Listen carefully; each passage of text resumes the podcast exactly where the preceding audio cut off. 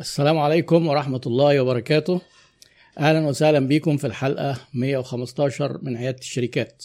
آه، في البداية بنعتذر بس عن الدقايق التأخير وطبعا مش محتاج أقول مين اللي دايما بيعطلنا وبيأخرنا وبيعمل مشاكل أنتوا عارفينه. آه، النهاردة معايا ضيف آه، استثنائي في يعني في كذا بعد أولا هو أستاذ في كلية طب القصر العيني آه، لأول مرة بندخل في اتجاه الخدمات الطبية. آه، تاني حاجة هو آه، أعتقد هو الوحيد في مصر اللي مهتم بالمهارات اللي ما بندرسهاش في كلية الطب أو الأطباء ما بيدرسوهاش اللي هي حقوق المريض والتواصل ما بين المريض والطبيب والحاجات اللي هي مهمة جدا في النجاح. وثالث حاجة هو محقق تجربة personal branding تعتبر من أنجح آه، التجارب اللي عاملينها أطباء في مصر. عنده قناة يوتيوب هو الحقيقة عنده أكتر من قناة بس في قناة آه، كبيرة كده موجهة للتوعية وللمرضى وفي قناة تانية بيكلم فيها الأطباء على المهارات اللي إحنا اتكلمنا عليها. ورابع حاجة وقد تكون هي بالنسبة لي الأهم إن هو امتداد لاستاذي الدكتور آه، والده آه، كان عميد كلية طب المنصورة.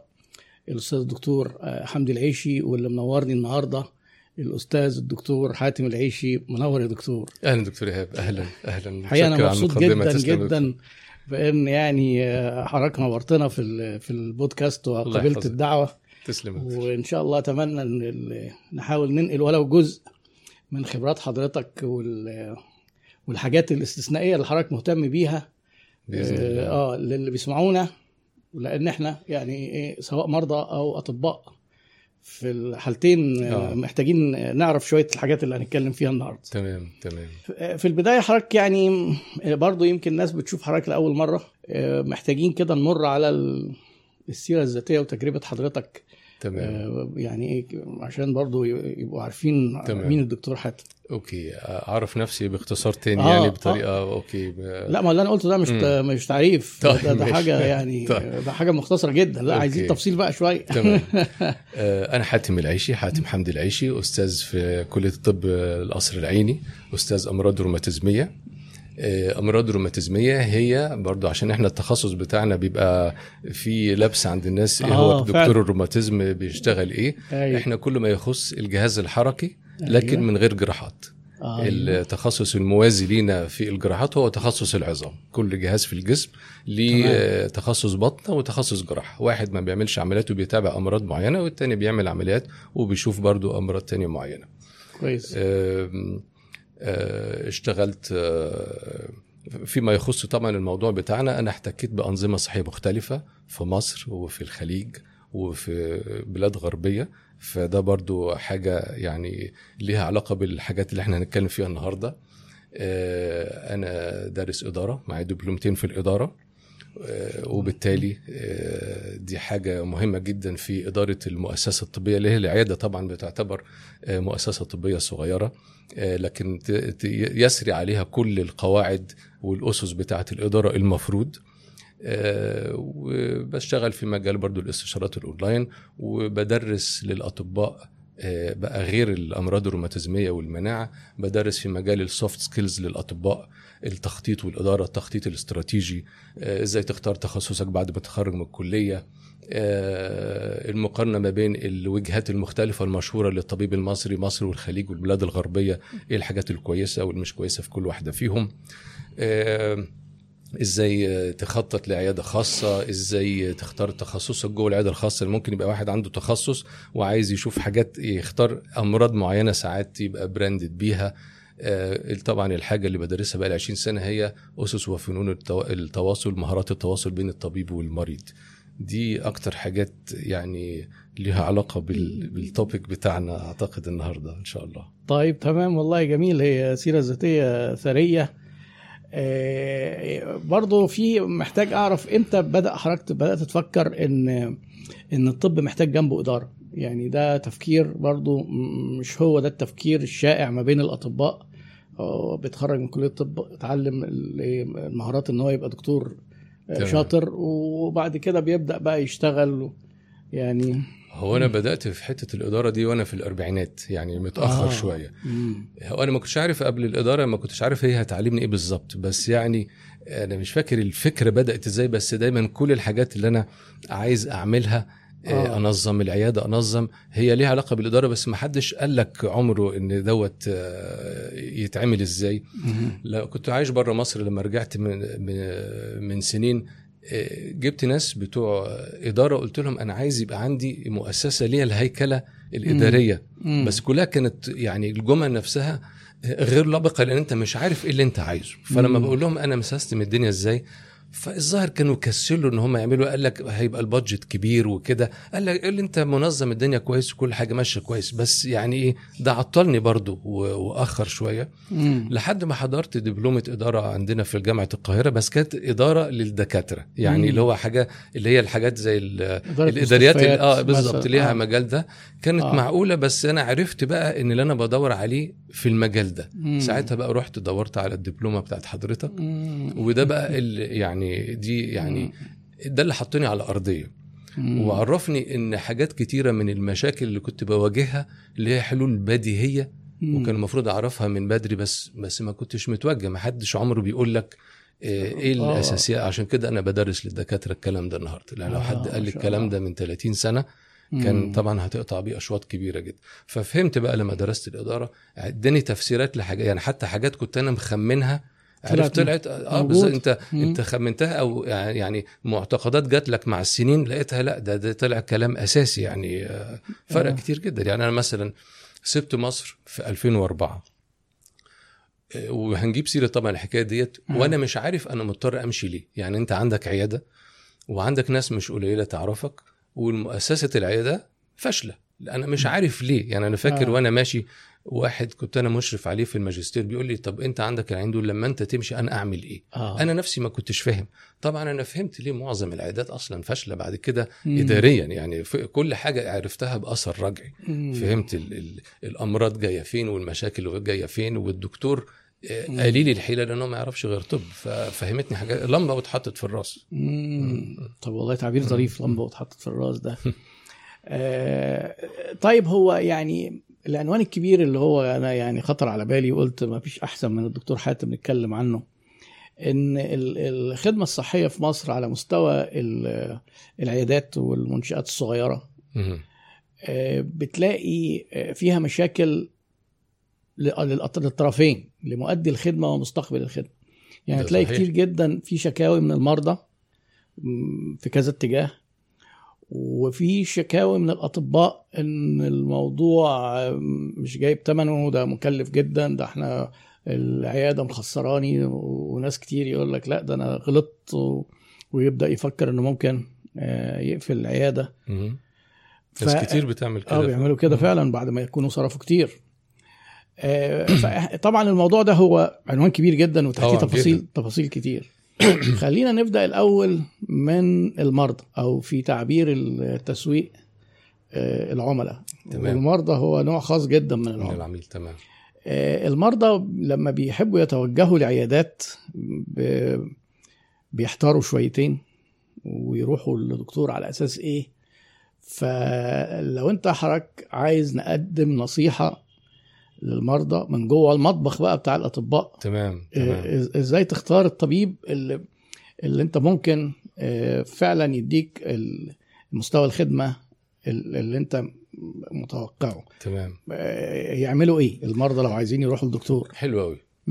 هو المرضى طبعا يعني ليهم استراتيجيات معينة في إن هم يدوروا على دكتور. أيوة. أنا هذكرها لكن هي كلها ما تضمنش ابدا النتيجة أو الهدف اللي هو عايزه. أها لكن هي ليها طريقة وبالمناسبة أنا حتى عامل فيديو عليها من كام سنة الحكاية دي بس أنا آه، يعني ده موضوع مهم جدا لأن هو فعلا آه، المرضى يعني مثلا إيه بتعتمد على مين اللي بيطلع في التلفزيون مم. آه، التلفزيون آه، آه، حظ يعني مش ما يضمنلكش آه، ابدا إن أنت رايح لأحسن حد لو فرض إن أنت عايز لحد كفء علميا كفء وكلينيكيا متمرس وشاطر وفي نفس الوقت يعني آه، مستمع جيد وكده التوليفة دي كلها التلفزيون مش هيضمنها لك. طب هم مش آه، المفروض؟ معلش اقطع. يبقى اسمح لي يعني ده يا استئذان طول طبعا الحلقة. طبعا إن أنا آه، بقاطع. شوية لأن لا. أنا دايما المحاور بي- بيبقى رخم كده و... تمام. طب مش المفروض في التلفزيون إن هم بيوجهوا الدعوة لأفضل أطباء علشان يطلعوا ي... ينصحوا المرضى في ال- في التلفزيون ده المفروض آه ولكن اللي حصل طبعا بالتأكيد مم. التلفزيون بيطلع فيه أطباء أكفاء وكويسين جدا ده آه، أكيد أيوه لكن الطريقة ال- الآلية اللي الدكتور بيطلع فيها في التلفزيون هي أيوة. آليتين مش آلية واحدة أيوه في آلية إن إحنا هندعو فلان لأن هو مكانة أدبية علمية راقية وإحنا عايزين أيوة. إن هو يبقى معانا علشان يقدم فايدة للناس ده ده الأساس مم. وده موجود. ودول الناس بي- بي- بيدعوهم ال- المعدين أو ال- المذيعين علشان يطلعوا في البرنامج بتاعهم بيبقى معروف أحيانا وده كان أكتر حاجة في في السنين اللي فاتت في مم. يعني ارجع 10 سنين وانت راجع كده دي كانت هي الحاجة الغالبة مم. في حاجة تانية إن التلفزيون برضه أو الإعلام ديت آه، منصة آه، لل promotion لترويج ال- الخدمات المختلفة من الخدمات الطب الطبية وبالتالي في برامج مش قليلة هي دخلها قايم على الدخل اللي جاي من الترويج فبيعرض آه، نص ساعة أو ساعة للدكتور وهو بيبيع النص ساعه ديت. فمعنى كده إن إحنا عندنا طريقة بيجي فيها دكتور لأن هو آه، معروف إن هو قيمة علمية وأدبية وطريقة معروف إن الدكتور عنده المادة إن هو يظهر في التلفزيون. لكن إحنا ما تأكدناش فلوس. آه، عنده معاه فلوس آه بالظبط إنما إحنا ما. تأكدناش من الحتة العلمية أو الكفاءة آه. دي ما هو أنت مؤهلاتك فلوس أو أنت مؤهلاتك إن أنت كفاءة أدبية اللي فعلا يدفع يطلع. بالظبط الفكرة بقى هنا هوت إن. الشفافية تحتم إنه ال ال القناة اللي بيطلع فيها الدكتور تقول إن دي مدفوعة ودي غير مدفوعة. ال- التفرقة دي مش موجودة. فمعنى كده إن أنت بيبقى عندك ناس قيمة كويسة. وناس دافعة برضه ممكن يكون قيمه كويسة لكن ما كناش إحنا عارفين الحكاية دي. ده سمح طبعا مم. بالتالي مم. إن يبقى في بعض الدكاترة آه، مش شرط يكون هم هو طالع يراوغ خدمة ممكن ما تكونش حاجة أحسن حاجة. أيوه. وظهر بقى مع السنين المشكلة دي. يعني أنا مثلا كنت بطلع في التلفزيون مش قليل كلها حاجات أنا ببقى مدعو فيها. أيوه. مش اعتراض إن أنت تدفع بس أنا مش حاسس إن أنا حاسس في حاجة مش مظبوطة في إن أنا أطلع أنا مش معترض ما هيش حاجة غلط التسويق ما ده علم في الآخر. لكن أنا مش حابب إن أنا أطلع في قنوات بدفع فكنت بطلع إن أنا بيبقى على دعوة. وبعدين مع الوقت لما ظهرت القنوات المدفوعه أكتر وبدأ يبقى في شكاوي من إن ناس آه، تشوف دكاترة وتقول أنا ما استفدتش ما عملتش بدأ يبقى في ثقافة عند جزء يعني عند بعض الناس إن الدكتور بيطلع في التلفزيون يعني يعني مثلا تروح العيادة تلاقي الدكتور كان ظريف في البرنامج آه. وبعدين في عيادته وشه تاني. أنا متأكد ناس بتسمعنا دلوقتي عارفة تقول لك آه ده صحيح دي خبرتي أيوة. فحتى ده بدأ يقلق بعض الدكاترة بيطلعوا من إن هو أنا بدأت أقلل شويتين صحيح. يعني بدأت ساعات يبقى في دعوة ما أروحش لأن أنا بقيت يعني أيوة، شوية. متأثر هي ما تلغيش طبعا أنت تطلع وكل حاجة لكن آه. يعني فالتلفزيون ما يضمنلكش قوي بسبب عدم الشفافية في الجزئية دي ودخول اللي اللي دافع مع تمام. آه، الطريقة الثانية بتقول تقول أروح للدكتور المشهور. الشهرة. ليها مقومات مش شرط تكون الكفاءة برضه صحيح مين قال الشهرة دي, دي يعني اسأل أي حد بتاع تسويق آه. يقول لك آه، دي, دي قصة دي ليها مقومات تانية ما, ما تضمنلكش الكفاءة. صحيح. أروح للدكتور عيادته زحمه ده أنا بقى عندي مشكلتين هنا. اولا العياده الزحمة دي برضو ليها مقومات غير الكفاءة. لو أنت اتعاقدت مع آه، نقابات كتير وشركات تأمين آه، أقل شركات تأمين أنت هتضمن آه، فلو عدد. عدد. عدد من المرضى لا يضمن الكفاءة بتاعتك واصلا صحيح. عيادة زحمة ومزحومه بناس دي بالنسبة لي اداريا عندي تحفظات كتير عليها أيوة. لأن إحنا في الإدارة ما فيهاش عيادة زحمة وناس قاعدة ما ينفعش بالظبط هتتعارض مع. الجودة هنتكلم بقى لازم في آه، الجودة بالظبط. دي آه آه وبعدين مثلا أو دكتور ليه مركز إداري معين مرموق في مراكز آه. أنت بتوصل لها بالأقدمية أصبحت رئيس أيوة. الكذا بالأدب طب آه. فين رئيس يعني قسم عميد الكلية بالظبط، آه. إيه فده ما يضمنش. اطباء كذا آه. آه. اللي يضمن المريض ما هوش دكتور وعمره ما هيعرف يفرق هو لازم يبقى فيه صديق للعيلة أو طبيب في العيلة والراجل ده هيبقى هو المرجع بتاعه يقول له مثلا أنا عايز دكتور جهاز هضمي قول لي على ثلاث أربع أسامي مش لازم يقول له آه. الواحد أيوه ياخد الأربع أسامي دولت يخش بقى يفاضل ما بينهم بال reviews اللي عليهم باللي ناس آه. كتبوا عليهم إيه علما بأنه لازم الناس. تعرف إنك عمرك ما هتلاقي الناس كلها بتقول واحد كويس لازم كل واحد إن شاء الله عنده عشرة ناس شكروا فيه هيطلع واحد كرهه للسنة الجاية أيوة. بس لازم عارف إن أغلب ال- ال- ال reviews هي اللي بتعكس صحيح. آه، ما الراجل ده أخباره إيه وكده ده حضرتك قلت نقطة مهمة جدا. أنا شخصيا في حياتي ومع كل اللي يعرفوني آه، عارفين إن أنا بحذرهم إن هو يروح لطبيب من التلفزيون أو آه، في موضة غريبة برضو على الفيسبوك وال social media. يقول لك إيه؟ يا جماعة أنا عايز دكتور تخصص كذا وشاطر في مثلا في مصر الجديدة ويكون عن تجربة. إيه عن تجربة دي يعني؟ تجربة. مين؟ تجربة العيان تجربته. هيقدر يحكم بيها على الطبيب شاطر ولا لا؟ لا هو يعني ويمكن دي من ضمن الحاجات اللي حضرتك أكيد بتقولها في الناس في التواصل. هو ال- المريض بيحكم على حاجات تانية غير. شطارته آه يعني كلامه حلو وبتاع واستقباله. آه. المريض ما يقدرش على فكرة يقيم خالص. علم الدكتور. يقدر يقيمه طبيب تاني بس يق- في نفس الله التخصص ويمكن نفس المستوى العلمي. المريض عمره ما يعرف. هو بيقيم انت كنت ظريف ومبتسم وحبوب. يبقى انت شاطر. أيوة. إنما علمه افرض أنت أنت ساعات بتكتب روشتة يجي له عرض جانبي يبقى الدكتور ده ما بيعرفش يعني هو بي بي بيحكم بطرق بطرق مختلفة بس- خالص. ما هي بقى دي اللي إحنا كنا. بنتكلم عليها في التسويق الجودة المدركة والحقيقية والحقيقية ما ينفعش يعرفها غير حد من متخصص في نفس بالظبط. التخصص. وده مش متاح للمرضى آه، فحضرتك قلت برضو. جميلة اتفضل. في في الجودة ال- عشان إحنا الجودة المدركة والحقيقية إحنا ال- الخدمة بتاعتنا آه الطب آه، علشان تعرف الجودة الحقيقية محتاج وقت بالذات لو انت بتتابع أمراض مزمنة أيوة. محتاج إن انت تبقى بقالك سنة بتتابع نقول يا الراجل ده عدينا بيه في مشاكل وكده فعرفنا إنما غير مثلا مطعم المطعم أنت بتعرف جودته في خلال نص ساعة رحنا مم. أكلنا خدنا الأمبيانس بتاع المطعم والأكل، فعرفنا كل حاجة في ساعتها إنما عكس دايما أنا بد- في التدريس بدرسه آه. إن هو الغسالة لما تجيبها لو أنت جبت غسالة مثلا جنرال الكتريك بيقول لك دي كويسة جدا خليها تقعد خمس سنين عشان تحكم عليها إن هي كويسة وجيبها لأن لو باظت. بعد فأنا دايما أقول لهم الطب غسالة مش مطعم أيوه آه فال- فالجودة بتاعته صحيح. آه، مسألة وقت فأنت مش هتحكم على الدكتور غير لما يكون أنا بقالي خمس سنين مع الدكتور دوت في أيوة. الامراض المزمنه وكل حاجة ماشية كويس وبتحسن وحالي حلو يعني عشان أنا بشتغل أمراض مزمنة فدي أكتر حاجة ببقى أنا آه، آه، صحيح بعلق عليها ما هي. دايما الفرق بيكبر ما بين الجودة المدركة والجودة الحقيقية لما يكون في فنيات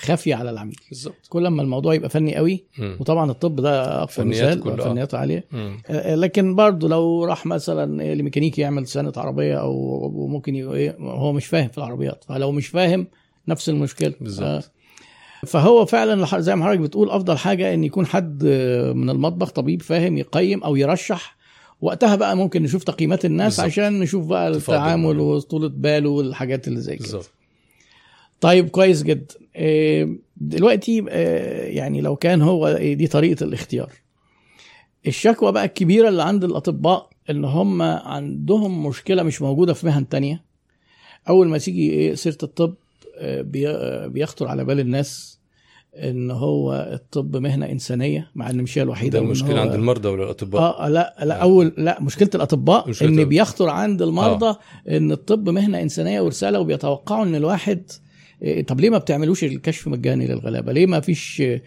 ثلاث أربع أيام في الأسبوع ببلاش؟ ليه ما فيش شهر ببلاش؟ حاجات كده على إن وكأن هي يعني هي وظيفة لوحدها كده آه، كلمة إنسانية دي بين قوسين مجانية. وإن اللي ياخد فلوس يبقى م- يبقى هو إيه كده كأنه بياخد حاجة مش من حقه تمام آه، والكلام ده موجود آه، الدكاترة يحلوا المشكلة دي إزاي؟ يعني هو طبعا ده موجود عند ال- أو يعني الدايلما دي تتحل إزاي؟ موجود عند المرضى. تمام آه طبعا. طب مهنة ساميه أيوه. سامية. سامي شوف هو سامية دي هي اللي هتدفع لنا بقى. الأج- آه، مصاريف المدارس بتاعت العيال. هي هي أنا شايف هي المشكلة بدات هو المكان يعني في أي حتة في الدنيا أكتر آه، جو أو أكتر setting.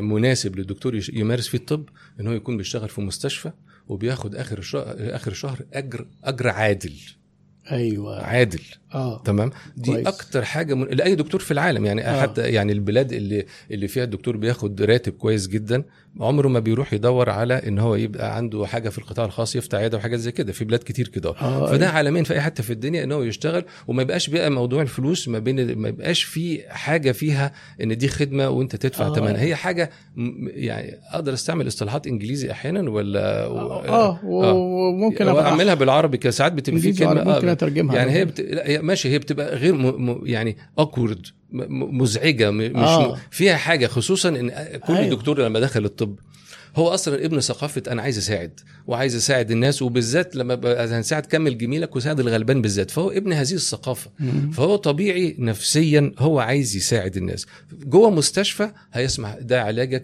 ودي أمراضك ودي التثقيف بتاعك والحاجات دي كلها والراتب آخر الشهر ولو ودي مؤسسة حكومية يبقى الحكومة هي اللي بتدفع ال- بتدعم الخدمة الط- الطبية للمريض وبتدي الراتب للدكتور ودي أكتر حاجة منظمة وجميلة في أي نظام صحي. صحي. يعني صحته كويسة النظام الصحي صحة النظام بالظبط. الصحي كويس بالظبط أيوه أحيانا في في بعض البلاد بلاد مش قليلة منها آه. آه. بعض البلاد العربية والهند ونيجيريا يعني في لستة من البلاد آه النظام الصحي يعني رغم إنه ممكن يكون في خدمات مدعومة كويسة ما فيش مانع بس في ثقافة إن أنا هروح للقطاع الخاص للعيادات.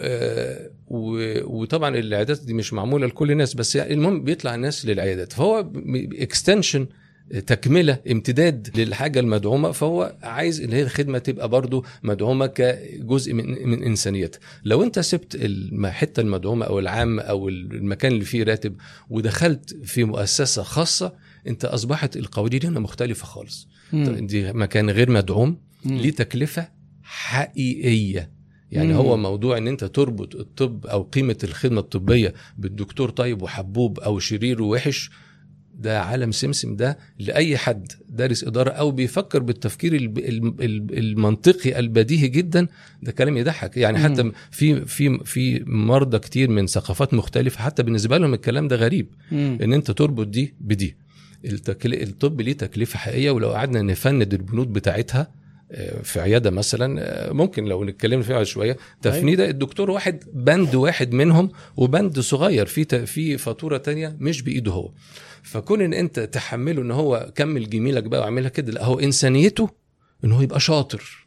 مم. ليه أنا أروح ألف على أربع خمس دكاترة ويبقوا مش شاطرين وألف وأتكلف آه، قيمة الخدمة الطبية ثلاث أربع مرات لحد ما الواحد يشخصني مش في يعني يقول كده أيوة. أنا لسه هلف على خمس دكاترة دي دي دي, دي كارثة أيوه الف على خمس ست لا طب ما تروح لواحد شاطر من الأول مم. إنسانيتك إنك تبقى شاطر مم. وتبقى متمرس اكلينيكيا وإن أنت تبقى لطيف وحبوب وتتكلم مع الناس وتفهمهم وما مم. تبقاش ملهوك في الوقت دي في حد ذاتها إنسانية كنت أنا مستضيفني طلبة الامتياز في في حوار من حوالي شهر.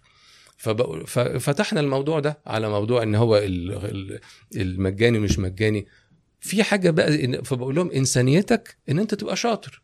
والله لو في دكتور كمان آه، في مريض مش قادر أعفاه أو خفض له الخدمة الطبية والله إحنا متشكرين جدا لكن مين قال إن أنت تبقى مكلفها تكلفة خارج نطاق إن أنت آه، عايز يعني مجرد أنت عندك معلومات بتقولها وحتى المعلومات أنت بتصرف على تحديثها. مين إن واحد. بيخش ينام بالليل يصحى الصبح زي الواي فاي كده يبقى أصبح محدث لا. دي, دي تكلفة جبار للي طبعا. بيحدث علمه آه طبعا فهي طبعا إن هي تكلفة حقيقية. وبما إن هي تكلفة يبقى تترجم إلى قيمة القيمة دي لازم حد بيدفعها يا إما الحكومة لو. فرضنا إن إحنا في قطاع عام آه يا إما المريض لو إحنا في قطاع خاص إنما لو إحنا بدأنا نحملها للدكتور أو شركات دي بداية تأمين. النهاية أو في شركات تأمين المهم آه. يعني حد بيدعمها آه. إنما لو بدأنا نقول الدكتور يدفعها ينفع بس إحنا هنتكعبل في النص وهيحصل حاجة غالبا هنجيب سيرتها النهارده آه. اللي هو نموذجين العيادات الفاشلة اللي عندنا في آه مصر آه آه. موضوع زي ما حضرتك بتقول كده إن آه، موضوع إن الإنسانية إن أنا أبقى شاطر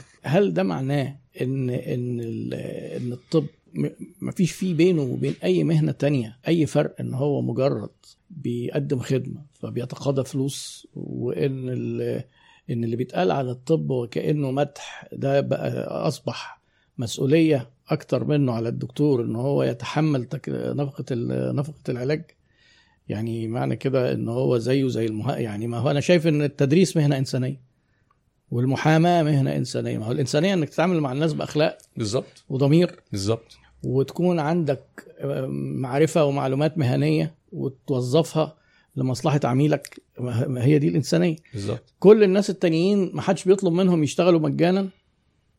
ودايما بيجوا عند الدكاترة ويعتبروها إنها زي ما قلت لحضرتك كده إنهم يطلبوا بيطلبوا منهم فلوس. أنا شايفها متساوية. حضرتك شايف إيه؟ إن هو كطب وبقية المهن. يعني لأن أنت حضرتك قلت إن في فرق إن هو في الدول اللي فيه جهة ثالثه بترعى جهات تأمين حكومة بيبقى هو ده الحل الأمثل. لأن ما فيش تعارض مصلحة. ما فيش إن أنا. مصلحتي إن أنا آخد فلوس ومصلحه العيان ما يدفعش. فبيحصل آه، تعارض مصلحة. هل تعارض المصلحة ده قائم في في بقية ال- الوظائف يعني إيه وجه الشبه والاختلاف ما بين الطب والمهن التانية لا هو تعارض طالما في ترانزاكشن يعني آه. آه. عملية بتحصل آه، مباشرة ما بينك وما بين العميل فيها أنت بتقدم خدمة وهو هيدفع ثمن الخدمة دي فوارد يبقى في تعارض مصلحة لو فرضنا إن أنت مش ملتزم بالقيم آه، سواء إن أنت بتتكلم في الطب في المحاماة بتبني له بيت حاجات زي كده فهي لو إحنا مش مستندين لشوية آه، مبادئ وقيم إحنا هنبقى في مشكلة كبيرة لو مم. أنا لو أنا لقطت جزء من السؤال في الحتة دي مم. فهي أنت ملزم إن أنت ما تعملش bias ما, ت- ما تخليش ال tran- ال transaction بتاع إن أنت بتتقاضى عليه حاجة إن هو يغير المسار النزيه ال- المحترم لتقديم الخدمة دي مم. انما في الآخر it's healthcare business مم.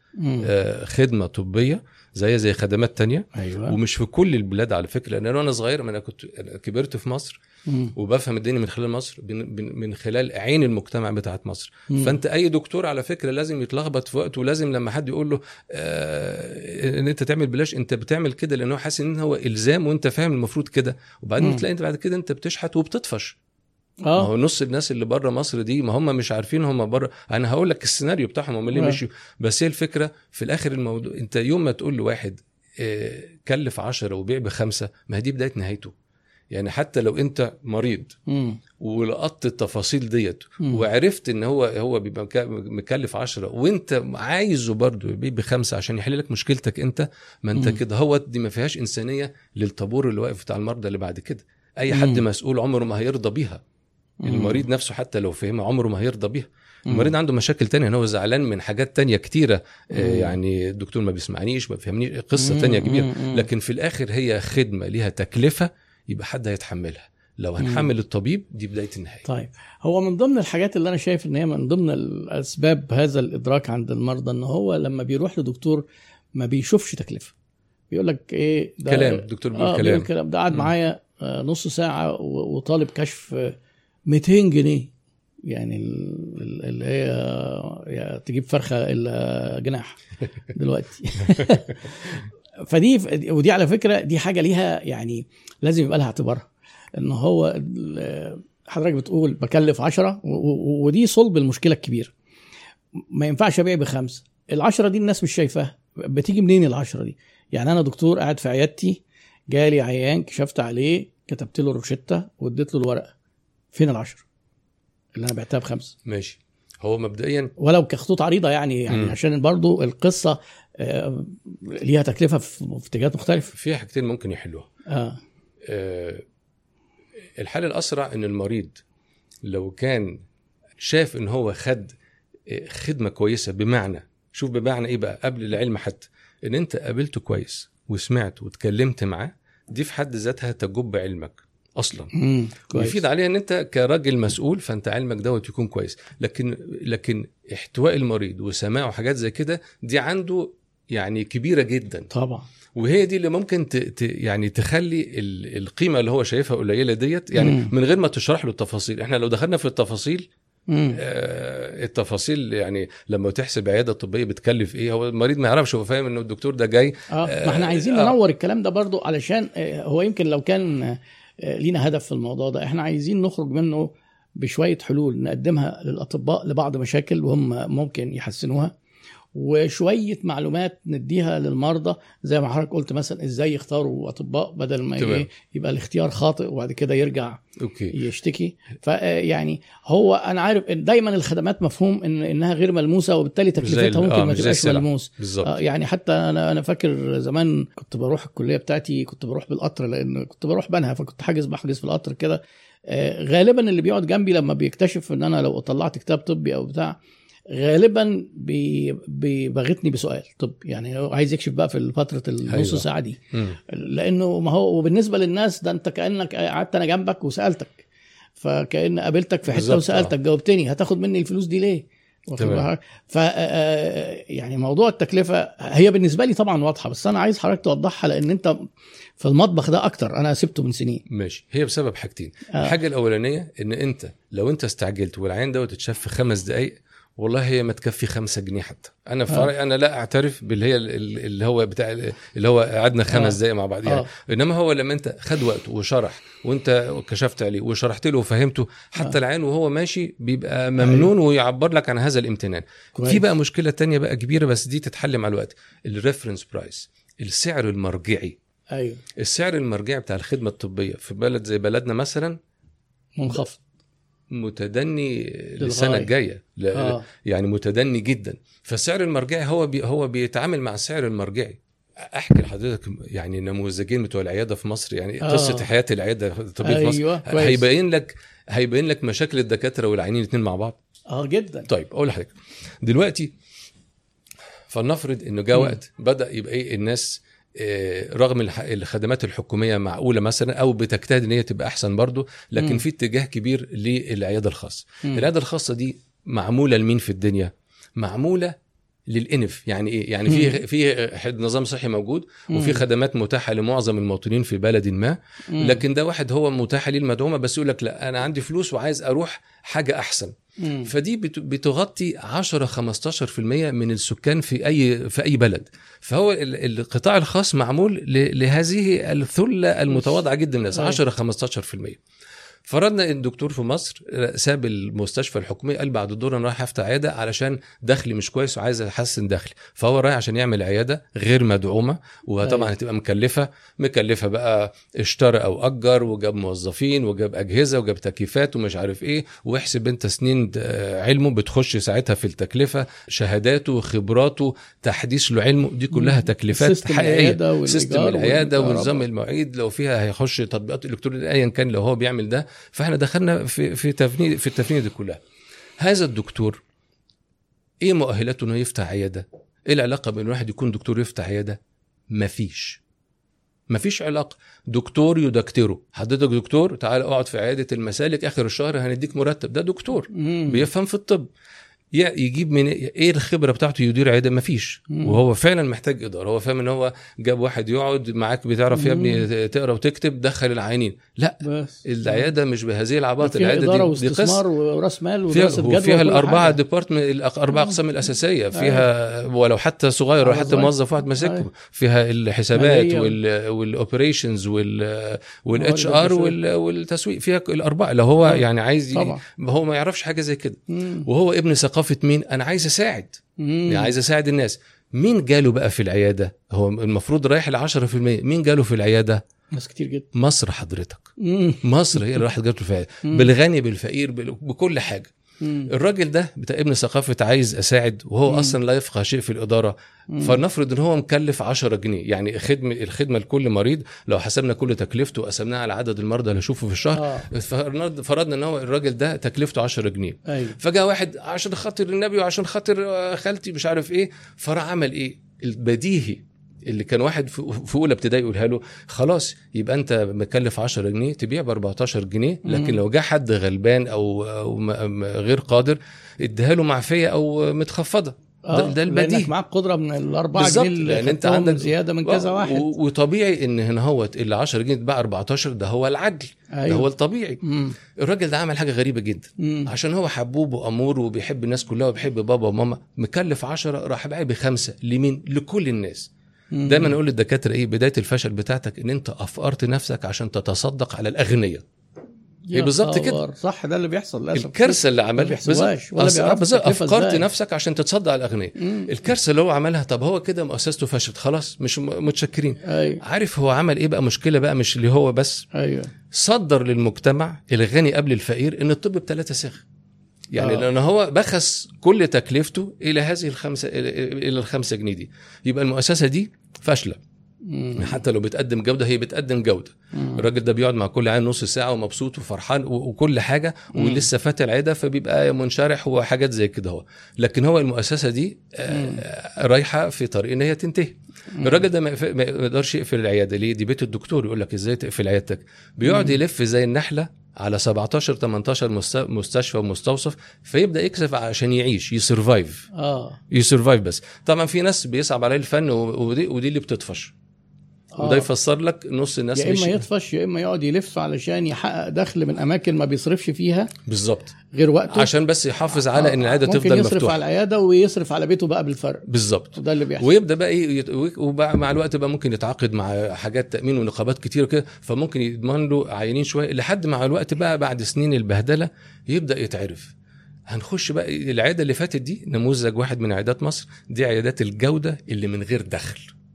آه. العيادات اللي هي البد- البداية الفاشلة بتاعت أي دكتور سواء بقى هو بعد كده هيطفش ولا هيقعد يستنى سنين البهدلة للمرحلة الثانية اللي جايين لها دي اللي هيتعرف فيها آه بس عيادات الجودة بمعنى ان ان النموذج ده حضرتك معتبر إن هو بيقدم جودة نسبية جودة للمريض بس هو للمريض. بس من غير دخل يبقى مقارنة بالمرحلة اللي جاية آه بالظبط آه يا- بالظبط آه بس بس هي عيادة فاشلة ليه؟ ما هو العيادة لازم أي مؤسسة لازم آه. تقدم الفاليو للناس وتاخد ربح وتاخد ربح. علشان تكمل فهي صحيح. هي فهو نموذج فاشل لكن هو مم. بالنسبة للمريض نموذج رائع. لأن آه. هو بيديله الجودة وبيديله الوقت والراجل ده مبتسم وظريف.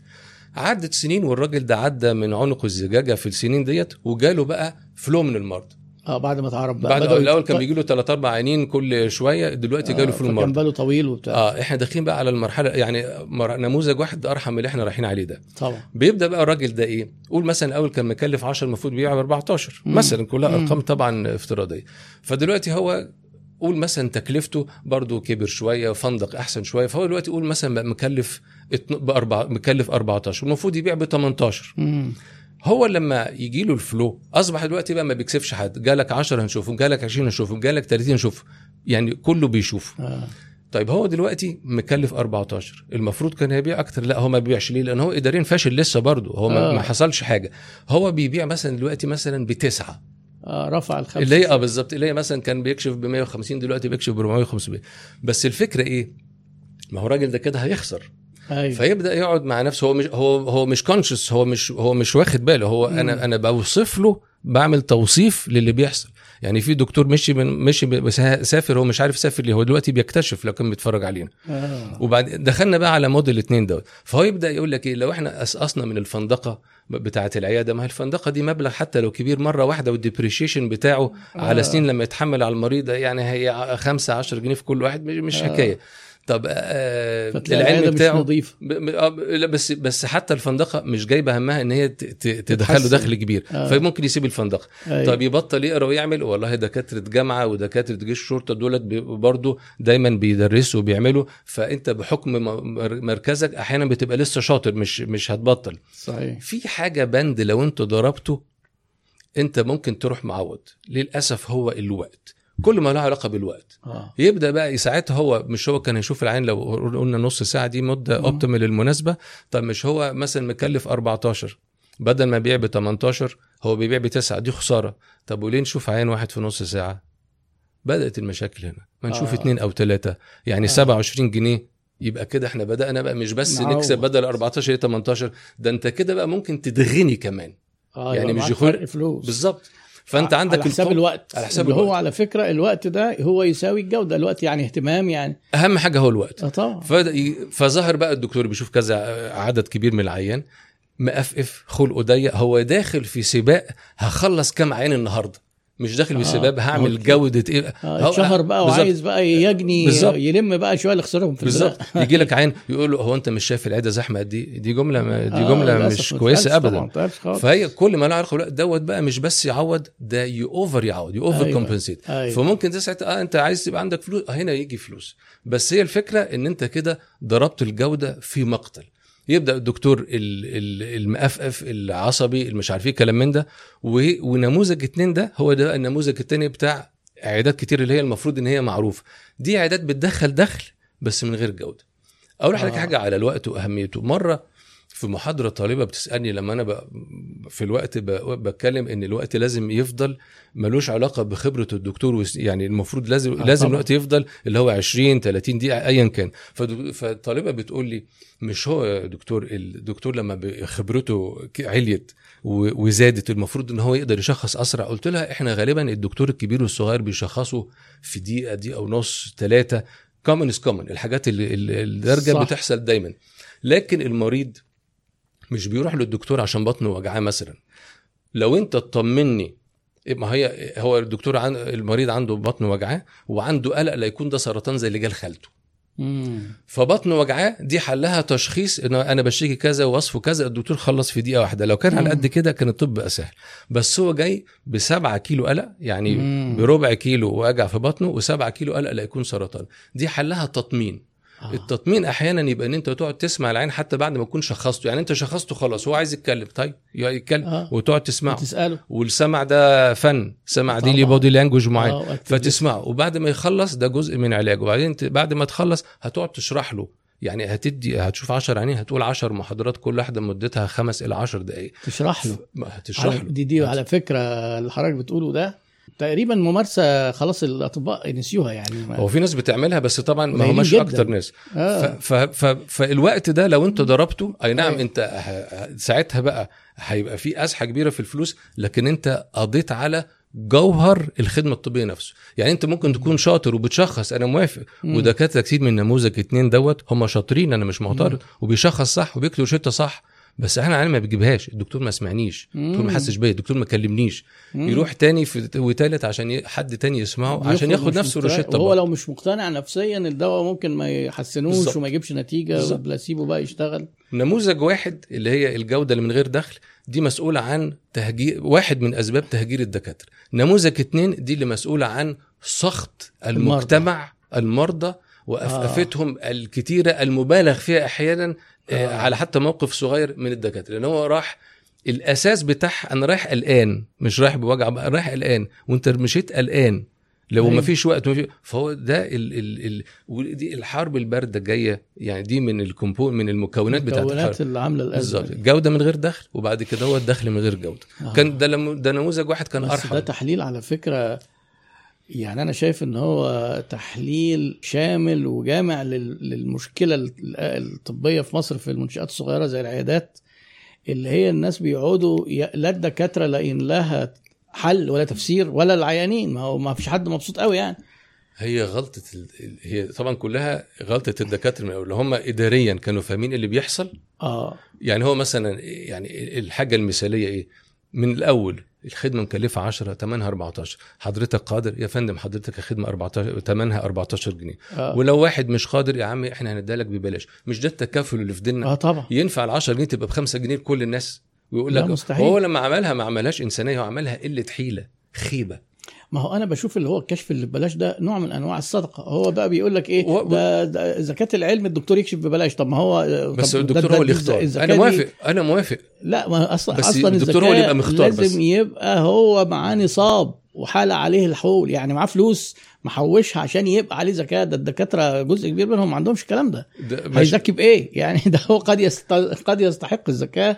إذا فضل ماشي بنظام إنها ب 10 ويبيعها بخمسة ما هو ده هيبقى بيصرف منين؟ ده هتلاقي لازم أبوه يصرف عليه. ما هو ده اللي بيحصل. آه. ده اللي بيحصل. طيب. عارف حضرتك أنا سبت مصر ليه في 2004 آه. لأن والدي كان هو اللي مدخل ولادي المدرسة. هو والدي ما كانش بيشتكي آه، بس أنا اللي. بشتكي طبعا. يعني, يعني. كنت أنا أستاذ مساعد. يا خبر. آه واولادي داخلين المدرسة أنا والدهم داخل. وفي أبهات كتير عاملين كده الاولاد بس أنت آه. متضايق أنت تعبان. هو الراجل ما. اشتكاش بس أنا تعبان. أستاذ مساعد في القصر العيني؟ م. آه. فهي الفكرة انه هو اللي حضرتك بتقوله ده على فكرة ده, ده دي أعراض كارثة. بس دي قصة آه، دكاترة كتير, كتير أنا عارف أنا على عارف. فكرة الدكاترة اللي في النموذج اتنين اللي بيتعرفوا ويبقى الناس زعلانة منه أو مش عارف إيه الكلام من ده هو آه، نسبة مش كبيرة خالص من الدكاترة. آه الباقي كله مطحون في السواد الأعظم. تجوز عليه الصدى آه أصلا والله يعني. أيوه صحيح. أنا معاك. طيب حاجات محبطة شوية بس هو هو الأمر الواقع لا يخلو من المحبطات يعني. لكن هو حتى الدكتور بمناسبة آه. الذكاء هي ممكن الدكتور ما هو ما هو في دكاترة كتيرة عن طيب خاطر تحب تطلع صدقة علم.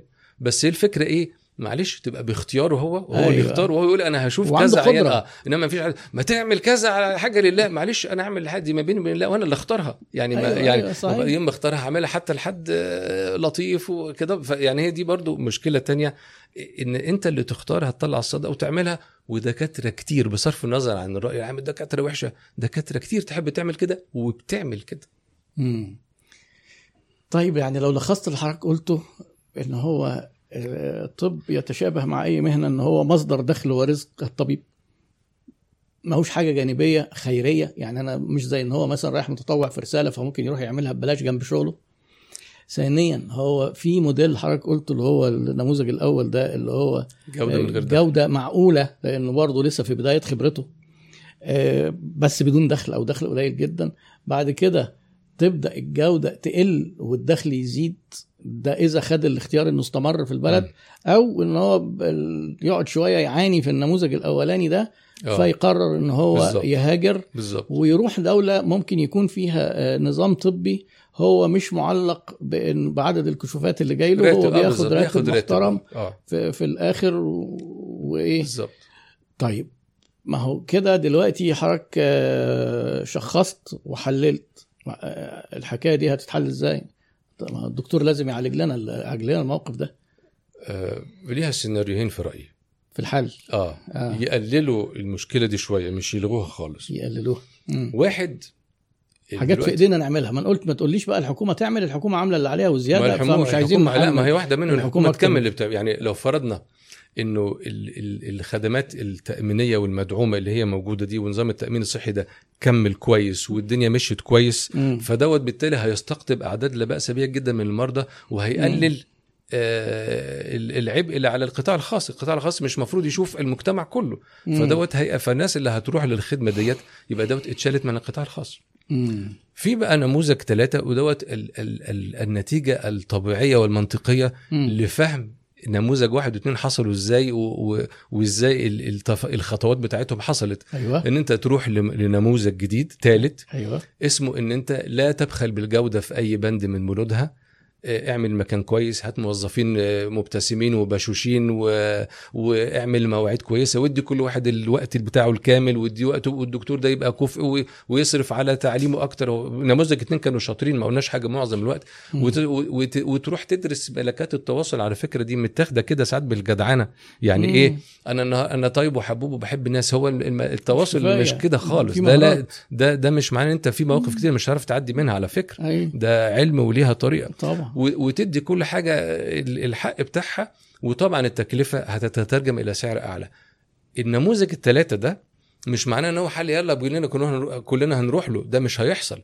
هيروح له مجموعة من الدكاترة قد كده مش آه. كبيرة صغيرة وهيستقطب مجموعة من المرضى قد كده. نموذج ثلاثة ده هيبقى أغلى أيوه. لكن هو هو في الحقيقة أرخص في الآخر. لو انت آه تحسب طبعاً. البهدله بتاعت نموذج آه، اتنين كده آه، آه. اللي هو زي ما حضرتك في اصطلاح بتقولوا الباكابورت في خدمة العملاء نموذج اتنين ده أنا لا أعترف بيه اللي هو يعني إيه؟ نموذج اتنين يعني أنا نموذج اتنين ده يعني أنا بقى- كنت نموذج واحد في يوم من الأيام قبل آه. ما أمشي من مصر بعد كده مشيت اشتغلت براتب ولما آه. رجعت آه. رجعت على نموذج ثلاثة آه نموذج اتنين لا أعترف بيه يعني أنت عايز تقول لي مثلا قيموا لي اديله رقم من عشرة لا. أنا أصلا ما أعترفش بيه إنه خدمة عشان أديله نمرة يعني يعني لا يعني, آه. آه. يعني ما يستوفيش المقاييس بتاعت خدمة محترمة عشان اديله نمرة أصلا رغم إن هو مشهور وعنده عدد بل لكن. هو اخلاقيا ومهنيا آه. سقط اخلاقيا هو ممكن يعني اخلاقيا ممكن يكون هو كويس أه بس هو خد بالك هي في ناس اخلاقيا من ناحية الممارسة مش آه، بنتكلم بالظبط. على آه، أخلاقه آه، مع مراته يعني هو خد. بالك هو في ناس كتير في نموذج اتنين آه. هم توارثوه يعني في ناس. ممكن تكون هو كإنسان هو كويس لكن أيوة. هو ورث كده العيادة كده العيادة بيبقى ناس زحمة قاعدة على السلم وده منظر حلو ده منظر مهين انسانيا آه ده في فهو دكاتره ورث- آه، بالظبط. بيتعمدوا يعملوا المنظر ده بالظبط. للأسف آه وفي دكاترة ممكن أنا عايز يبقى العيانين قاعدين على السلم لا يا فندم ده كارثة ده, دي. ده هي دي بقى اللي مش إنسانية آه طبعا هي دي اللي مش ده إنسانية ضد الإنسانية أنا أقول لحضرتك حاجة بالمناسبة قبل ما أيوة. اتكلم عن نموذج ثلاثة كنت وأنا صغير يقول لك إيه الدكتور شاطر المجتهد اللي مش عارف إيه وكلام من ده آه، هيبقى حاله كويس ويبقى عنده فلوس وكلام من ده. فكنت أنا أوزنها يمين شمال بالمعطيات الموجودة مش عارف إزاي. بس واقف مع القطيع بيقول لك كذا وفي ناس كتير اهو بتبقى حالها كويس. فواقف مع القطيع. أنا لقطت الكلام ده وأنا في الأربعينات. فهمت إن الفلوس بتيجي منين؟ بإن أنت تتعرف فتضرب الجودة. آه. بس في الأربعينات كنت خلاص يعني كان كانت تتصرف عليك كتير عشان تبقى دكتور ودي كانت صنعتي. آه. يعني كان وقت متأخر إن أنت تغير أي حاجة. أيوه أيوه. يعني بس وما فعلا تقبلتش إن أنت تضرب الجودة. ما أعرفش. آه. ما أعرفش. طبعا. يعني يعني يعني يعني يعني صعب عيان يقول لك رحت الراجل حاتم ده كروتني ما ينفعش. ممكن مثلا آه. إيه استثنائيا تكون الكيمياء ما اشتغلتش فأنا وهو ما استلطفناش بعد يقول لك ما كانش لطيف. يعني ده. لا يعني لو يعني قطعنا شوط في في ال ال التواصل لكن ما ما ينفعش حد يقول لك آه، كروتني ما ينفعش. هي موديل بتاعك نازل كده. مم. فأنا كان مقلب كبير أنا فهمت الكلام ده في الأربعينات. طبعا لما درست إدارة فهمت الدنيا ماشية إزاي. آه. لأن هو ده بقى اللي حط لي كل حاجة على آه، رف. الوقت تكلفة في آه بالظبط. طبعا. آه. يعني فاكر فاكر مرة في دورة آه، دورة زيادة كنت حضرتها فجملة اتقالت يقول لك العيادات الطبية بصفة عامة مشاريع فشل. بس هي الكلمة دي أنا عايزها. أيوه. الكلمة دي أنا عارفها. يا ده بس ف- في منتهى اللباقه قال لك الحاجات دي كلها نموذج ثلاثة إن أنت ادي كل حاجة حقها. أيوة. اعلى بال بالجودة بتاعتها بالجودة. خالص. سعرها معلش هيزيد شويتين. أكيد. لكن هيروح لها بعض الدكاترة وبعض المرضى. وهيفضل البكابورت نموذج اتنين مش هيروح. باقي ليه؟ لأنه في دكتور وفي عيان مش هيقدروا يسيبوه آه ليه بقى؟ نموذج ثلاثة ده مخاطرة للدكتور آه طبعا هيقلل اولا نموذج ثلاثة ده. نموذج ثلاثة ده نموذج اتنين بيجيب لك فلوس آه. نموذج ثلاثة رغم إن هو أغلى يخليك يا دوبك ميسور ما يخليكش غني لأن أنت. بتشوف عدد قليل عدد جدا من المرضى في. اليوم آه، بس لأن- أنت متبنيهم لأنك بتدي وقت بالظبط آه. فأنت, فأنت ه... والوقت اتفقنا إن أنت ما ت... اعمل أي حاجة إلا تضرب الوقت آه فأنت بتشوف عدد قليل فحتى لو ت... لو تشوف إن أنت الخدمة ثمنها زاد على الم... على المستهلك أو العميل يعني أو. المريض لكن أنت في الآخر ال margin بتاعك في الآخر أقل من نموذج اتنين آه، طبعا. ففي دكاترة حتى بعد ما تفهم ده ما أنا مفهمه الدكاترة. مربع اتنين بالنسبة له أمان. اولا للأسف وده شيء مؤسف مرضى كتير ولفت على المهنة بتاعت نموذج اتنين. يروح مم. يتلتع ويدي كراميل السكرتير ويتلتع أربع ساعات ويشوف الدكتور خمس دقايق ومش عارف إيه. اسمه طلع آه. بروشيتا. فهو يقول لك إيه؟ الناس بتشتكي من الرقم. حاجة. آه، بس ما أعرفش دي مبالغة ولا حاصله إن في دكاترة بيدخلوا ثلاث عيانين مع بعض. آه بتحصل والله؟ بتحصل يعني بتحصل آه. بتحصل. طب في أكتر من آه، كده بالظبط في أسوأ ف- من كده في الدنيا فهو آه. الفكرة إن هو في ناس مولفة على ده وخلاص وهي ده في ناس عندها ثقافة الرقم ودي ثقافة أصيلة عند آه ناس كتير على الفلوس الرقم أقل يبقى دوت أحسن طب يا آه، عم. طيب. أنت متبهدل مش عارف إيه لا أنا ما بفهمش في الكلام ده آه. فهو ناس فهي في ناس عايزة فالدكتور مؤلف على كم على ده بتقول لك ده الناس بتشتكي بتشتكي لو السعر زاد إنما ما بتشتكيش من كل ال- المهانة دي. فيقول لك خلينا في أمن لأن نموذج ثلاثة ده أنت هتتشتم فيه. كدكتور طبعا. من كل الله يا مش عارف إيه آه. كلام من ده فاهم؟ فأنت بالنسبة لك اللي يتقال إيه؟ عليهم ما مين عايز صداع زي ده؟ في حين إن هم أكثر التزاما بالمهنية وبالضمير. مين عايز صداع زي ده. هي الفكرة لو انت مخاطرة فعلا. بالظبط. بس أنت علشان تروح من نموذج اتنين وتسيب ثلاثة آه. أنت لازم تتنزل على الفن. لو انت آه، عارف. آه، لو عايز تمشي بقى مع السوق مع. الرايجه بقى. أنا آه. بالنسبة لي أفتح سوبر ماركت أكرم.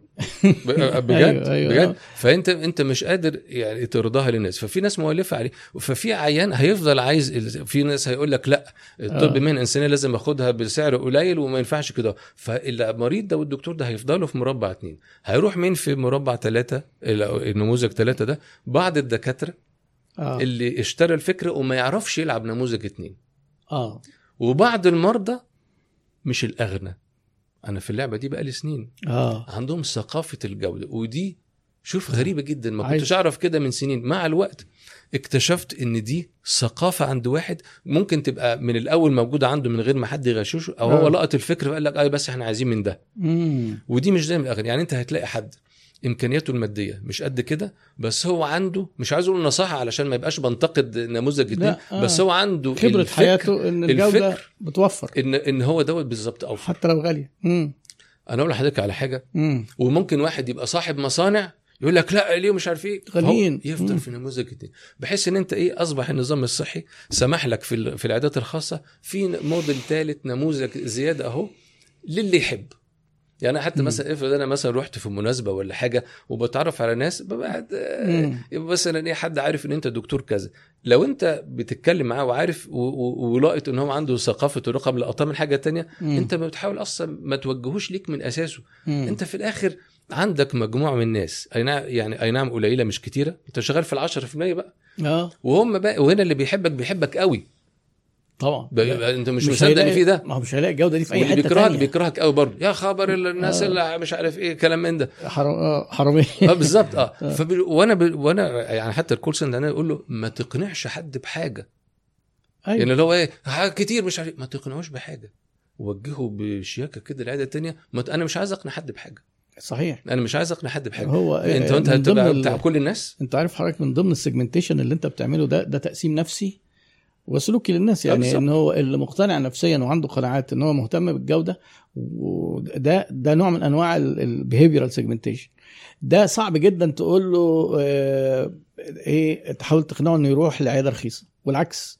اللي مقتنع بالتوفير والاقتصاد ده صعب جدا تقول له روح لحد إيه أفضل وغالي وأنا بحترمها مستحيل بالظبط. فهو عشان كده حضرتك اللي أنت بتعمله عدم الإقناع ده ده ماشي تماما مع المبادئ الإدارية والتسويقية إن أنت بتختار شريحتك والشريحة الثانية بتساعده إن هو أو بتوجهه للمكان اللي هو بيحصل منه ممكن على التكلفة القليلة اللي هو بيدور عليها.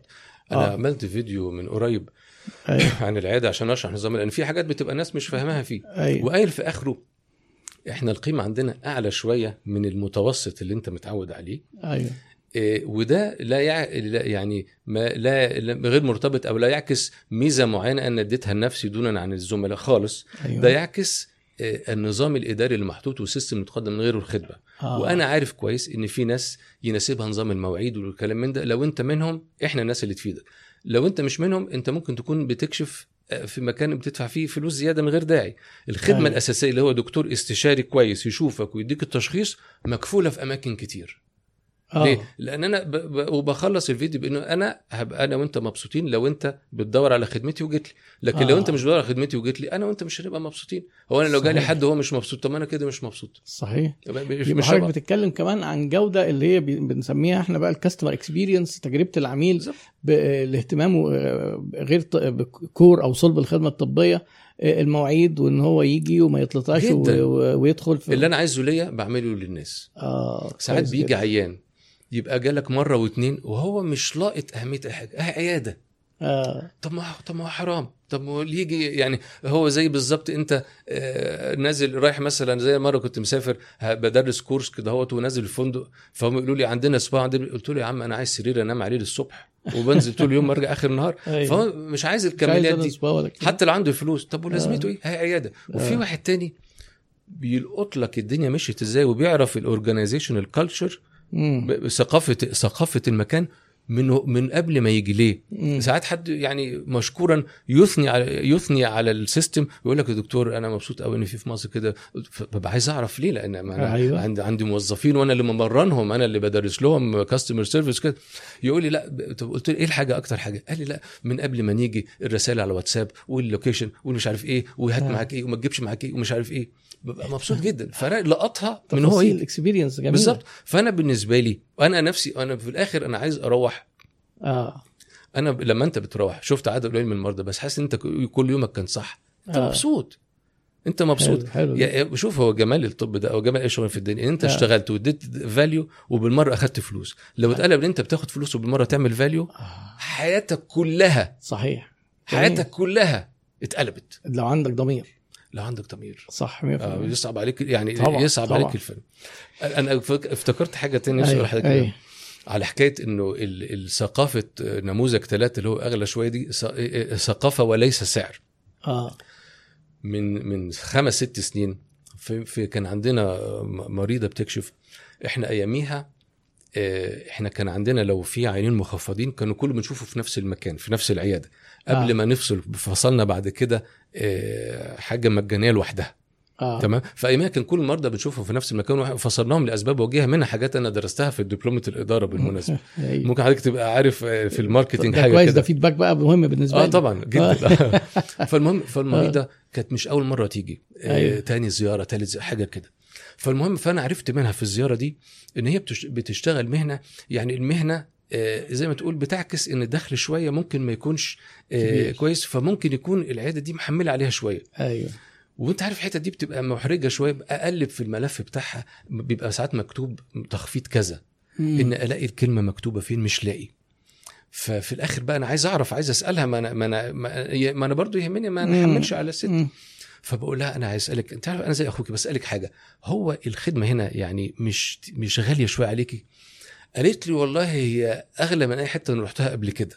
قلت لها طب يعني يعني يعني مش مناسب. مش زيادة يعني كده. مم. قالت لي والله أصل أنا ما ب... أنا اتشخصت هنا. دي مش معناه إن أنا اللي بشخص. يعني بالصدفة ممكن تكون جات للدكتور روماتيزم أول مرة فأنا واي حد دكتور روماتيزم هنشخص. آه. قالت لي بس أنا هنا اتشخصت و... واتعالجت واتحسنت وأنا بصراحة لما أجي هنا بحس إن أنا بني أدمة. مش هنساها الجملة دي. آه. مش هنساها الجملة دي. مؤثرة جدا. طبعا أنا سمعت اشباهها بعد كده. أنا في عينين مع الوقت يبقى صاحبك يقول لك بعرف من خلاله من الريسبشن. آه. بيقول لك أنا هنا بدفع زيادة بس أنا أنا بحس إن أنا بن... يعني الجملة دي سم... كانت أول مرة آه. أسمعها. آه.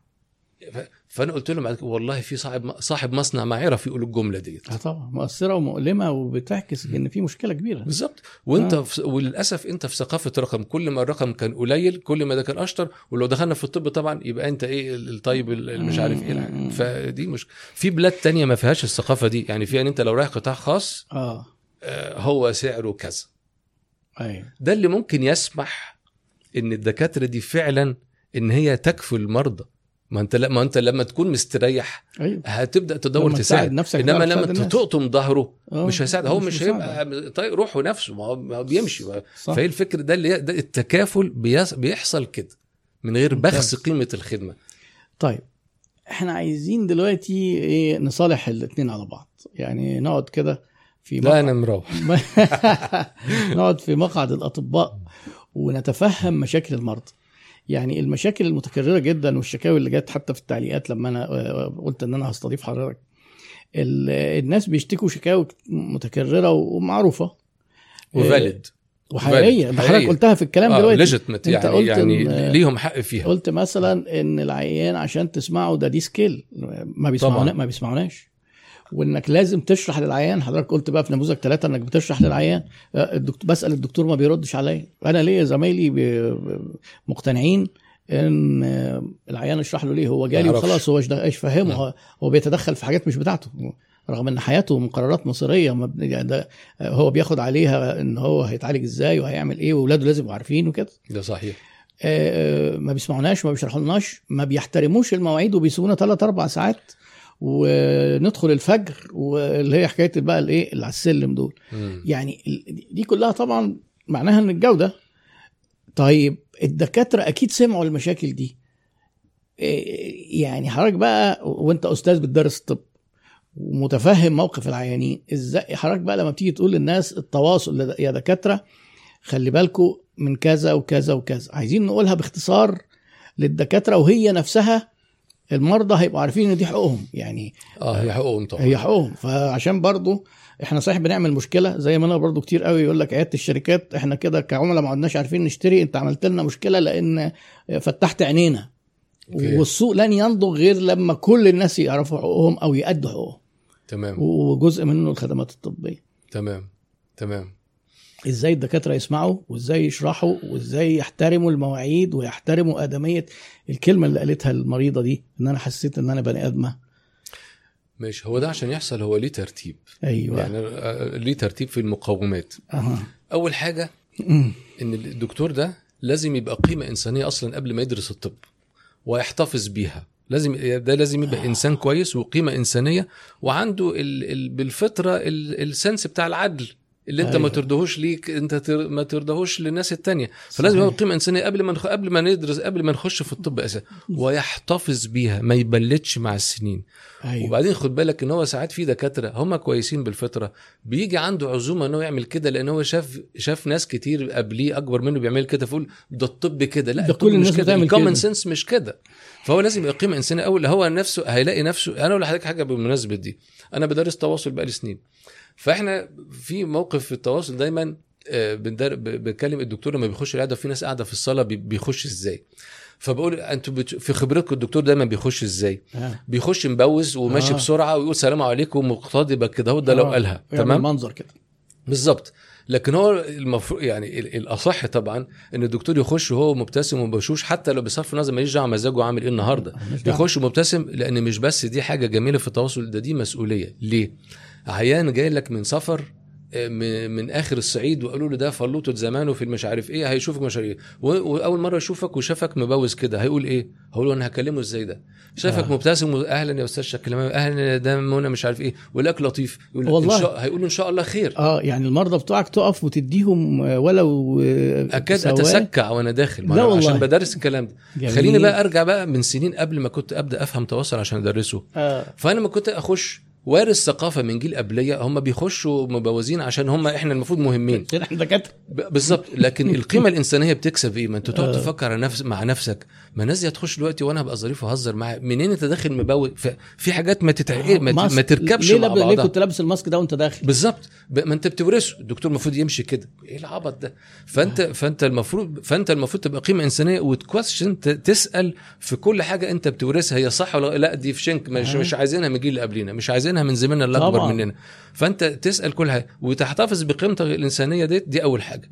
آه. نمرة اتنين. دي مهمة جدا. طبعا. اللي هي تعادل حسن الخلق بقى في التعامل مع البشر هو كلهم. دينك هو دينك معاملات. دين- بالظبط بالظبط آه. يبقى لازم يحتفظ بالقيمة الإنسانية دي. لو احتفظ بيها حاجات كتير هو. هيوقعها من نفسه. من أيوه. نفسه. لازم بعد كده طبعا إحنا مفترضين هو علميا كفء. إحنا مش آه هندخل لازم فيه. لازم آه يبقى كفء. بعد كده بقى لو انت سبت واحد بالفطره كويس ولطيف وحبوب كده هو ده لوحده لا يضمن ان هو التواصل مع المريض هيكون ناجح لأن في آه. مواقف معينة انت ممكن بحسن نية تروح عامل قفلة لأن آه. آه. انت لازم آه، التواصل ده قصة كبيرة هت- آه. هتستخرج حقيقي. التاريخ المرضي ه- هت- هتتعرف على المريض وتاخد معاه وبعدين إيه زي ما بيقولوا break the ice تبقى إيه آه. تبقى بقينا أصحاب كده في ثواني مش آه. في تل... مش في نص ساعة إحنا آه. قاعدين وقتنا كل نص ساعة. كويس. وبعدين هتستخرج الطريق التاريخ المرضي وليه طريقه وبعد كده هتثقف المريض بسرعة إزاي؟ الحاجات دي. هو صحيح ممكن يكونوا آه. نسبة قليلة اللي بيسمعونا أطباء والأغلب مرضى. فما فيش مانع برضه أصل هو مش سر يعني. لا لا خالص. آه لا لا بالعكس. آه، آه. تواصلك مع المريض بيبدأ من وأنت في البيت. في البيت. آه يعني إيه؟ يعني العيادة بتاعتك. أيوه. نظيفة. مش لازم تكون أغلى حاجة بالمناسبة. آه النظافة نظيف. كل حاجة المريض بيربطها بإن الدكتور ده راجل كويس ولطيف. آه. call center بيربطه بين الراجل ده آه. آه، call center بيرد الناس لطاف يبقى الدكتور لطيف. ناس مبتسمة يبقى الدكتور لطيف. كل ده آه، بينسب كل ده بينسب للطبيب. آه، الحمام نظيف الحمام. كل الحاجات دي بيعتبر أيوة. إن الدكتور ده راجل محترم. آه، راجل محترم. آه. لدرجة إن الرد على التليفون لما يحصل بسرعة دي أيوه. بتتعطل عندنا للأسف ساعات لما بيحصل بسرعة السرعه اللي هي قد إيه؟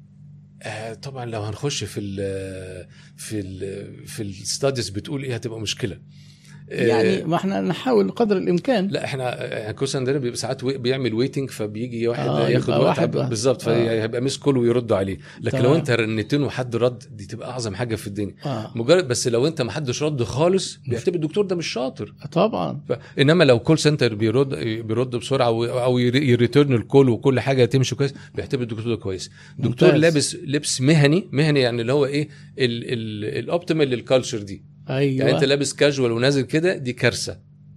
الله عليك يا. دكتور والله. آه، لابس آه. مبهدل ومش عارف أصل أنت cool ما فيش cool في الكلام ده. في كود معين صح. ودي عليها دراسات دي- عليها دراسات ولسه ما اتكلمناش لسه ما سلمناش على بعض. أيوة. بس أنت داخل لابس مهني كده بيربط جرافتتك ولبسك ده بأن أنت راجل يعني إيه professional formal حضرتك فورمال في حدود الكالتشر اللي في إحنا حدود فيه. الكالتشر بالظبط. آه آه، طب إيه الحدود الفورمال مثلا اللي في قرية أو مركز أو مدينة أو هيفضل العاصمة الدكتور هو أبو جرافات ما هو برضه ملهاش. حل آه، جرافات. آه. يبقى كويس دي عليها دراسات قصة يعني آه، طبعاً، آه، طبعاً. دراسات كبيرة أيوة. إنما آه، ان إن النتائج في العلاج بتتحسن الرابور العلاقة آه، الرقة والثقة في المريض والثقة كل ده. ليه علاقة بحاجات كتير قوي واحدة منهم الانطباع الأول واللبس شوف وانت لسه لسه ما بدأناش. هتخش العيادة وانت مبتسم وظريف. الله دي مهمة طبعا عشان. بدرسها صباح الخير أهلا ازي الصحه أخبارك؟ كل ده. ها. وبعد كده نبدأ بقى تخش. ال- ال- اللي هت- هتتواصل إزاي مع الناس؟ اللي هتسلم عليهم. بعد كورونا السلام على الإيد قل شوية. أيوة. بس بس موضوع تسلم على الإيد على المريض والمرافق بتاعه دي قصة. بتدي رسائل كب- طبعا. بقى طبعا الحشو بتاع مش عايز اخد وقت بس يعني كل واحدة وليها المعاني اللي وراها يعني يعني, أنا عايز أسمع ومستمتع بالكلام. ده وبعدين يعني أنا أعتقد اللي اللي يخليني أنا متشوق أكيد في ناس زي حالتي. خلاص. يعني ف... ف... فخلينا ناخد إحنا آه، مش مستعجلين. لا لا خالص مش أنت عشان انت حضرتك بايت معانا؟ إحنا بايت هنا طيب النهارده. خلاص. يعني مثلا أنت كورونا لخبطت الكود ال- بتاع ال- السلام آه، لكن أنت مثلا. إيه؟ آه. أنا لما يخش عين مش وقت كورونا العين للأسف في حاجة مش ظريفة أنا بقى, بتعرفها بقى من لما أتكلم عن العينين. أنت عارف ليه أحيانا كان العين ما يمدش إيده سلم على الدكتور قليل آه. ما هو يتطوع؟ لأن هم كانوا بدأوا يبصوا للدكتور إن هو في برج عاجي ومترفع ومش عايز يسلم على الناس. بيستنك عن أي. بالظبط. للأسف. أي. فبالتالي لما أنت بقى تروح أنت تقوم قايم الله. و- ومادد إيدك كدهوت ومسلم أي حد درس أكيد أكيد بيسمعنا حد حضر حد من كورسات حضر ده أكيد حضرتك. أكيد آه. فتقوم وتسلم عليه ومعاه آه. مرافق طبعا المرافق ناس طبعا ده معتبر نفسه ورا الشمس تروح أنت. مادد إيدك ومش عارف أهلا أهلا مش عارف إيه انت حلو أنت شوف خلقت دي- تواصل إنساني متميز من ودي أول أنت ما- ثانية حتى إحنا ما بنتكلمش في إن أنت عملت حاجة يعني انت آه. أنت بترحب بحد بس ما عملناش حاجة وبعد كده تبدأ اللي هو السوشيال هيز إن أنت تبدأ أنت مين وبتعمل إيه والكلام من ده ولو في مرافق تعمله تمام وتعرف هو مين لو نفع. يعني آه، إيه؟ يا رب يعني بسرعة. أخوه آه، أخته حاجات لو نفع. طبعا. إنما إيه؟ مش هنقعد إيه؟ إحنا مش, قاعدين في كوست آه. بالظبط. لأن هي أجندة وأنت مع الممارسة بتعرف تعملها بلباقه وكياسة. حلو جدا. آه، لو في موقف حصل نقدر نضحك منه حاجة تبقى ظريفة. لو دايما أقول لهم إيه؟ لو أنت دمك خفيف استعملها لو مش دمك. خفيف ما. تستظرفش. ما تستظرفش. حلوة دي قوي حلوة. أيوه يقول لك إيه ده؟ عامل نفسه دمه خفيف وهو مش. دمه خفيف. وبعد كده نخش بقى في تفاصيل ال history آه، تفاصيل التاريخ آه، المرضي وكده. وده آه. بقى إيه ليه تكتيكات وتفاصيل وحاجات زي كده آه. هوت وبعدين وبعدين المريض لو أنت عايز تقاطعه لو أنت ما تقاطعوش خالص. إلا لو فرضنا بقى إيه الاستثنائي اللي هو فلت فلت منه شوية ليها تكتيك. لكن هي الفكرة مثلا إيه في دكاترة تقول لك المريض رغاي المريض مش رغاي انت اللي ما تعرفش تسمع. لأن السمع ده ب... ب... بالطريقة اللي انت بتوري بيها المريض ال- ال- ان انت مه... مهتم ومستمع هو هيتكلم أقل مش أكتر. أدينا بقى دي بالظبط إزاي؟ محدش عارف إن ال... إنك تسمع دي مهارة. هو السمع مهارة. مهارة طبعا. يعني كنت أنا أحط سلايد للدكاترة أقول لهم لو انت سكت خالص آه. وسبت المريض يتكلم من غير ما تقاطعه زادت إيه؟ إمتى؟ قلت إمتى؟ ما, ما عملتش حاجة من دي خالص. فضلت تسمع تسمع المريض بس آه. ماشي من غير ما تقاطعه تماما. آه. المريض هيتكلم قد إيه؟ اف- ما زاد بقى. ساعة ساعتين ثلاثة كله كده. مش هيتكلم أكتر من 90 ثانية. آه. عمره ما هيزود أكتر من 90 ثانية. وهيقف. آه ليه هو أنت ليه هو بيتكلم أكتر من كده أحيانا؟ لأن أنت بال... ب... بلغة الجسد اللي بتعملها أو المقاطعات اللي بتعملها بتخليه يجي له انطباع إن أنت ما سمعتش ويقعد يعيد. إنما لما يلاقيك أنت قاعد كده هو طبعا أنا الكلام ده أول ما فهمته في يوم من الأيام كنت قاعد طب قاعد أسمع كده بس. فعلا المريض بيخلص الكلام. آه. يعني حتى وأحكي سيناريوهات يقول له مثلا إيه آه، هقول لك مثلا مريضة مثلا آه، بتقول لك أنا ظهري وجعني ورجليا وجع وبيسمع في رجليا وكتافي وجعاني ورقبتي وبتسمع وعندي تنميل في إيدي وأنت بت... ما بتقطعش خالص. و... وركبي وجعاني.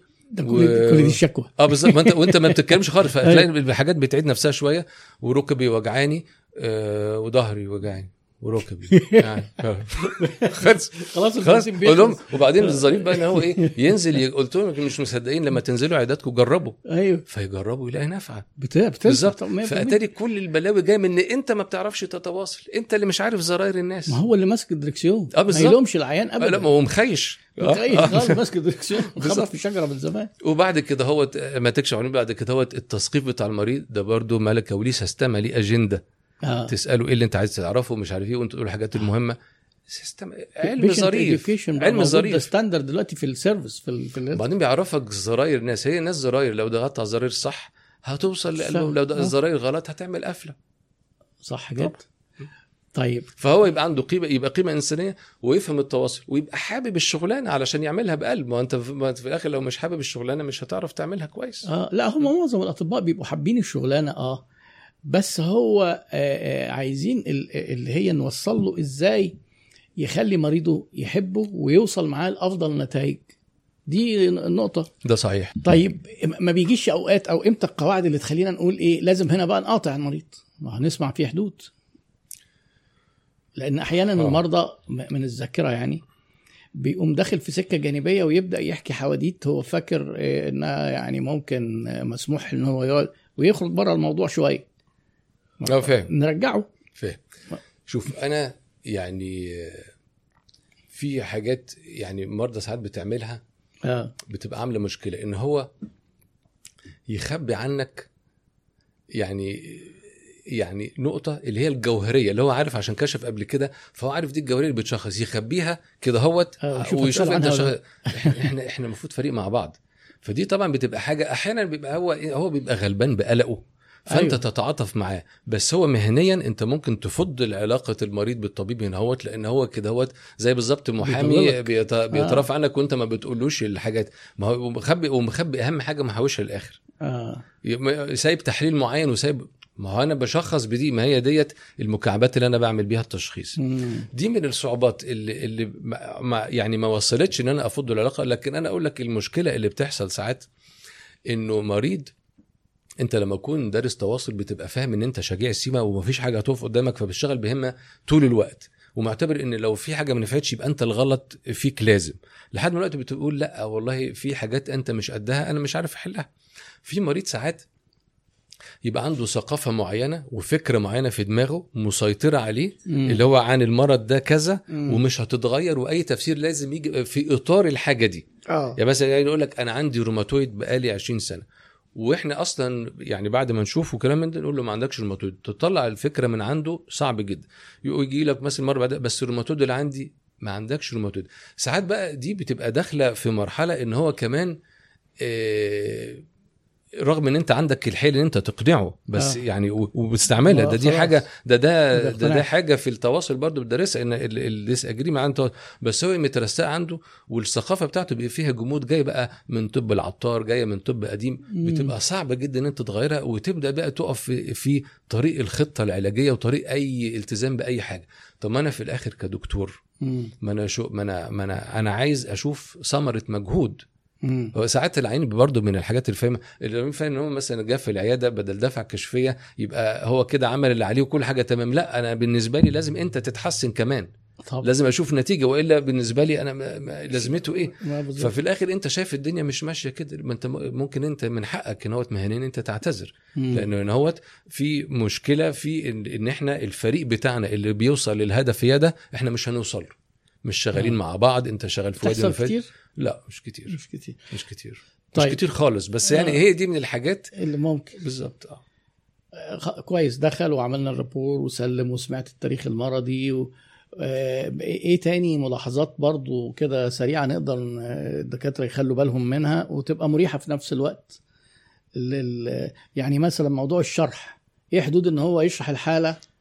للمريض وأي درجة من التفصيل ويشرحه هو ولا يشرح ليه وبعد شوية ابنه يدخل عايز يشرح له ومراته لا، عايزة تشرح هو. هيشرح. المريض هو المدير بتاع بطل القصة بتاعتنا.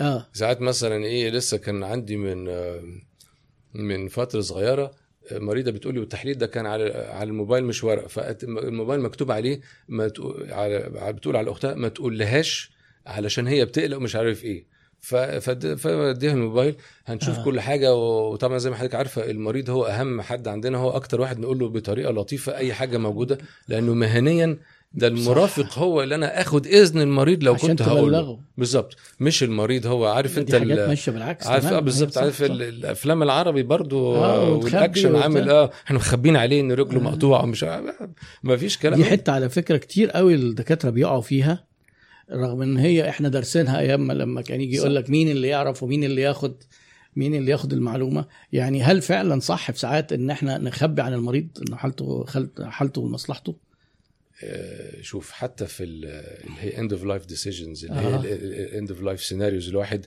عنده حاجة آه، خلاص آه في, هو نهاية آه، من حقه إن هو يعرف أيوه. الدنيا ماشية إزاي. افرض عايز يقعد مع نفسه عايز يظبط حياته أيوة. عايز يعمل وصيته عايز يرجع آه، دين عليه. من حقه إن بالظبط. هو يعمل ده. فما يجيش واحد يقول أصلا أنا أعرف أكتر منه أنت مين؟ لا.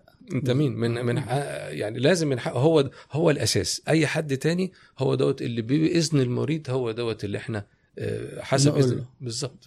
وهو اللي نشرح له ونشرح له آه، بشكل إيه ننزل بمستواه ب- بص... أيوه بزراير بزراير ثقافته. ثقافته مش نقعد هنا، آه، فاكرين إن إحنا شرحنا وإحنا عقدنا له الموضوع وما. شرحنالوش حاجة وهنا بقى بيفرق المرضى مثلا المرضى الأكثر ثقافة ممكن آه. لو هو بقى عنده حاجة من اللي أنا بعالجها وشاف فيديوهاتي هو أصلا آه. بيجي متثقف زي الدكاترة في أيوة، ناس في أيوة. ناس بتبقى في تفرح حد عمل تعليق قال أنا بروح للدكاترة بعد ما آه، يعني الدكتور شخصني وأنا شفت فيديوهاته فمستغربين من المعلومات اللي أنا عارفها آه لا أنا بذاكر له أنا مش آه, آه بجد والله آه. أنا ب- بذاكر له الم... فهو في واحد بيبقى بيبقى حاجة عالية جدا أيوة. وهو جاي عنده أسئلة صغيرة بس يعني إيه كنا بنراجع ال- المنهج. بنراجع المنهج آه. وفي حد بيبقى آه ما فيش خالص انت حسب حسب ثقافته إيه ليه الزراير بتاعته كل واحد آه. ليه اللغة بتاعته. بس لازم آه، تشرح. في مريض بيبقى يعني من ال- ال- اللي هو ال- التعليم الأقل بيبقى هو يعني لا عنده أسئلة ولا فأنت أنت بتقول له بس هو مكتفي بأي حاجة قليلة وهو عايز ياخد روشته ويتحسن وخلاص. فأنت خلاص بتشرح الأساسي اللي هو يلزمه. لكن في حد عنده أسئلة كتيرة ومش عارف إيه كل واحد حسب كويس جدا. طيب موضوع إن ال- المرضى كتير جدا بيشتكوا من الوقت الطويل اللي بيقضوه في العيادة انتظار للدكتور يجي وبعد ما يجي. وبعدين أنا حصل معايا موقف أنا شخصيا يعني آه، كنت بحجز عند دكتور واتصلت حجزت إدوني الميعاد بتاعي. فرحت على الميعاد لقيته مش ميعاد. لقيتهم بيدوني رقم. آه okay. فقلت لهم وأنا معايا أنا رايح قبل الميعاد بخمس دقائق قالوا لي لا ده حضرتك في قبليك 13 واحد. قلت لهم إيه، ما أنا جاي على الميعاد اللي أنتوا قايلينه. قالوا لي لا إحنا حضرتك بإيه؟ بأولوية الحضور. طب ليه في التليفون بتقولوا لي ميعاد بالساعة ما دام بأولوية الحضور؟ لو كنت قلتوا لي بأولوية الحضور كنت هسأل أنتوا بتفتحوا الساعة كام؟ والدكتور بيجي الساعة كام؟ وأقرر اجيلكم ولا ما أجيلكوش؟ لأن أنت ممكن تقول لي أنا بفتح خمسة والدكتور بيجي تسعة. ده صحيح. وتقعدوا تخزنوا الناس كده فوق بعض أربع ساعات وبعدين الدكتور. البي يدخل متجهم ووراه اللي هو بليا شايل الشنطة ونقعد إحنا إيه نبقى اتعذبنا. مم. إيه إيه رأي حضرتك؟ يعني الموضوع ده أكيد أكيد حضرتك عم- أنا عارف طبعا إن أنت عامل له حل. الدكاترة إخواتنا وزمايلنا وتلامذتنا أو تلامذه حضرتك يعني يحلوه إزاي؟ هو ده كلاسيك نموذج اتنين نموذج. اتنين في آه. أبهى صوره أيوة. اللي هو إن مفيش موعد هي الفكرة إنه آه، العيادات آه، فيما يخص آه، ميعادك الساعة 4 وتخش الساعة 4 آه، قصاد إن أنت ميعادك يوم الثلاث وأنت تيجي الثلاث بس وتاخد دور دولت يفرقوا في إيه؟ في المؤسسة دي بتبص للمريض وقيمته الإنسانية بعين ال- الاعتبار في النوع في النوع الأولاني اللي هو بتاع الساعة 4 يخش الساعة 4 آه. ونوع تاني هم بيبصوا للرقم اللي إحنا هندخله. النهارده بمعنى إيه أنت لما يبقى لك اسم وناس عارفاك فمعنى كده إن أنت هتقدر تتحكم في الحنفية بتاعت عدد المرضى يجي هشوف 10 هشوف 20 أنت عندك بس تقول call center هاتوا 10 هاتوا 20 مم. فهو بقى عشان يضمن ما يبقاش في drop out إن هو حد اعتذر مش عارف إيه يقول لك هات يا عم العيانين كلهم عشان دي يدينا فرصة إن لو حد اتأخر نروح ما جاش. عشان عشان أحقق رقم.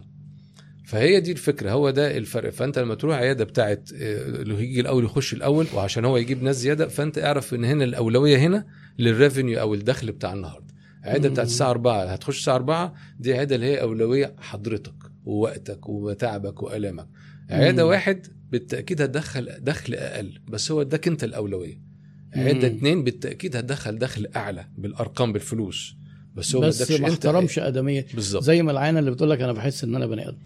جامعة ملخصة الموضوع. بالظبط. كان في عندنا بوست على عيادة الشركات آه، ناس دخلت تشتكي من مواعيد الدكاترة. دكاترة كتير دخلوا في التعليقات قالوا أنا كنت عامل بمواعيد بس للأسف مم. الناس ما بتجيش ما بتلتزمش وبعدين يجي. متأخر آه فيكون العيان اللي بعديه دخل فما بق... فما بقدرش أدخله آه، وبيقعد يتخانق فكتير قالوا الكلام ده فقلنا خلاص طب خلاص والله أنا لا- ما دام أنتم مش ملتزمين ومش ملتزمين هنرجعها لكم بقى بأولوية الحضور تاني مم. دي مشكلة إيه؟ مشكلة فعلا مشكلة. طب حضرتك حللها إزاي ولا إيه بتعمل إيه في الموضوع ده إحنا بنبقى حاطين آه، بيتبعت على الواتساب تأكيد للمرضى إن إحنا بتوع مواعيد بحق يعني مواعيد وبيقولوا له في التليفون بيبعتوا له آه. رسالة. لأن أنت حتى لما تقول للناس إحنا عندنا مواعيد الناس بتاخدها بعدم آه، اكتراث ما هو متعود على المصري يعني ما هو متعود ما إحنا بنروح يقولوا لنا مواعيد مش عارف إيه. حتى ساعات يبقى عيان يتاخر شوية.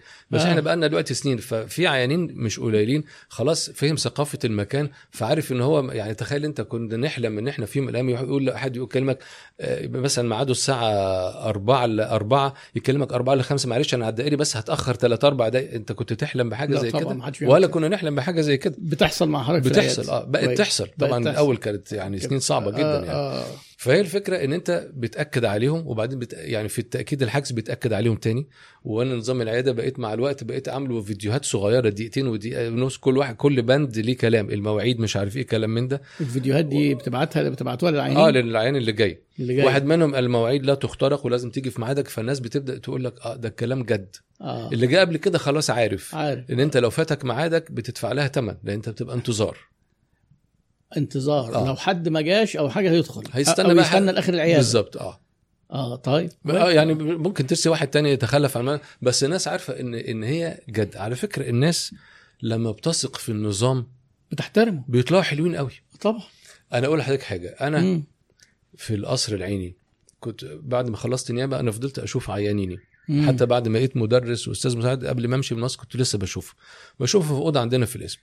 ففي القصر العيني أكتر مكان اللي يقول لك بقى ما فيش نظام مش عارف. حاجات زي كده فأنا فعلا لما كنت أفتح باب الأوضة اللي بكشف فيها الناس بقول مثلا عندي 20 عين هشوفهم مثلا ولا 15 عين هشوفهم آه، تلاقي كذا يا دكتور مش عارف كل واحد عايز يزق اللي هي الثقافة بتاعت اللي هو متعود آه. عليها في اللي العيادات هي ثقافة القصر العيني رحت جابت جايب أياميها سكرتيرتي من العيادة آه. هي اللي تدخل العيانين تروح كاتبه أساميهم حسب بقى آه. الطريقة اللي عملناها ساعتها ماشي اللي هو أسامي دور. ونظام بالظبط بنظام بس لحد هنا المشكلة مش هتتحل. طبعا.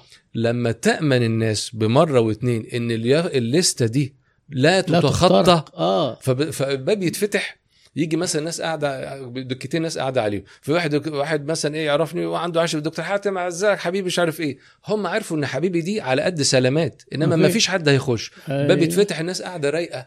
وثقت في النظام فالناس لو آه. وثقت في النظام بتبقى قصة آه. تانية خالص.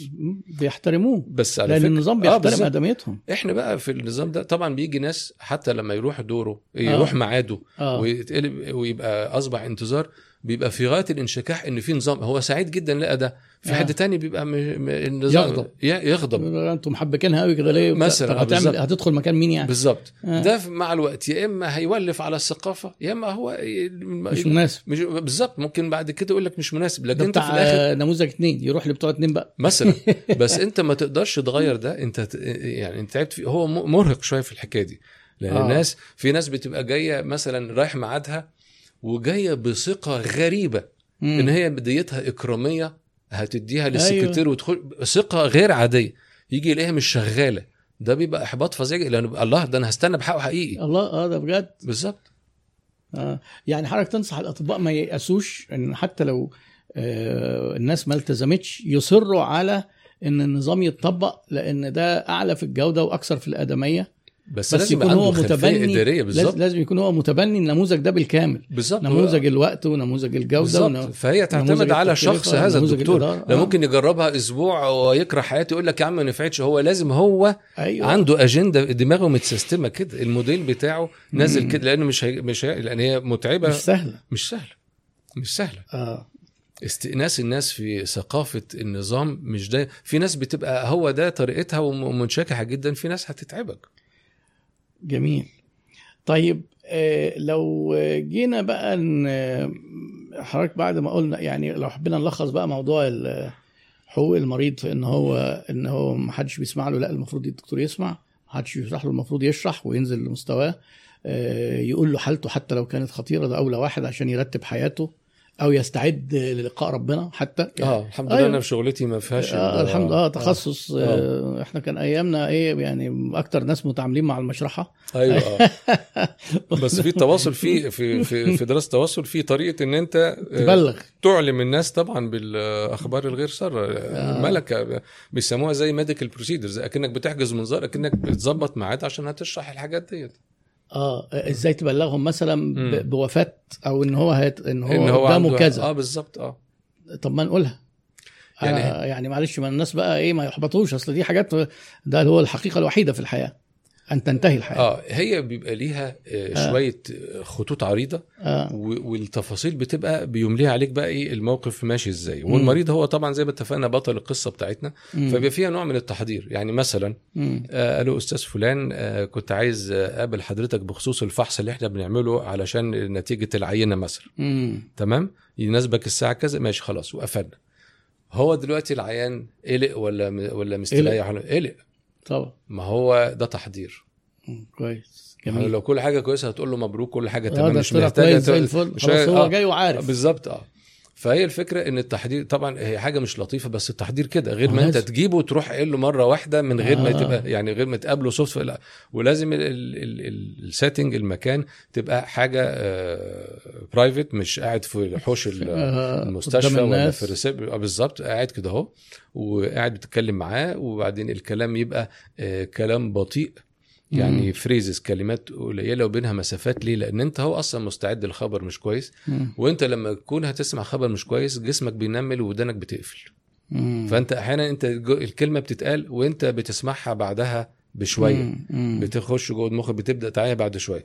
وتعيد وت- وتقول الكلام وتبدأ تقرب من الحاجة اللي انت عايز تقولها وتبقى مهد ليها ولو فرضنا إن هي عينة لازم مم. انت أصلا قبل القعدة دي تكون عينة اتعملت مرتين مش تقول آه، مش تقول له. إحنا شاكين إن أنت عندك كذا. وتقول سيب الراجل حرام ينتحر قبل آه. ما, ما فلازم آه. تبقى أنت متأكد وبعد كده والكلام يبقى لحد ما في الآخر تقول الحكاية دي وبعد ما تخلص تفضل قاعد مم. وجاهز لكل أنواع رد الفعل وبعلم إن هي كذا رد فعل.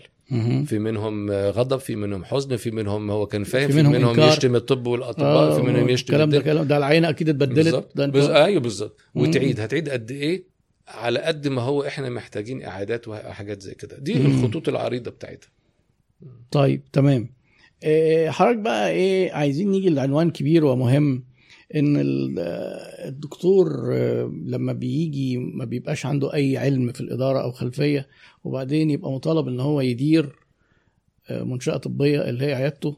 وطبعا الإدارة دي بتبدأ حتى قبل ما يفتح العيادة وإن هو يفتح فين وهيكلف كام ويجيب أجهزة جديدة ولا مستعملة ولا يعني بالذات الحاجات اللي هي في تخصصات ما بتصرفش تمام. كتير وفي تخصصات بتصرف كتير في العيادات تمام عيادة العيون مثلا غير البطنة غير.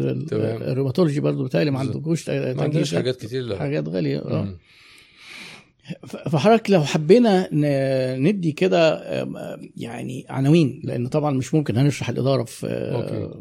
في, في live لو ندي عناوين الدكاترة في, في حاجات يفكروا فيها وبحيث ما تفوتش عليهم حاجة آه، ويغلطوا غلطة مكلفه طب بلاش يفتح عياده هو طب, طب فعلا على فكرة من. ضمن القرارات هل لازم أفتح عيادة؟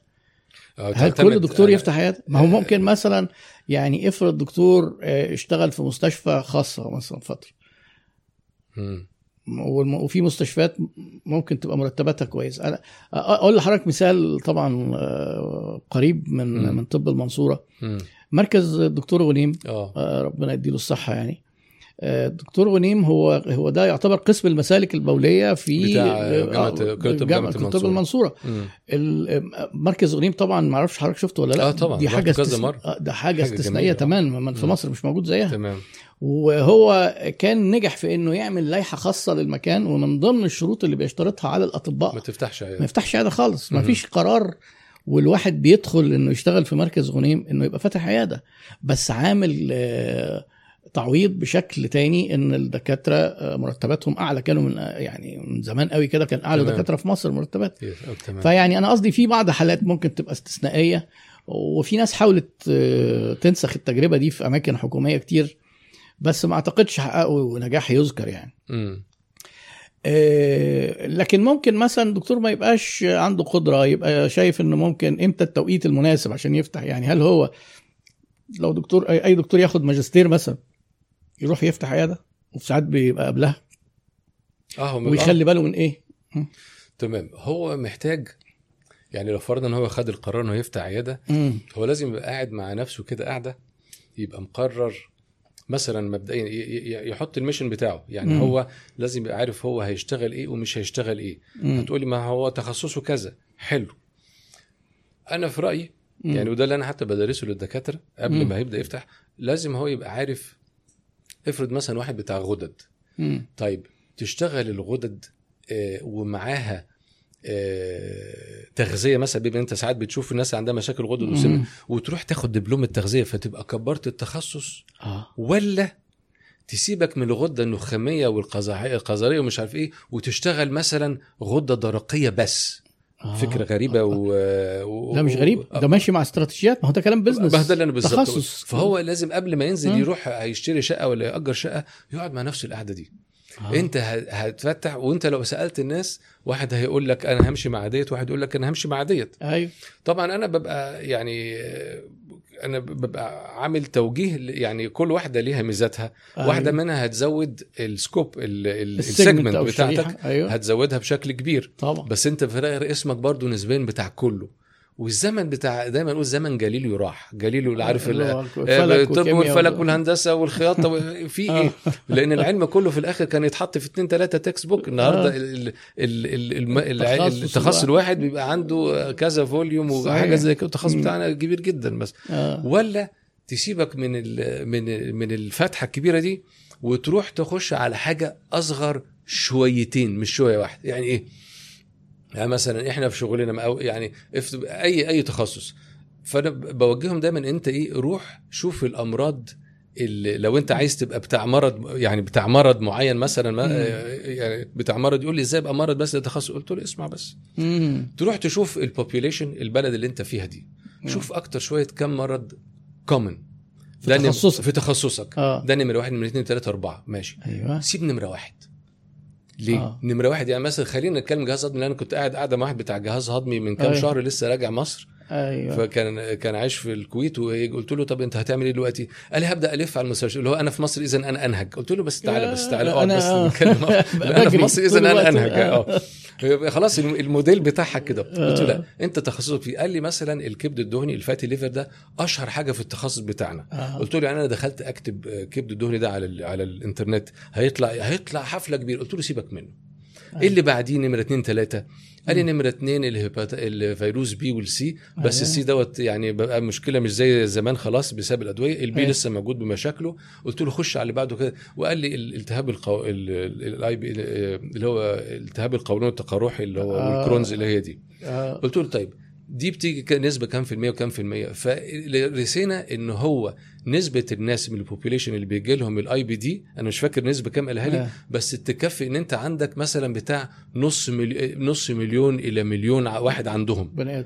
معلش ال IBD اختصار إيه؟ Inflammatory bowel disease آه، التهاب آه، القولون آه. أيوه أيوه فالفكرة اللي هو إيه؟ قلت له- ال ulcerative colitis وال Crohn's disease فأنت لو فرضنا عندك 100 مليون واحد فأنت آه. عندك مثلا نص مليون عندهم IBD فهو آه. بقول له criteria دور لي على حاجة يكون فيها ال ال في ال في الجنرال بوبيليشن عدد يعني إيه جيب لي مليون نص مليون ثلاث ارباع مليون شريحة ربع، آه. آه، نعرف. نعشن عليهم بالظبط وبعد كده هوت بس بس آه، عندنا ده وده مين منهم المزمن آه. المزمن اللي هو ليه فولو ابس ما هو أيوة. ما هو- الكيس الدهني مزمن بس بيشوفك مرة واحدة. وبعد كيس 30 دهني سنه يقول تعمله يا لك تسيبه في حاله بالظبط مين المزمن اللي ليه. لايف سايكل اللي هو في ال IB بيزيد ويقل ويزيد بيزيد ويقل وليه وليه وليه تظبيطة. يعني آه. مثلا إيه في أدوية بتبقى ليها اسطمبة واحدة وخلاص لا ليه تظبيطة وليه طب. كل شوية ليه طب؟ وليه مناظير كل شوية. قلت له بس سيبك من الكبد الدهني يا عم وسيبك من ال hepatitis B سمي نفسك بتاع ال IBD وتقعد بقى تشتغل على ال IBD دوت. تدرسه وتفهمه وتحلله وت... وتعمل فيه بقى سيبك من ال posts ات تعمل أيوة. فيه فيديوهات ال IBD ده انت لوحدك تعمل فيه 10 فيديوهات. ليه؟ لأنه من قبل ده من اهم أهم ما يفتح عيادة. أيوه. لأن أنت لما أنت تيجي لل search engines ويجي كل ما يكتبوا IBD يطلع يطلع لهم فلان. آه، محمد حسنين. هو بتاع ال I فأنت الف... بالظبط جوجل ال search engine هيتكرعك. كل ما يجي أيوة. هو ده الفلان هاتوا يا عم الجدع ده. مايو كلينيك لما هتاخد ال- ال- الالتهاب القولون التقرحي هتنزل له article آه. أي دكتور تاني بيعمل تثقيف عام هياخده article أنت بقى كل ما يجيبوا سيرته ترى IBD. IB ف- فاهم؟ إزاي؟ فخلاص هيروح هتروح من الناس فين فأنت هتتعرف بيه وهتبقى branded بس provide بس لازم إن ال- الحاجة اللي تعملها دي لازم تبقى فاهم فيها كويس. وتطلع لنا فيديو ما يخرش المية بحيث إن أيوة. هو إيه و- والفيديو الكويس بيبقى باقي على فكرة يعني بيبقى الفيديو اللي أنت كنت مسستمه ومسستم أفكار وحاطط فيه العلم و deliver all the value عارف أنت عارف الله خالص. عارف أنت الفيديو التسويقي دي, دي بس يشيل حتة. آه نظام كلام وما. اسمها إيه؟ ده كلام ده دي خيبة. إيه وما تدوقش دي ولا خي... آه دي خيبة. دي خيبه شوق وما تدوقش. ديليفر اول ذا فاليو لما أنت تسمي نفسك لا، دي بتاع خيبة فعلا. آه، ده آه. لما تسمي نفسك أنت بتاع أصل الرزق ده تاثير بس في ناس تقول لك الرزق بتاع ربنا هي حافظينها. أيوه. بس ساعة التنفيذ ما حدش عارف ينفذ. صح. ما حدش عارف ينفذ. ينفذ ف... وادي كل ال value وعلى أساس إن حتى اللي هيشوفه هيستفاد ومش هيحتاج يجي لازم يجي بس هيجي لك ناس في الآخر دي تقسيمة تانية. تانية آه. تدبير تاني مش بتاعك أنت صح صح وتكتب ال... ال- وتعمل الفيديوهات ديت. وت... وت... وتسيبها هتفضل موجودة لما أنت تشوف على ال search engines بقى بعد كده شوف أنت هتبقى فين يعني أنت مثلا آه. آه. لو دخلت على incognito window على أيوة. جوجل وكتبت التيبس الفقاري أنا أدرك الكلام ده أيام ما عملته أنا ما كنتش فاهمه آه أنا فهمته بعد كده. يعني أنا مع الوقت لما بدأت آه. أفهم الحكاية دي فهمت إن أنا أنا top في مثلا من الأمراض اللي تبعي فأنا بعمله أنا بداخل أذاكره للناس. آه. مع السنين بقى فهمت إن أنا علشان كنت بعمله وب- وبعمله كذا فيديو كلام من ده فهمت إن ده اللي علاك على ال search engines بعد كده بالطريقة آه. دي. فبدات أدرس بقى الطريقة دي. حلو جدا. على فكرة ما هو ده خليط من المر... التسويق. والتسويق الإلكتروني والطب والاستراتيجيات كمان ال... ال- الإدارية بالظبط إن أنت تبقى متميز بحاجة ده ده عمر ما حد قاله في الكلية على فكرة لا، لا، لا. ده اللي انت حضرتك بتقوله ده insight دي. جديد جدا عليا أول مرة أسمعه وحتى أنا. شخصيا وبعدين أنت حتى شوف آه. انت مثلا تابع أصحابك زي ما أنا جيت أسمي نفسي بتاع الروماتويد كانوا يقعدوا يتريقوا عليا أنت بقى شوف أنت مثلا كل دكتور في التخصص جهاز هضمي اسمه دكتور جهاز هضمي دكتور جهاز. أنت دكتور قولون تقرح ياه ده انت قادر يا أخي بتاعه. فساعتها لما آه. الدكتور لما مريض عنده قولون تقرح يقرا اليافطه ديت هو حتى لو هو مستريح كل حاجة ماشية كويس بس هيكتبها في اسمه ويحطها في جيبه. آه. هروح للراجل ده. بالظبط. وهيجي لك هيجي لك ممكن ما يجي لك بس المهم يعني هتبقى عندك edge ما هو ده ال positioning ده ده اللي. حضرتك بتعمله ده حاجة جامدة جدا. very effective آه. آه ممتاز. ال- التيبس الفقري ده اللي هو ال ankylosing spondylitis. آه. بعد كده بقى يبقى يحط بس نفسه حالاته كتير. وما- آه كتير. والله. كتير. آه. بعد كده بقى يحط بقى mission يقول أنا بشتغل كذا وأهم من بشتغل كذا ما بشتغلش كذا. آه، كتابة ال mission بقى بتاعته دي حلو. ده بس- ال scope بتاعي. وده اللي مش بشتغله بيبقى محدد نفسه. بس اللي مش بيشتغلوا ده بره تخصصه. ب- وممكن يبقى جوه الجهاز الهضمي بس هو قرر إن هو ما يشتغلوش مثلا. ياه. آه. يعني لو هو محدد لنفسه يعني هو ممكن. هو يقعد مع نفسه يحدد. هو في الآخر يشتغل قولون تقرحي حاجات تانية. أيوه. بس يبقى محدد أنا بشوف دول وما بشوفش دول. وبعد أيوة. كده بقى يبدأ يعمل إيه؟ ال strategic plan بتاعته الخطة الاستراتيجية ال SWOT analysis والحاجات دي كلها وال STP والكلام ده. آه آه جميل جميل. هنرجع للعناوين دي. طيب. انت عارف حضرتك آه، أنا افتكرت دلوقتي آه، أستاذ ورئيس قسم جراحة في أحد كليات الطب يعني. أنا كنت قاعد معاه من كذا سنة واستغربت. هو عامل حاجة كده. هو بيشتغل آه، جراحات سمنة بس. مع إن هو جراحة عامة أستاذ. جراحة عامة. وجراحة عامة يعني يقدر يعمل بقى ثورويد يعمل زايدة يعني غدة درقية عمليات التضخم الغده الدرقية والمرارة والزايدة. ما بيشتغلش الحاجات دي خالص. هو بس اللي هي بقى التكميم والحاجات اللي هي وشغال كويس جدا. عدد من المرضى يكفي. ليه؟ ليه؟ أنا بقول له كبير دور على. ربع مليون ونص مليون. عشان العدد. أنا في رأيي في نموذج ثلاثة اللي أنا شغال بيه آه. أصلا ما بين 10 إلى 20 ألف عيان دول يعملوا career. في البلد كلها. لا بالنسبة للدكتور آه، يعني أنت آه. لو أنت من من- النص مليون دولت لو أنت رجالك تعرفت يعني. كويس وكان بيجي لك 10000 إيه، 10 إلى 20000 آه. دول يشكلوا كان للناس اللي شغالة النموذج ثلاثة بتاعي اللي هو بيشوف آه، عدد. قليل من المرضى أيوة. في اليوم أيوه إنما في ناس بتشوف آه، أكتر من كده تلاقي ال database بتاعته مليانة ناس بالظبط ما أنت في ناس بتشوف آه. مثلا 40 عيان في اليوم هو والله راضي كده ب- ال في 10000 ده دول يشوفهم في ست شهور آه بالظبط. أيوة. فأن- فأنت 10 20 ألف عيان دول يعملوا career كامل career كامل lifetime بتاع practice نموذج ثلاثة a decent راقي. طيب تمام جدا. يعني دي نصيحة تدخل في سياق الإدارة وال- والممارسة. طيب حضرتك قلت بقى إيه؟ إن هو يعمل لنفسه SWOT ويعمل SW آه. ويفكر في ال STP والكلام ده. يعني السوات اللي هو تحليل الموقف. تحليل آه. آه. يعني إزاي ممكن دكتور يطبق موضوع السوات ده على عيادته سواء قبل أو خلال ما يبقى هو شغال؟ يعني هو هو برضو إيه عشان نوضح هو ال- السوات اللي هو أنت بتدرس الموقف بمعنى تشوف نقط آه، قوتك والحاجات اللي إحنا اتعلمناها منك أيوة. آه.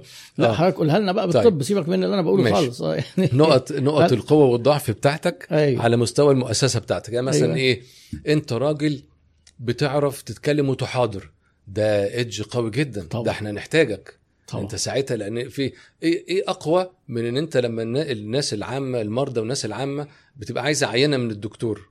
اصطلاح مجازي يعني. خلينا نشوف هو بيتكلم. ما أنت ممكن تكتب آه، مقالة. صح ماشي صح. بس ادينا عينة منه كده. آه أيوه بس الجدع ده شكله عارف أنا عايز أروح الجدع ده. إيه أقوى من ده؟ فلو. هو بيقدر يتكلم دي حاجة عظيمة. ما يقدرش يتكلم ممكن ي... ي... ي- يعمل آه، والله أنا رأيي لو ما بيقدرش يتعلم. وهي وهي ملكة بتدرس. آه طبعا. ليها وليها أساسيات. فاكر لما كنت بقول لحضرتك على ب- بعمل الكورس بتاع قناة يوتيوب طبية ناجحة؟ آه. آه، كورس مدته كده ساعتين ثلاثة فيها إن أنت لو مش بتعرف إزاي تتعلم الأساسيات بتاعت إن أنت هنتكلم في تتكلم. الموضوع ده مهم آه، دلوقتي. لأن آه. عنوان personal branding للدكاترة ده جاي. بالظبط. آه. وهي أصبحت ال digital marketing يعني بصراحة هو ده أصبح ال- ال core آه بالظبط هي الأساس بتاع التسويق. دلوقتي الناس أيوة. كلها عايشة على آه، ال ال ال الإنترنت أصبح أكتر من ال outdoor والحاجات التانية دي كلها فهو مم. هيبدأ يشوف نقط قوته إيه نقط ضعفه إيه يبعد عنها أو يعني ما ي- ما يقربش منها والبقى ال- ال- الحاجات الخارجية ال- آه. يعني مش مش يعني آه، الظروف القوانين اللي بتحكم النشاط ال threats آه، المختلفة بالظبط. ويبدأ يكون كده هو وضعه الفرص أو. الفرص. يعني انت حضرتك التفكير اللي انت فكرت فيه إن هو ممكن يبقى فيه فرصة لو تخصص في الالتهابات الجهاز الهضمي اللي حضرتك قلتها دي مثلا, مثلا آه بالظبط. دي ممكن تبقى فرصة آه، لو فكر فيها. ما هو الت... بالظبط. تنظيم الأفكار ده هو اللي بيخليك ممكن توصل لحاجة م- آه، زمايلك ما وصلهاش. بالظبط بالظبط. آه، هو ودي- ودي اللي. بياخد أساسيات إدارة هو بيفكر بطريقة تانية. آه بالظبط. بيفكر بطريقة تانية. يعني يعني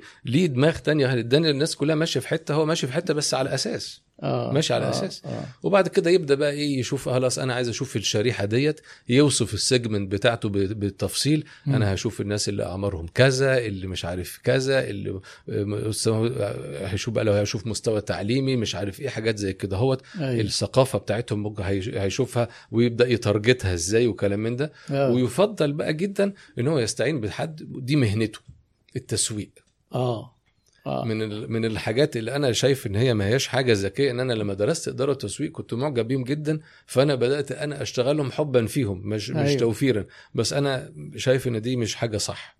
بس على فكرة كل ان حضرتك عرفت على الأقل بتعرف تدير لو جبت شركة أو أشخاص يديروا لك آه بس دي هي فأنت الفرق. هنا فأنت فاهم على الأقل آه، بالظبط. هم بيعملوا إيه وإزاي تقيس أدائهم بالظبط. فأنا برضو دي المفروض إن ال ABC بتاعت الحاجات دي برضو يبقى الدكتور عارفها يبقى عارفها آه, آه. بس ما بس ما يمتهنهاش ما يضيعش وقت فيها لأن المفروض وقته ممكن يستثمره بشكل أفضل بالظبط كلام حضرتك مظبوط بس هو في شركات دلوقتي كتير في التسويق الإلكتروني آه، داخلين يملوا الفجوة دي اللي هو التسويق الطبي للدكاترة.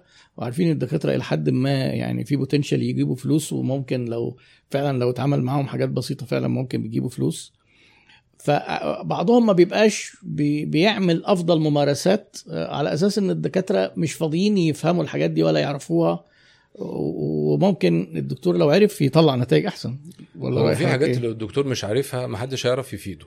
آه. يعني حتة الاي بي دي اللي إحنا لسه متكلمين فيها وإزاي يسجمنته إزاي يختار مين بتاع التسويق يعرف يعملها له مستحيل ما عشان كده اللي حضرتك بتقوله لازم ده يبقى يعملها دكتور ده يعني دكتور، لازم آه. دكتور عنده هذا الإنسايت عشان يقول له اشتغل على بالاستراتيجية دي أيوه فهو لازم يبقى فاهمها عشان هو يقدر يعمل نفسه آه. أنا اللي أنا عامله إن أنا أنا مش ما عنديش حد تسويق أنا الموظفين اللي بيشتغلوا معايا آه هم اللي هم لما بدأوا كانوا بدأوا سكرتاريا بس كل واحد مع الوقت بقى ديفرنشيت تشكل لشغلانه هو- تانية آه كويس آه، جدا صابر مثلا يمكن يكون بيسمعنا دلوقتي. أيوة. صابر هو اللي بيصور زي آه، مرزوق كده والله هو اللي بيصور ويعمل آه. اديت خلاص هو لا صابر بس صبر سكرتاري شاطر أنا شايف بيطلع آه، جدا. كويسة ما. بيبوظش زي لا، ما مرزوق. عندي لا، لا بيبوظ. كل حاجة. ويقعد يتمارس عليا بقى في الإخراج يقول لي مش عارف إيه اعمل ومش أيوة. اعمل والكلام من ده. أيوه. فهو صابر لا هو بيطلع فيديوهات جميلة. إحنا جدا. شفنا شوية لا لا جدا. أنا شفت فيديو مصوره أو الدور كده في آه في محمية وادي مع- دجلة. أيوه بالظبط. وفي في جنينة ويعني حاجات لا جميلة وعمال يتطور يعني ملكاته أحسن كتير. فصابر سبق بدأ سكرتاريا مسك صابر تصوير بيرجع بالسكرتاريا ومونتاج. دلوقتي. آه لو لو خد التليفون بالغلط يحجز ميعاد بيدخل اتنين عيانين في بعض يعمل لنا أزمة.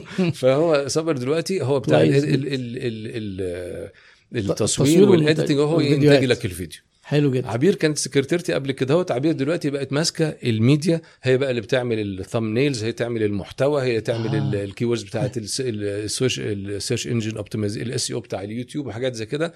وما بقتش في السكرتاريا خالص غير الطياري كده أحيانا. طبعا في حد بقى هو اللي بيشتغل سكرتاري دلوقتي، ده. لا أنا بقى هنرقيهم نعملهم بعدين نركبهم طيارة بعد كده هو اللي فهو كل واحد تشكل لشغلانة. ده آه. أحسن بكتير أنت تجيب شركة. ليه؟ الشركة في الآخر عندها كذا account أيوه. وهو بالنسبة له عايز يخلص الشغلانة. أيوه وعمره ما هيبقى شاري ال- ال mission وال vision بتاعك. صحيح. بتشتغل معاك ناس هم قلبهم عليك وبيحبوك. وقلبهم على وقلبهم على الشغل. وعايزين نتائج ده أنا ممكن أنا اللي أعمل حاجة هم اللي يقولوا لي إيه اللي أنت بتا... يعني هم اللي. قلبهم على وغيرين عليه.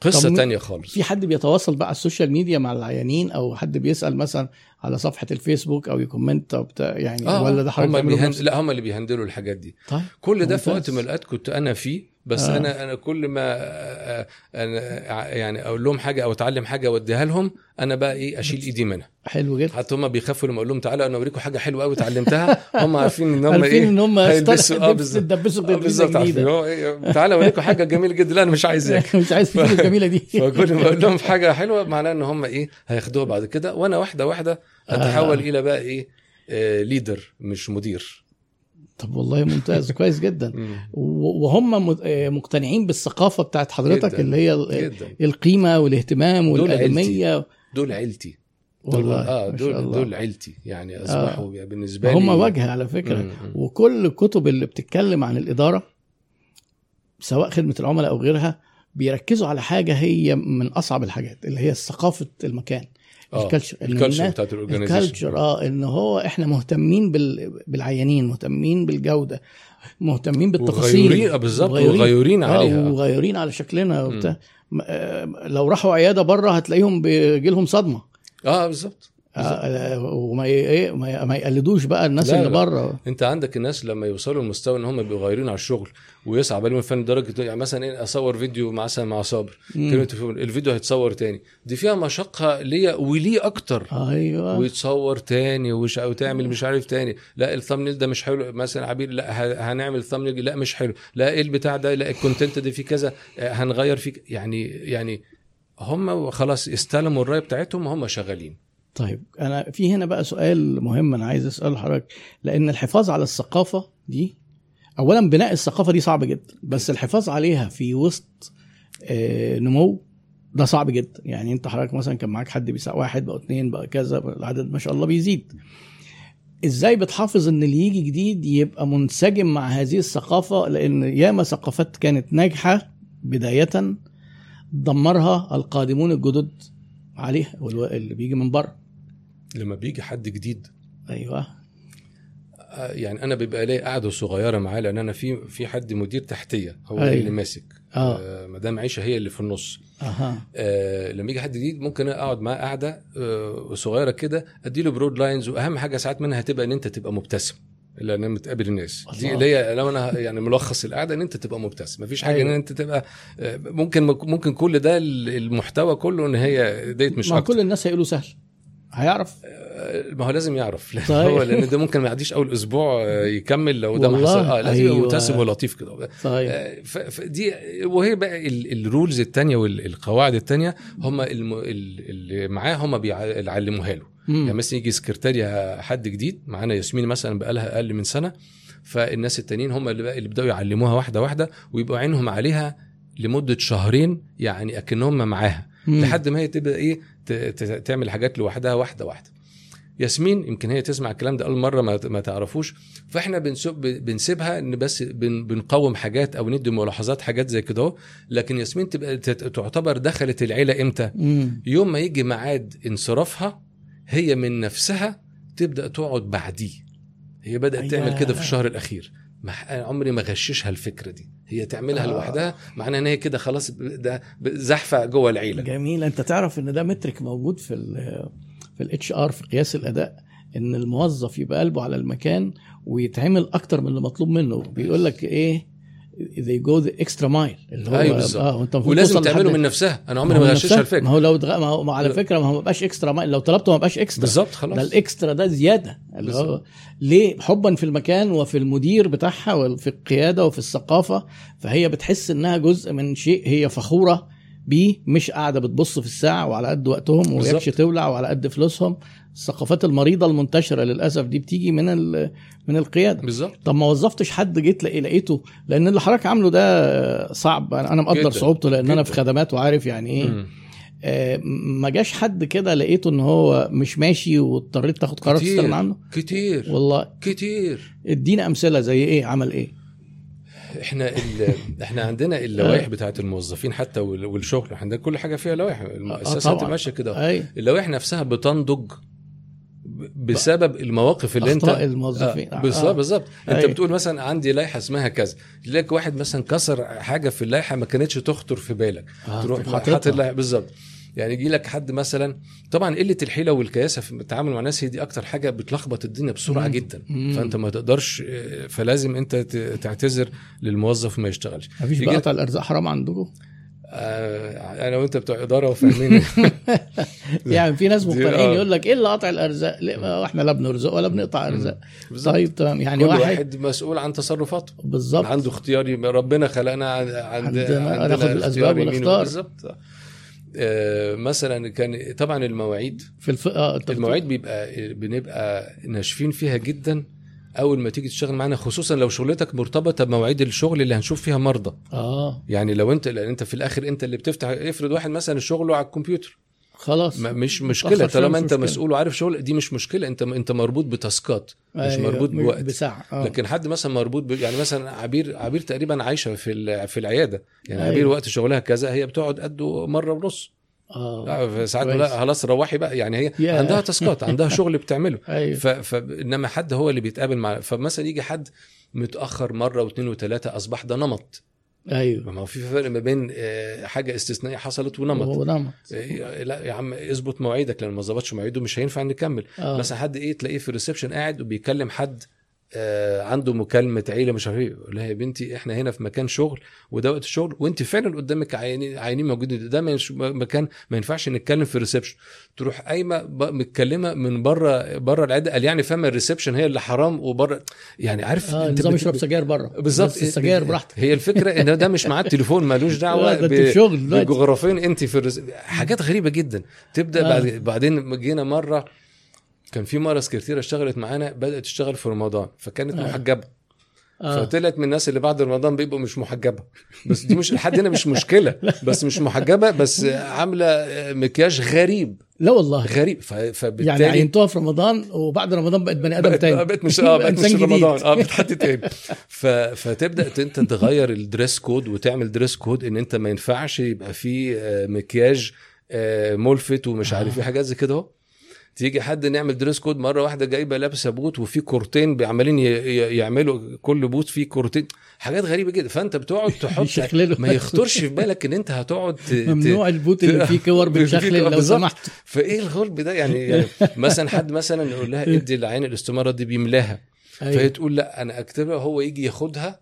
دي طبعا دي, دي كانت آه. قاتلة. آه. لا هو لو سمحت خد البت... يعني تعالى خدها آه بالظبط. مش تديها له دي طبعا دي دي ما فيهاش فصال إحنا كده خلصنا النهارده. كنت ناس أروح أديها له ليه؟ بالظبط. ما يجي هو. آه لا لا حاجة حلاوة. دي, دي حاجات صعبة حاجة جدا. جميلة قوي آه لا بالظبط. فأنت شفت العجب. فحد مثلا يجي يقول لي ما تعمل فرع تاني؟ أقول لي فرع تاني. أنا أنا غلبت سنين عشان, عشان ألاقي ناس لا ده. لا عملية صعبة جدا. آه طبعا عملية طبعا. صعبة على جدا. فكرة اللي حضرتك واصل له يعني آه، وأنا أنا أنا بقول الكلام ده وأنا شاهد عليه لأن أنا يعني جيت يعني لحضرتك العياده وكانت في فرصة ان أنا أشوف الحاجات دي بعينيا والحقيقة يعني هي مبهرة.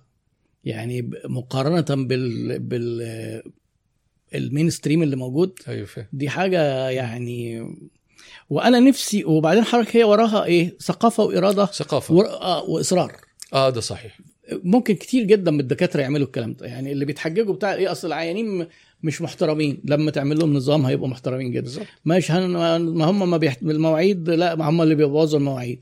ما هم ما بيفهموش مش هنقعد بقى نشرح لهم ومش فاهمهم. هم واحد صاحبي. وحبيبي وجراح شاطر. جدا يقول لي إيه آه هو جراحة عامة يقول لي العيان ما يتدخلش في اللي ملوش فيه. اللي هو إيه يقول لك الحالة وشرحها هو ماله هو أنا هقعد أشرح له بقى الجراحة والطب هدخل أعمل إيه ومش هعمل إيه؟ أيوه اشرح له. بسط له واشرح له لازم. تشرح له. على فكرة مش مقتنع يعني هو معتبر إن إيه قال لك أنت هتبقى الاداره بوظت لك دماغك. مثلا آه. دي إدارة مش طب. أنت تروح تشرح للعي... تشرح للراجل اللي عايز ياخد كورس عشان تقنعه. إحنا ما بنقنعش. إحنا ما بنقنعش. إحنا عيانين يسمعوا الكلام. خلاص. شيء مؤسف جدا. شيء آه والله. يعني سبحان الله. طيب آه كنت انت مرة حكيت لي عن إن بتع- بتعملوا أنتوا survey وعشان تكملوا ال loop بقى إن إن تع- تعرفوا الناس تقييمها إيه؟ في دكاترة بيعتبروا ده عيب جدا. إن الدك... إزاي آه نسأل آه ده العيان؟ بعمل survey العيانه كمان علي أنا.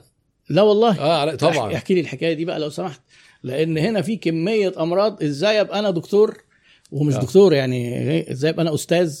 وهو مش أستاذ في أي كلية طب لا في القصر العيني.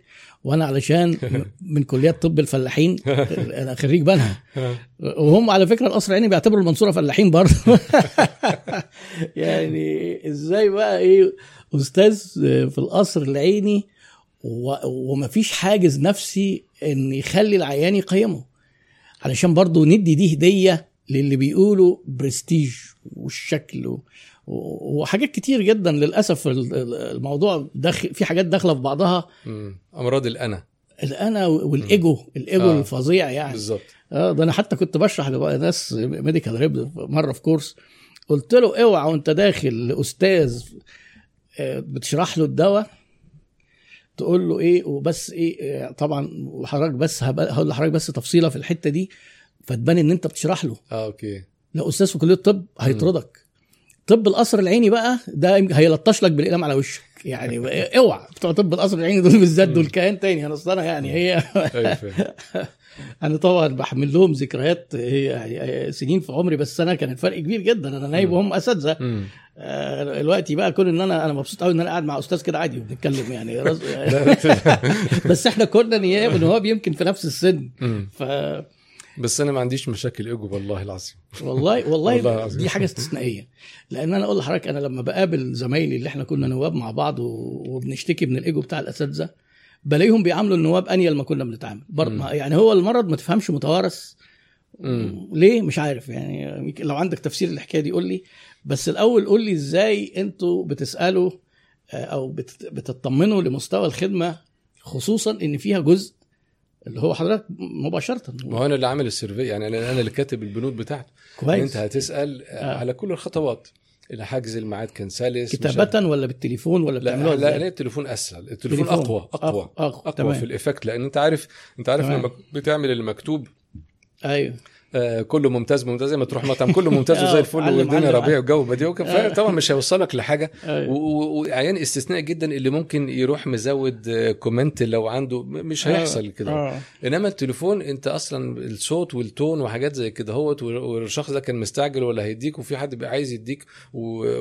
ويشرق ويتكلم والكلام ده في التليفون هيخلص لي المهمة بتاعتي أحسن أفضل آه. أيوه يمكن إحنا ما بنعملهاش بقالنا شوية مشغولين بحاجات بس إحنا جه علينا وقت كنا بنعملها يمكن برضو المفروض نرجع نعملها تاني فكان هي من أول طريقة الحجز كانت إيه والدنيا ماشية إزاي.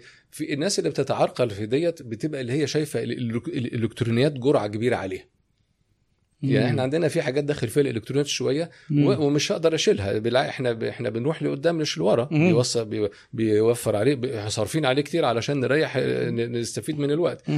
آه، الحجز كان إيه؟ الناس ما- خبرتك في العيادة إيه؟ الناس كانت بشوشة مش عارف إيه كلام. دخلت في ميعادك فعلا. الدكتور خب...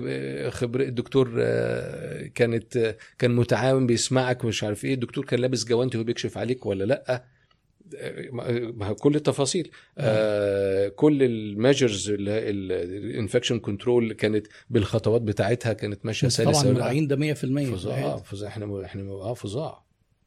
والله آه. ممتاز جدا آه. آه، آه، خب- خبرتك وانت ماشي من العيادة حاسس ان انت الدكتور جاوب لك كل أسئلتك. فاكر أيوة. الدكتورة اللي كانت بتقول لك آه، اتعلمت حاجة في الكورس اللي هو آه. اخر في عندك أي أسئلة عايز تسألها؟ اللي هو آخر سؤال. أيوه. ففي مشيت وأنت جاوب كل أسئلتك مش عارف إيه كله تمام. لا قول لي حكاية آخر سؤال لأن الملحوظة بتاعت الدكتورة دي برضو عشان تبقى واضحة للناس. مم. هي قالت أنا في آخر جملة سؤال آخر سؤال في ال- في ال- في المقابلة. الدكتور يسأل. آه حضرتك في أي أسئلة تانية عايز تسألها لي؟ لا أيوة. يبقى خلصت المقابلة. هو اللي إيه؟ هو ده اللي يخلص اللي المقابلة. يخلص المقابلة آه. إن هو خلاص ما عادش عنده أسئلة. بالظبط. طب آه، عن قال لك أيوه وبعدين كل ما تسأله السؤال يقول لك أيوه ويسأل. هنا بقى في آه، تواصل ليه حيل. عايزين الحيل دي. آه. يعني هو في التواصل هو يعني يعني في اللي بيسأل كذا مرة سؤال يا إما حاجة من الاثنين يا إما عنده أسئلة جديدة فعلا فدي آه. المفروض ما تبقاش مشكلة يا إما هو الآن فنفس السؤال بيسأله كذا مرة. آه كذا مرة. كذا مرة دي بتعمل أربعة وخمسة وستة بس علشان إيه؟ آه أنت فاضي؟ آه لا لا وينفع. لا والله. القلق يعمل أكتر من كده. آه طبعا. القلق الحل بتاعه يعني هو ممكن يسألك يعني هتحسن يا دكتور؟ ما- حقه. الراجل قلقان. طبعا طبعا. السؤال ده لما يقعد يتكرر دي مش معناه إن أنت تقول له إن شاء الله هتحسن. دي ال- دي مش معناه دي. معناه إن أنت لازم تعمل رابور أعلى. لازم تصاحبه أكتر شوية. آه. ده هيقلل قلقه والسؤال ده هيبطل هيخلص. لأن هو مثلا إيه آه. آه. والدواء إن شاء الله هيفيد يا دكتور؟ آه، إجابتها إن شاء الله هيفيد. هتسأل سؤال تاني تالت. لكن لما السؤال بيتكرر ده قلق. القلق علاجه مش لوجيك مش إن أنت تقول. جمل منطقيه آه إن أنت تخاطب المشاعر زي ما هو عنده مشكلة مشاعر. فتبدأ أنت بقى ت- تقرب أكتر بأسئلة أكتر تسأله عن حاجة ليها علاقة بيه أكتر اهتمام بيه أكتر حاجات زي كده. الأسئلة دي تبقى abort تخلص خلاص. فهي آه. الفكرة أنت لازم تبقى عارف القلق جاي منين. يعني آه. ان إن السؤال ده جاي منين جاي من قلق قلق يبقى هتتعامل ب emotions آه جاي من حاجة منطقية لأن هو فعلا بيسأل أسئلة مختلفة. آه. خلاص يبقى هتجاوب على اسئله تجاوب مختلفه على آه. بس الأسئلة فعلا بت... يعني الحاجات المنطقية هتخلص هتخلص آه. يعني الأسئلة اللي هي حاجات اللي هت... هتخلص والمدة آه. آه. نص ساعة بتكفي حاجات كتير إنما اللي هي حتة القلق دي حلها دايما بيبقى تتعامل على مستوى ال emotions وليس زي ما الدكاترة دايما بتعمل تقعد تتكلم بالمنطق ال facts. مش هنوصل لحاجة طيب أسئلة اللي هي ال survey بتاعت الايه قياس رضا المرضى ك- كام في المية منها آه، اسئله أسئلة عن الطبيب أو أو وزن الطبيب في الموضوع بالنسبة مثلا للمكان وللإدارة تقريبا الطبيب آه،. أوضة الطبيب واخدة التلت تقريبا آه والتلتين الباقيين متقسمين إزاي؟ مم. آه، ما قبل وما بعد الزيارة بتاعته للعيادة ما هو إحنا بنسأل من قبل الزيارة كمان آه لما حجز والحجز سهل وصلت بسهولة الفيديو اللي مبعوت لك بتاع ال location أو اللي مش عارف وصلك بسهولة آه. مش عارف حاجات زي كده هوت يعني آه. الحاجات دي كلها بنعرف يعني الخبرة كلها ماشية إزاي من قبلها وخبرته في العيادة كانت عاملة إزاي وهو ماشي كان انطباعه عن العيادة ماشي إزاي طيب آه، التوقيت اللي حضرتك بت بتعمل فيه ال survey ده بعد بعد الكشف بقد إيه؟ يوم أو اتنين يعني ما بنخليهاش ما بنخليهاش يوميها آه تاني يوم يكون عيان أو- أو جاي من؟ سفر من حتة بعيدة آه. وإحنا قلنا بنشوف حد من نفس المنطقة بيبقى غالبا جاي من من مسافات آه. تاني يوم أو يعني لازم يحصل في خلال يومين مم. بعد أسبوع ممكن يكون نسي شوية يعني لازم مم. يحصل تاني تالت يوم حاجات زي كده طيب هل حصل إن في مرات مثلا إن جالكوا حاجة سلبية اضطريتوا إن أنتوا تتابعوا معاها بشكل ما أو تحلوا مشكلة خاصة للعيان انه كان حصل عنده مرة بس مش فاكر آه حصل مرة كنت أنا فرحان قوي بحاجة مرة حاجة واحدة آه ما هو ما هي المشكلة كنت أنا أقول لهم السيرفي يقولوا لي كله تمام قلت لهم أنا عايز شتيمه عايز شتيمه أنا أيوة، هعمل إيه أنا باللي كله. كويس آه أيوة. بالظبط آه آه. آه. آه، لكن ممكن بقى الهجوم ده ممكن تلاقيه على قناة اليوتيوب أحيانا في التعليقات امم من من نوع إيه؟ أنا في الفترة الأخيرة عمال أعمل لهم تفنيد في بالي هم بيبقوا اتمسحوا بس أنا ببقى فاكرهم كويس. آه. فعمال أعمل لهم تفنيد في بالي بحيث إن أنا حتى يبقوا موضوع فيديو. أنت إمتى اتشتمت على اليوتيوب؟ أو إمتى. حد هاجمك على اليوتيوب؟ آه. فهي معظمها بتبقى آه واحد ما يعرفكش فبيشتمك إن أنت كشفك غالي؟ عادي عادي، خالص. وده قلنا بالنسبة. لي آه بتقرفني بس ما إحنا يعني قلنا ما النموذج ماليش بقى ثلاثة ده بالظبط. عليه آه. آه، أو حد دايما العامل المشترك ما بينهم إن هو عنده اللي أنا كنت بقول عليه جري قالب من الثقافة معين مش هيتغير آه، مش ناوي يغيره آه، ولازم كل حاجة تفسر في خلاله ولو أنت قلت رأي غيره خصوصا لو عنده حاجة دي مش هتتحسن بسهولة فيبقى أنت كده آه، ضايع وقته عندك وما استفادش منك. آه، أنا فاكر اتنين منهم دلوقتي. حاجة حصلت من كذا سنة دي كانت أول مرة آه، ألاقي حد بيشتمني فكنت مخضوض خالص آه. من كام سنة. أيوه. حتى أنا واخد بالي من اسمه لأنه اسمه غريب شوية. هو كان من حتة من أقاليم في مصر واسمه صدام على اسم صدام حسين فمش مش هنسى. الاسم. آه بالظبط. أو يمكن بقى اسم حركي. ها؟ ممكن. فجاي هو ووالده هم من من أقاليم في حتة آه، ده- كده. ده جه العيادة. آه آه. آه. فهو الراجل والده كان عنده روماتويد وأنا كنت واصف له آه، سلازوبارين. سلازوبارين ده دواء أول ما نزل نزل لالتهابات القولون لكن بيستخدم في الروماتويد. فلقيته كاتب الراجل ده نصاب ووالدي راح له عنده التهاب في مفاصله واداله علاج بتاع قولون. يا. فخلاص فأنا عرفت إن هو إيه آه، قرا البتاع وفهم لا مش قرا هو. غالبا هيبقى حد آه، قال له كده. آه، حد آه بالظبط. حد عنده ربع المعلومات وما آه. أكثرهم طبعا فقال له ممكن الصيدلي في ساعات بيغلط الغلطة أنا مش عايز هو صيدلي بس أنا مش عايز أقول. لا والله. بالظبط آه. لا نقول على آه. فكرة. ما الصيدلي جزء من الخدمة الطبية ولازم يبقى آه أنا ابني صيدلي على فكرة عشان حد ما يفهم. لا ما بالظبط صيدلي وأنا ما أختي صيدلانيه الصيد- آه بالظبط. متحوطين، آه. فهو بيزعلوا مثلا الصيدله لما نبقى إحنا زعلانين من هو لما بيسوحوا الناس بس هم طبعا لا للأسف دول حبايبنا ما. نقدرش نزعل منهم. فدي كانت أول مرة كنت خضيت. الموقف ده بدأ. لقيت بقى هو الباترن ال- ال- النمط الاساسي للموضوع ده. من حوالي شهر ونص لقيت عيانة كاتبة برضو منك لله جيت لك وما استفدتش حاجة عارف انت لما بتسمع الجمله آه. لما بتقرأ جملة. انت شوف انت لو فرضنا ان انت راجل ما انتش نازل من بيتك ناوي فعلا تضر حد ونازل فعلا تحاول تساعد فالجملة دي بتبقى زي سكينة يعني عارف عارف لو انت نازل فعلا يعني يعني مم. مش كويس انت هتبلد فالجملة دي بتبقى عارف يجي لك صهد في وشك مم. تبقى م- متضايق جدا فليه اسمها لقيت فاسمها الأولاني مكتوب فقلت رحت شا... رحت جايب ال database بتاعي أشوف العيانين اللي جم اللي يشبهوا اسمها فلقيت إن فعلا اليوم اللي قبلها شايف واحدة بالاسم الأولاني بتاع الست دي كويس آه. الست دي عندها خشونة في ركابها اللي هي خشونة لا يرجى من ان الخشونه ليها ترتيبه كده في. العلاج بتاعها فالخشونه واصلة لمرحلة اللي هو عظم في عظم يعني حتى الحقن الموضعي ما هيعمل ينفعش. عايزة تغيير بقى ركبة. عايز التغيير مفصل. فأنا آه. قلت لها أنت المفروض ركبتك دي تتغير مم. وحتى الحقن ما ينفعش أنا عندي عياده حقن يعني أنا أسهل عليا حاجة إن هي تروح الأوضة اللي جنبي. بس أنا مش. مش هتستفاد مش هتستفيد هتبقى, هتبقى دفعت فلوس وما فلوس ومثل فأنا شايف فهي محبطة ان هي إحنا قبل كده وأنا بقول لها الحقني مش هي... مش هيناسبها وهي الركبة جايبة اجالها فرمها فرمها جامد وبعدين بتقول لي عندها التهابات في عينيها باين.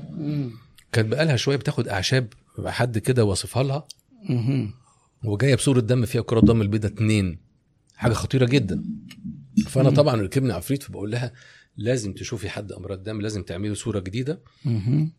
وعينيها فيها التهابات وأنا ومعدتها تعبانة. فهو أنا متأكد ده بسبب الأعشاب اللي هي بتبقى تركيبات هي مش عارفة. فأنا اللي همني لازم تشوفي حد بتاع جهاز هضمي. ولازم تشوفي حد يعين عشان عينك الملتهب خلاص؟ واديتها قلت لها وده علاج طبيعي بس اللي هو يعني يلطف الحالة عشان برضو الكلام ليه معنى. مش علاج نهائي. آه ودي لازم تتغير. وهي راحت هي شتماك تاني يوم على اليوتيوب. آه. وأنا كنت علشان هي آه، دماغها. يعني مصممة على إن هو لازم يبقى في حل آه، سحري ومش عارف إيه فأنا كنت يعني إيه كنت برضو مشدود ومش مش ألطف حاجة برضو في الآخر معاها في الزيارة بسبب إن هي إصرارها إن لازم يبقى في حل وحاجات زي وأنا جاية لك مش عارف من شبرا مش عارف إيه آه فالمهم لما لقيت الجملة دي ورحت جايب التم نمرة ورحت لقيت إن هي ده رحت طالب النمرة دي قلت لها. أنا الدكتور حاتم حضرتك آه، دلوقتي حضرتك اللي كتبت على اليوتيوب قالت لي آه قلت لها طب إيه اللي حضرتك مضايقك؟ قالت لي أنا جيت لك ما استفدتش حاجة. آه. وخشونه دي غير مرجو من شفائها. أنا آه. مش لازم أخلق لها حاجة م- أيوة. من تحت الأرض. فقعدت تتكلم معاها وبعدين إيه بتقول لي ما استفدتش حاجة. ومش عارف إيه وكلام من ده وكلام من ده. فقلت لها وبعدين قلت لي وكمان ما عالجتليش ما عالجتليش الالتهاب اللي في معدتي ولا اللي في عيني. قلت لها ما أنا حاولتك العيون مش عارف إيه. قالت لي وما تعالجوش ليه؟ مش أنت بتعالج العينين والبطن. قلت لها منين؟ جبت انت قايل على اليوتيوب إن انت بتعالج قلت بس ولا تزعلي نفسك. حضرتك ادينا رقم فودافون كاش وأنا هرجع لك كشفك. آه. بس أحسن حاجة إن أنت تفض العلاقة أيوة، أيوة. أيوة. حاجة أيوة. ملهاش حل. لأن أنت لو حاولت تقنع هنا أنت لا أنت لا خلاص أيوه بالظبط. بس اتفضل يا ست. علما أن هو يعني يعني لائح- لائحيا أو قانونيا ما فيش أنا ما فهمش هو ده ده خد يا آه، ستي مش عارف ده الفضل مش العدل يعني. آه بالظبط. آه اللي هو إيه يعني حتى إن هو أنت بتعالج العيانين والجسد لا ده مش ده مش مجال اقناع مش خلاص. تفهم آه ولا تزعلي نفسي مش عارف وخدت بالي إن أنا بعد كده المفروض آخد بالي إنه ال setup ده لما أنا ألقط ال setup ده اللي أنت إيه النتيجة هتبقى صفر صفر آه ما فيهاش مشكلة إن أنا أرجع الخدمة وأعتذر إيه المشكلة؟ مش مشكلة لأن الفكر لأن الف... آه لا ما فيش مشكلة خالص أيوة. على فكرة هي ترجيع الخدمه ترجيع قيمة الخدمة دي مش صعبة لا آه خالص خالص آه. خالص لو آه. أنت بيصعب عليك الفن دي مش صعبة ساعات. عيان يقول لك إيه أنا طلعت مش تبع الدكتور متشكر قوي رجع لي الكشفية هو ده البديهي لا أيوة. هو بقى إن إحنا عملنا عمل بطولي ولا مش ده البديهي العادي، آه، ده- بالظبط. ده- فهي الفكرة إن أنا بدأت أفكر لا أنا بعد كده لازم آخد بالي لو ال setup اللي ك... اللي فيه كده هوت إيه اللي هو إن هي فكرة معينة وأنت لازم تجيب لي الحل السحري على المشابه وما فيش حل سحري لا يا ستي خلاص يا عم أنا مش أنا بعالجها بس للأسف ده آه، أنا بدري قبل ما ت... كويس حتى جميل. حتى علشان انت تروح مبسوط برضه مستريح أيوه أيوه, أيوة. مستريح. ف-. فأنا بدأت هو ال- النمط المتكرر يعني. أنا في بالي كذا واحد بس كلهم هو ده العامل المشترك ما بينهم. هي دي. طيب والله ده يعني نوع من من الخلق والمعايير الخلقية اللي هي الإيه الذاتية اللي زي ما حضرتك بتقول هو أنت حضرتك كوقت وتكلفة أنت اتكلفت وخدت الكشف ونصحت بالعلميا مظبوط. لكن اللي أنت عملته بقى ده مستوى أعلى من من الممارسة الأخلاقية والطبية إنك أنت قلت لها يعني حاجة آه، بالفضل وليس العدل. بتعملها ليها وليك. آه بالظبط. أنا أنا ليه- فاهم. أنا ليه- آه، أنا ليه- فايدة على أنا أنا لو حطيت نفسي. مكانك كان عشان أنام بالليل مستريح ومفيش. حاجة مضايقاني إن في حد كده مش مبسوط إنه اتعامل معايا. أيوه بس دي دي بتبقى بالظبط، آه، ما هو- تعباني. ما هو ده إيه يعني واخذ الضمير يعني. طيب الضمير في الممارسة الطبية هل من ملاحظات حضرتك بقى ممارستك والسنين الطويلة وإنك بتعلم دكاترة وبتراقبهم في الكارير بتاعهم هل بيحصل إهلاك في الضمير؟ إهلاك بال- بالتعبير المحاسبي فاهم هل, طبعا فاهم هل بيبلى هذا الضمير مع مرور الوقت؟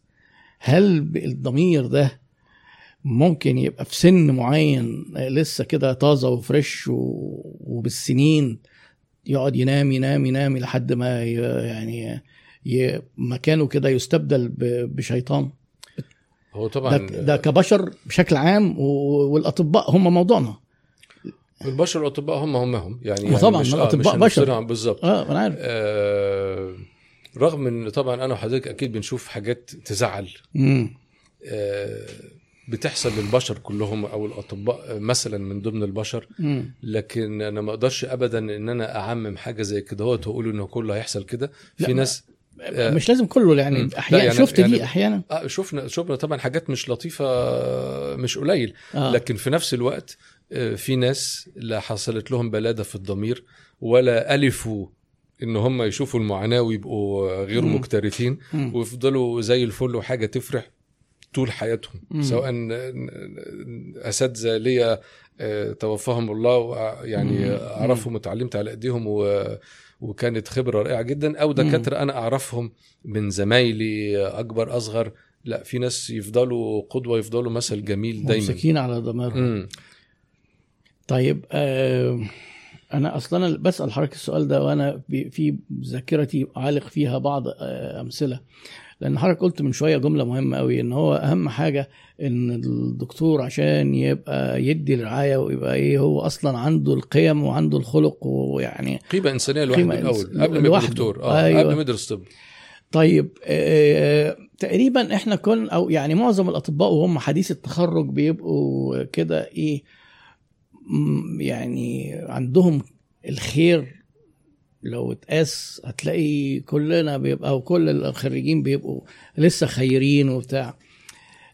يعني هل مرور الوقت والتلوث والإغراءات والتزامات الحياة أحيانا بيضطرهم زي ما حضرتك قلت تعبير من شوية إن هو بيتعزموا على يقول لك في إن أنت. بتقول إيه ما كل الناس بتعمل آه كده يا عم كله بيعمل كده. كل بيعمل كده. طب ما دي العزومة دي المفروض تبقى ترفض يعني. آه، و-. ومش عذر إن إحنا نتقبل الخطأ لأن آه، كل الناس بتعمله أو نسير في طريق ضلال لأن من كثرة السائرين فيه. بالظبط آه، يعني أكيد أنت شفت نسبة انجرت في هذا الطريق. أكيد. أنت حضرتك بتقول في نسبة صح. بتحافظ بس ما هو في نسبة يمكن تكون أكتر الله أعلم ما فيش إحصائيات يعني. مم.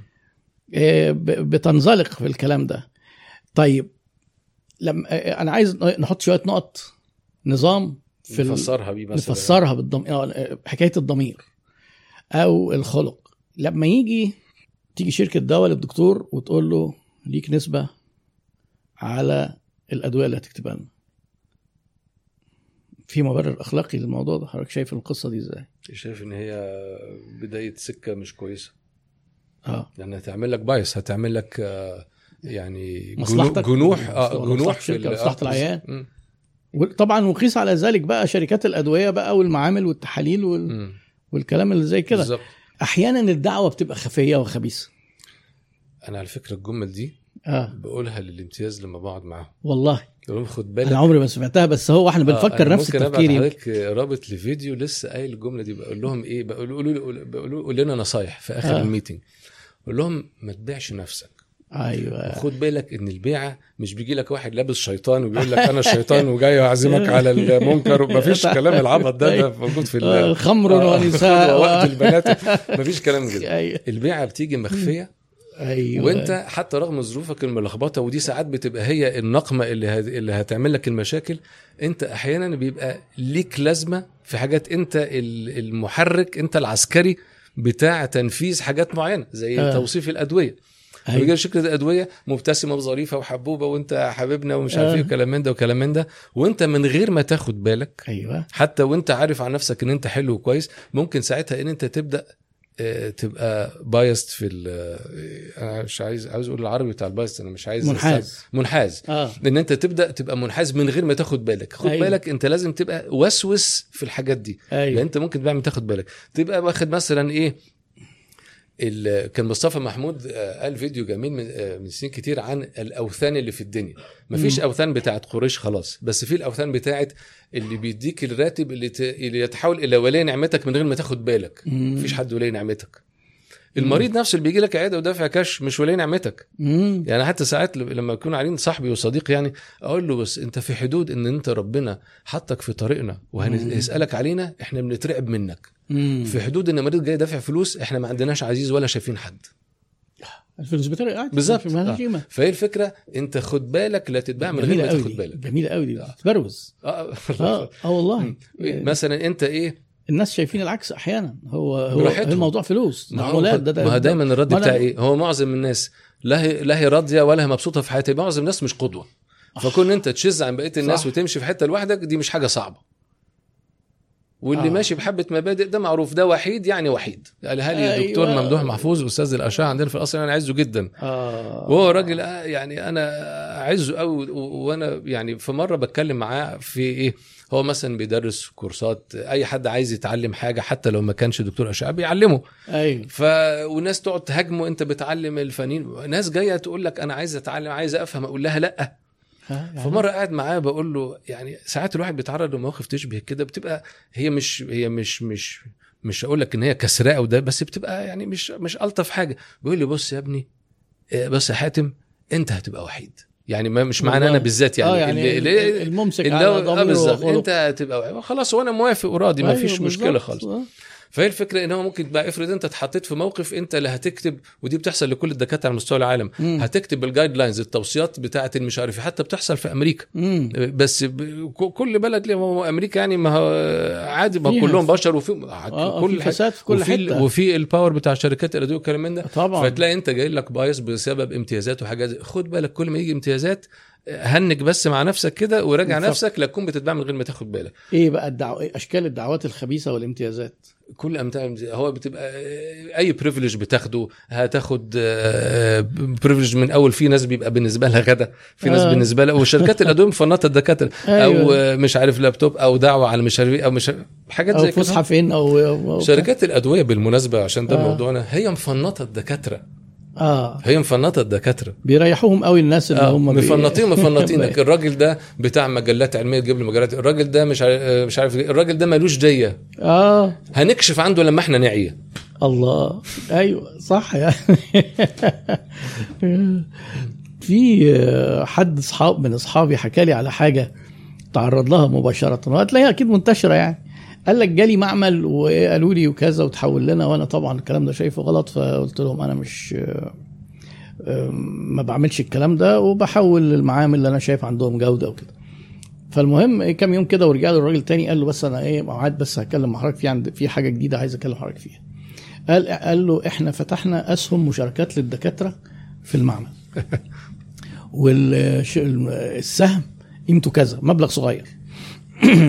وحضرتك هتبقى آه، مقابل هذا السهم بتاخد بتستحق نسبة من أرباح المعمل بنقسمها على كل المساهمين. آه، فأنت حضرتك آه، أنا جايب لحضرتك عقد عشان مساهمة في المعمل والمبلغ اللي حضرتك ده اللي لو حضرتك مش عايز تدفعه مش مشكلة إحنا هنبقى نخصمه من الأرباح المستحقة لحضرتك من نشاط المعمل بعد كده. شايف الدعوة قد إيه آه، خبيثة؟ بالظبط آه. شايف الدعوة؟ هو بقى كده إيه؟ لو مضى العقد بقى شريك فبقى بالظبط. بيحول لمعمله وليه نسبة. وجاله آخر الشهر قال له حضرتك ليك مثلا إيه؟ آه، 600 جنيه آه، آه، خ- فاضل كده حضرتك عليك 400 جنيه نخصمهم من الشهر الجاي لو كان السهم 1000 جنيه حاجة عبيطة كده يعني. بالظبط. وأنت حضرتك كده شريك معانا في الأرباح ب 2% قال له طب يعني هل معنى كده إن أنا إيه؟ آه لو ما حولتلكوش حالات؟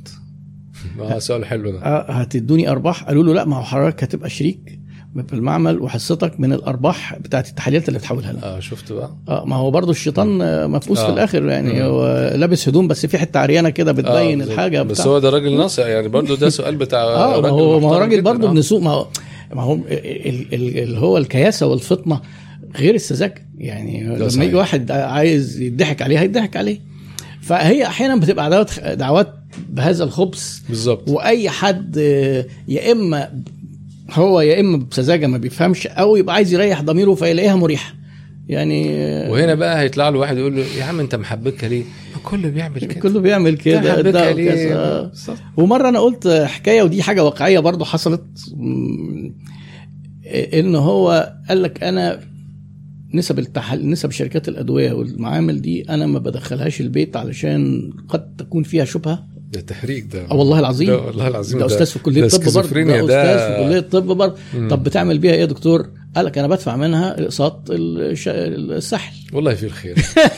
بحس إن الشاليه يعني إيه ما. نبت الشاليه لو نبت حرام مش هيدخل النار. ما هو الشاليه مش هيموت مش هيخش النار. فلكن ما ندخلهاش على عيالنا يعني في البيت. الكلب ميكالين ده برضه هي يعني من أنواع التحايل على هو بيضحك على مين بس مش عارف. آه.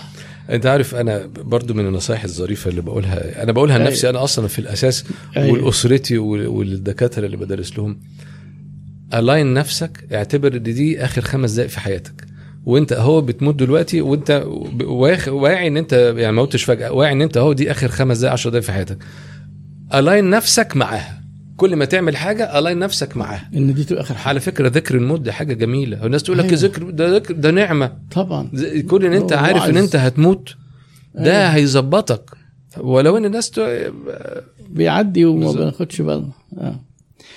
طيب آه آه نعمل نسكافيه ممكن صحيح وأنا يعني أنا ش... أنا تمام لسه صحيح، أنا بقف 100%. مرة واحدة بت... طب بقى ما مرة. إحنا عايزين نلحق لا لا لا, لا, لا شغال كويس المية هي فارقه معايا كتير طيب جميل آه. آه، حضرتك ليك تجربة في ال personal branding آه، وحضرتك كلمتني عن إنك أنت بتجهز ال- ال- الفيديوهات هتنزلها على اليوتيوب إزاي تعمل قناة طبية آه وده طبعا فرع من personal branding بتاع. الأطباء آه. أنا عايز حضرتك لو تقدر يعني تلخص لنا كده نصايح ال personal branding الأطباء ي- يتعاملوا معاه إزاي؟ يعني علشان ده بقى دلوقتي أنا معتبر إن ده أهم حاجة بتتعمل بالنسبة للدكاترة كت- كتسويق وترويج أو الناس تعرفهم وتضمن لهم آه، نجاح أفضل ودخل أعلى. وأنا أعتقد هو بعد ال... ال... هو اختار خلاص عمل ال mission واختار هو آه. يشتغل إيه؟ أيوه. إن هو لازم يبقى يعني ليه حضور آه، في ال- على ال social في media. ال social media اللي هي أيوة. اللغة اللي موجودة دلوقتي أيوه يعني التلفزيون اتفقنا إن هو طبعا يعني سلاح ذو حدين زي ما اتفقنا أيوه أنا مرة عيانة جت قالت لي أنا أول مرة راجل الدكتور كان بيطلع بشوفه بيطلع في التلفزيون ويطلع في العيادة ظريف زي التلفزيون يا وأنا. وأنا دي آه، من كنت تناقض. من أكبر أفلاتي وحرصي إن أنا لما أطلع في التلفزيون لازم أطلع بقى لو جالي لازم يكون برنامج محترم قوي في حتة معروفة قوي كويس، لأن آه. في يعني حاجة تخوفك يعني آه. ك- ف... وتبقى طبيعي بيبقوا طيبين قوي في التلفزيون فالتلفزيون بيجيب لهم. فلو يبدأوا يكروتوا بقى بالظبط ومش بالنظام معنى كده إن هم وحشين بيطلعوا أنا يعني بس هي الفكرة إن إنه إنه إن كله بيطلعوا لازم يبقوا مش. لطاف بس هي الجملة بتاعتها كانت برضو ات واز ريد فلاج يعني برضو الواحد آه، بيفكر يا ده التلفزيون بقى عامل كده. فالمهم الراجل ده هيبقى ليه وجود على السوشيال ميديا بطريقة ما وهو يبقى عنده يهاير الناس اللي هم هيد- هيديروا المنصات بتاعته يهاير الناس عنده آه، آه. وليس يروح لشركة مع انتشار الشركات ديت. أيوه. و ممكن وهو عنده وقت في البداية ممكن يعملها بنفسه. طبعاً، في الطلعة الأولانية هو بيبقى ممكن- فاضي، آه. آه. هيبقى ممكن يتعلمها ويعملها موضوع سهل. بالظبط. آه. آه وإحنا متفقين إن هو عنده قيمة وعليها إن هو بقى دكتور طبعاً. كويس. عشان هي دي إحنا لازم نروج منتج كويس. ما ينفعش أيوة. نروج منتج مش كويس. بالظبط.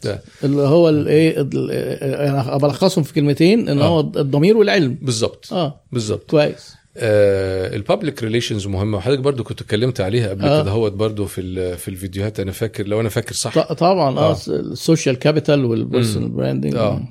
آه، طبعا ال identity ال brand identity والحاجات دي حد هيعملها له دي مش هي طبعا الحاجة الأساسية آه. إن هو بس هو وجوده وحضوره على ال social media وإن هو يكون دايما بي interact مع ال public آه، في في المجال بتاعه هتفرق كتير. المؤتمرات على فكرة آه، المؤتمرات الطبية من الحاجات اللطيفة جدا لما تتكلم في المؤتمرات اللي مش في تخصصك. هو طبيعي أي حد يجي يتكلم هيتكلم في المؤتمرات اللي في تخصصه. آه إزاي بقى يتكلم؟ أنا وأنا صغير كنت كنت غاوي جدا لما لقطت الحكاية دي إن أنا أتكلم في المؤتمرات اللي مش في تخصصي. ليه؟ لأن أنت عايز في الأمراض اللي اللي كومن ما بينك وبين تخصصات تانية التخصصات التانية تعرفك. آه. فلما أروح مؤتمر بتاع كلى واتكلم عن حاجة ليها علاقة بيا. فيوم دكاترة الكلى دول كلهم عايزين يحولوا لحد فهيبقى آه جدع الراجل اتكلم آه، معانا ده. أيوة. جهاز هضمي نفس الحكاية مش عارف إيه حاجات زي كده اهو فكنت غاوي جدا إن أنا أروح أدور دور على المؤتمرات اللي اللي, اللي فيها sessions وحاجات زي كده هيتكلموا في مواضيع ليها علاقة بيا. ودي كانت بتفرق كتير بتعمل لك قاعدة public relations مع دكاترة لأن اللي هيحول لك أكتر عيان ولا دكتور؟ دكتور. طبعا. الدكتور اللي بيحول طبعا. مم. مم. دي ف- يعني ال broad lines طيب لما يطلع بقى يحط محتوى المحتوى ده آه، مثلا على اليوتيوب بيبقى فيديوهات تمام. أو ممكن صفحته يكتب آه، حاجات توعوية للمرضى وحاجات زي كده. أنواع المحتوى المختلفة إن آه. ال post ليه جمهوره والفيديو ليه جمهوره والفيديو. القصير أو الفيديو الطويل والفيديو السناره والسمكه الفيديو السناره هو الفيديو اللي أنت بتقول لي فيه الناس على اللي بيحصل المرض مثلا لو كانوا عن امراض المرض أيوه. ده حصل إزاي بحيث إن هم يبقوا في الصورة معاك أيوه. وبعدين وبالتالي يقدروا هم يتصرفوا ويحلوا المشكلة لنفسهم زي ما انت كده يعني بت- بتعرفهم إيه اللي في دماغك وهتتعامل إزاي فهم كمان يبقوا أصحاب حيلة ويتعاملوا. أيوه. الس- السمكة اللي هو أنت بتدي له سمكه اعمل الخمس طرق دولت اعمل مش عارف إيه خد ال- اللي هو زي البرشام بتاع الامتحان يعني حاجة بسرعة تخلص بيها اللي هي إيه حاجة مهضومة عشان أنت تنفذها. آه حاجة معلومة مت... ممكن. تقبل التنفيذ. معظم الجمهور اللي في الدنيا أو معظم البشر بصفة عامة هم عايزين السمكة. أيوة. وأقلية قليلة هي اللي هي ليها في موضوع السنارة ده آه. فده جمهور وده جمهور طبعا السم- الس- السمكة آه، ناسه كتيره آه. لو أنت قناتك بتاعت سمكة بز... بس آه فأنت المر... الفولورز ممكن يبقوا أكتر بس هي في الآخر بتبقى آه، حاجة سهلة وسلسة ويعني ما فيهاش. آه، ما فيهاش زي يعني ال- الجمهور بتاع السنارة بيبقى دايما جمهور quality أعلى شوية اللي هو الناس اللي عايزة تفهم إيه اللي حصل. مش كل الناس عايزة تفهم إيه اللي حصل. اللي هو إيه ما تتعبنيش معاك يا مدحت اديني الحل في كبسولة وخلاص. آه. آه بس بس ال- ال- الجمهور بتاع السناره ده مم. حتى لو فرض ان هو عيانين جو- جولك بعد كده الجمهور مم. ده بيبقى ثقافته أعلى دايما مم. وأنا بعتبر إن الجمهور اللي ثقافته أعلى أسلس في متابعته مم. وأسئلته أكتر ودي حاجة أريح لأن هو بيبقى بي he teams معاك بيبقى فريق معاك أكتر مم. وال outcome بتاعه بيبقى أحسن مم. غير السمكة انه بيدور على سمكة في أي حتة وأي حد يقول له أي حاجة بيمشي بيها آه، فطبعا السنارة بيبقى أقل بس أقوى الجمهور بتاعه شوية طيب لو عايزين نقول للدكاترة tips كده لأن الدكتور مش يعني إيه مش دارس إزاي مثلا يعمل فيديو يجهز إن هو يشرح لعيان يعني ممكن دكتور يقف مثلا في seminar في conference يقدم حالة لدكاتره لأساتذته آه، لو عايزين نقول شوية نصايح إزاي يبسط وإزاي يتعامل مع عملاء أو مع قصدي okay. للمرضى وإزاي يقدر بإمكانيات بسيطة يطلع فيديوهات كبداية لأن مش لا ناس فاكرة. إن الفيديو يبقى لازم يقعد يصرف ويعمل وكذا وممكن في. البدايات ده مش مش متاح تمام. يعني نصايح البدايات ودايما صعبة. نصائح البدايات إن هي تبقى فعلا بدايات يعني. تبقى بدائية. يعني الله البداية آه، تبقى مش, بدائيه مش لازم تبقى perfect وابدأ مفركش ويسيب المفركش دوت طول عمره موجود لأنه هيفضل أيوة. لما هو يتطور يبقى حلو بيشتغل شوف إحنا النهارده بدأنا بكاميرات إيه وبدأنا آه، بكاميرات إيه آه. و mics إيه عشان هو بالحاجات المتطورة دي هيبص للأول ده ويفخر إن هو دي كانت بدايته ك... طبعا أنا عندي صح. فيديوهات متصورة كأنك مصورة على إيدك حاجة ضايعة خالص أيوة. وأنا فخور بيها آه. جدا ما أنا فعلا آه. القناه انت حضرتك بادئ من زمان من 10 12 سنة حاجة آه, آه بس, عشر بس أنا كنت بادئ من غير ما أخد بالي يعني أنا كنت حطيت فيديو ولا اتنين وبعدين أخش أنام سنة. آه أنا ما آه، مش فاهم آه. يعني قناة يوتيوب أساسا يعني أيوه ما دي آه، كانت ما- اليوتيوب لسه في أوله خالص بالظبط كنت ما أنا برضه يعني. بادئ من 2011 وبشوف الحاجات وزي ما بتقول كده حضرتك ببقى سعيد يعني إن هو يعني فيديوهات ما ما تلاقيش دلوقتي آه. بس آه، بدايات ولازم البدايات تبقى كده طبعا وده آه، الفيديوهات القديمة دي. بالذات آه، المفروض واحد ما يدلتهاش إن أنت لو دلت. قناة الدار بتقلل ال- ال- ال- التو- التوتال فيوز بتاعت القناة يا طبعا السي في بتاع القناة آه. بتاعتك بيقل بتتشال بفيوهات آه طبعا ما هتروح مم. بفيديو أي آه. فيديو بتشيله هيروح بال- هيشوف بالفيديوهات بتاعته. بالظبط آه فهو يبدأ بداية بدائية بس يبدأ بس يبدأ. يعني البداية المفركشة أحسن وأقوى بكتير من البداية المنظمة أنا فاكر كان في واحد صاحبي أيام الكلية نقعد نذاكر مع بعض آه، أنا ما إيه، أبدأ أفتح الكتاب وأبدأ أذاكر. دوت بقى يجيب الكتاب ويجيب ال markers الأحمر والمش عارف إيه والكلام من ده آه، ويجيب القلم الرصاص ويقعد يبري في القلم مش عارف يخش ينام ما بيذاكرش. ماشي هو. أهم من المذاكرة تظبيط المذاكرة. ظبطنا المذاكرة. نذاكر بكرة بقى بيظبط ويظبط الشاي ويظبط القهوة في الآخر ما بيسكتش ينزل يخرج في الآخر. أيوه. فهو يبدأ. يبدأ. just starting دي حاجة مهمة جدا. وبعدين آه، أكيد من حضرتك برضو من من الخبرة أنا اكتشفت مثلا إن الصوت مهم جدا ولا إيه رأيك آه، الصوت- موضوع إن الصوت- الصورة الناس تركز إضاءة وصورة وكاميرا وبتاع وهو الصوت, اللي أهم. بيبقى متدمر يعني لو هندي أولوية الصوت أهم طبعا في ناس مم. بتسمع آه، في ناس بتسمعك أصلا ما بتشوفكش. وناس هتشوفك في ناس بتقرأ ال subtitles آه. فال subtitles دي يعني أنا قريت جملة واتكررت كذا مرة إن حوالي 80% من الناس بتشوف الفيديوهات على الصامت يعني لو سمعنا آه. آه. صوت يبقى الصوت يجب كل حاجة لو إحنا بقى واحد قاعد في reception وواحد نايم حد نايم جنبه فهو بي بي بيشوف بس فاللي حاطط اللي حاطط subtitles هيتشاف أكتر. فأنت حضرتك بتضيف subtitles طبعا من ساعتها. آه فعندك بقى ال team بيعملوا الكلام. طبعاً، آه. إنما مرزوق مش عامل لي ولا subtitle لأي فيديو. مرزوق إيه؟ ده حكاية والله. يا ف- مرزوق عايزين subtitles ده كلهم 600 فيديو. يخلصوا بكرة. فهو عايزين يبدا subtitle 600 فيديو بكرة. يبدأ. آه، والحاجة الثانية هو آه، طبعا لو هو آه، شخص ليه في إن هو يحاضر وعنده حضور دي دي طبعا حاجة asset مهم جدا لكن أيوة. لو. ما كانش يقدر يتمرن عليه نيجي بقى للفيديوهات بتاعته سيستمة الأفكار بتاعت الفيديو للمرضى غير للدكاترة طبعا الدكاترة آه. آه. ليهم تقسيمه اسطمبة زي ما موجودة في الكتاب أو حتى لو غيرتها بس. ليهم دماغ معينة المرضى إيه انت ممكن ب... انت أصلا حتى أنا فيديو ليا فيديوهات هي نا- نافعة ليه وناجحة مع المرضى. هي متظبطة على أسئلة المرضى اللي ملهاش علاقة بدماغ الدكتور بتشتغل إزاي. لا، أيوه صح. فهو لازم يبقى وأسهل حاجة عايز يعرف ترتيب الأفكار أو الأنواع إيه أو التوبكس إيه اللي هو يشتغلها يقعد في العيادة ويسمع المرضى. بتفكر وبتسأل. تسأل جمع أسئلة المرضى هتلاقي ال- ال- الزراير جاية جوان كلها على طول. مم. لأن أنت بتجاوب أسئلة ما أنت عاملها للناس حل لهم مشاكلهم بقى. صحيح. هو ده ال value اللي يبقى delivered سواء بقى إيه أسئلة متكررة مخاوف آه، شائعة. مم. هي دي مم. المشاكل. في قنوات آه، عاملينها أطباء بقى بره مصر أو جوه مصر حضرتك آه، بتبص آه، وتبقى طبعاً. مبسوط من اللي بيقدموه ممكن يساعد الناس طبعا غير إن هم يبصوا على قناة حضرتك لأن أنا شايف إن المحتوى اللي وصلت له من ال- ال- اللي هي مثلا السنة الأخيرة دي ال- آه، المحت... مش المحتوى الشكل professional جدا بال thumbnails بالإضاءة والصوت حاجة سينمائية يعني. غير مستوى مرزوق خالص. فهو مرزوق كويس برضه. لا يعني قصدي خايف مرزوق يحدفنا بحاجة دلوقتي ما هو مخرج بقى ممكن آه، يبوظ بقى. تلاقي انت. تتكلم يجيب الكاميرا عليا. عقاب. بلاش كده يا مرزوق. طيب يعني قصدي هو لو حضرتك تنصحهم يتابعوا قنوات غير قناة حضرتك مين ممكن يكونوا أطباء عاملين حاجة كويسه هو أنا كل من كل كم أنا مش حافظ الأسامي بس أنا عارف الناس بالشكل. مم. يعني كل كم آه، أسبوع كده بروح أبص على القنوات ال- الطبية اللي هي اللي على مستوى اليوتيوب بصفة عامة. فهي مم. كتير منها بيبقى قنوات أجنبية. امم آه. آه في اسمها دكتور براون. أنا مش عارف الأسامي. أيوه مش عارف أيوة، الأسامي أيوة. بس أنا عارف إن الناس دول شكلهم وبحب أتفرج عليهم وأشوف الدنيا بتاعتهم ماشية إزاي. أو في دكتور آه، قناته يمكن أكبر قناة طبية على على اليوتيوب آه، عربية. بس آه، هو آه، أنا معتبر إن هو بيطلع يقول آه، كلام ملوش أي علاقة بالطب وكله تضليل و...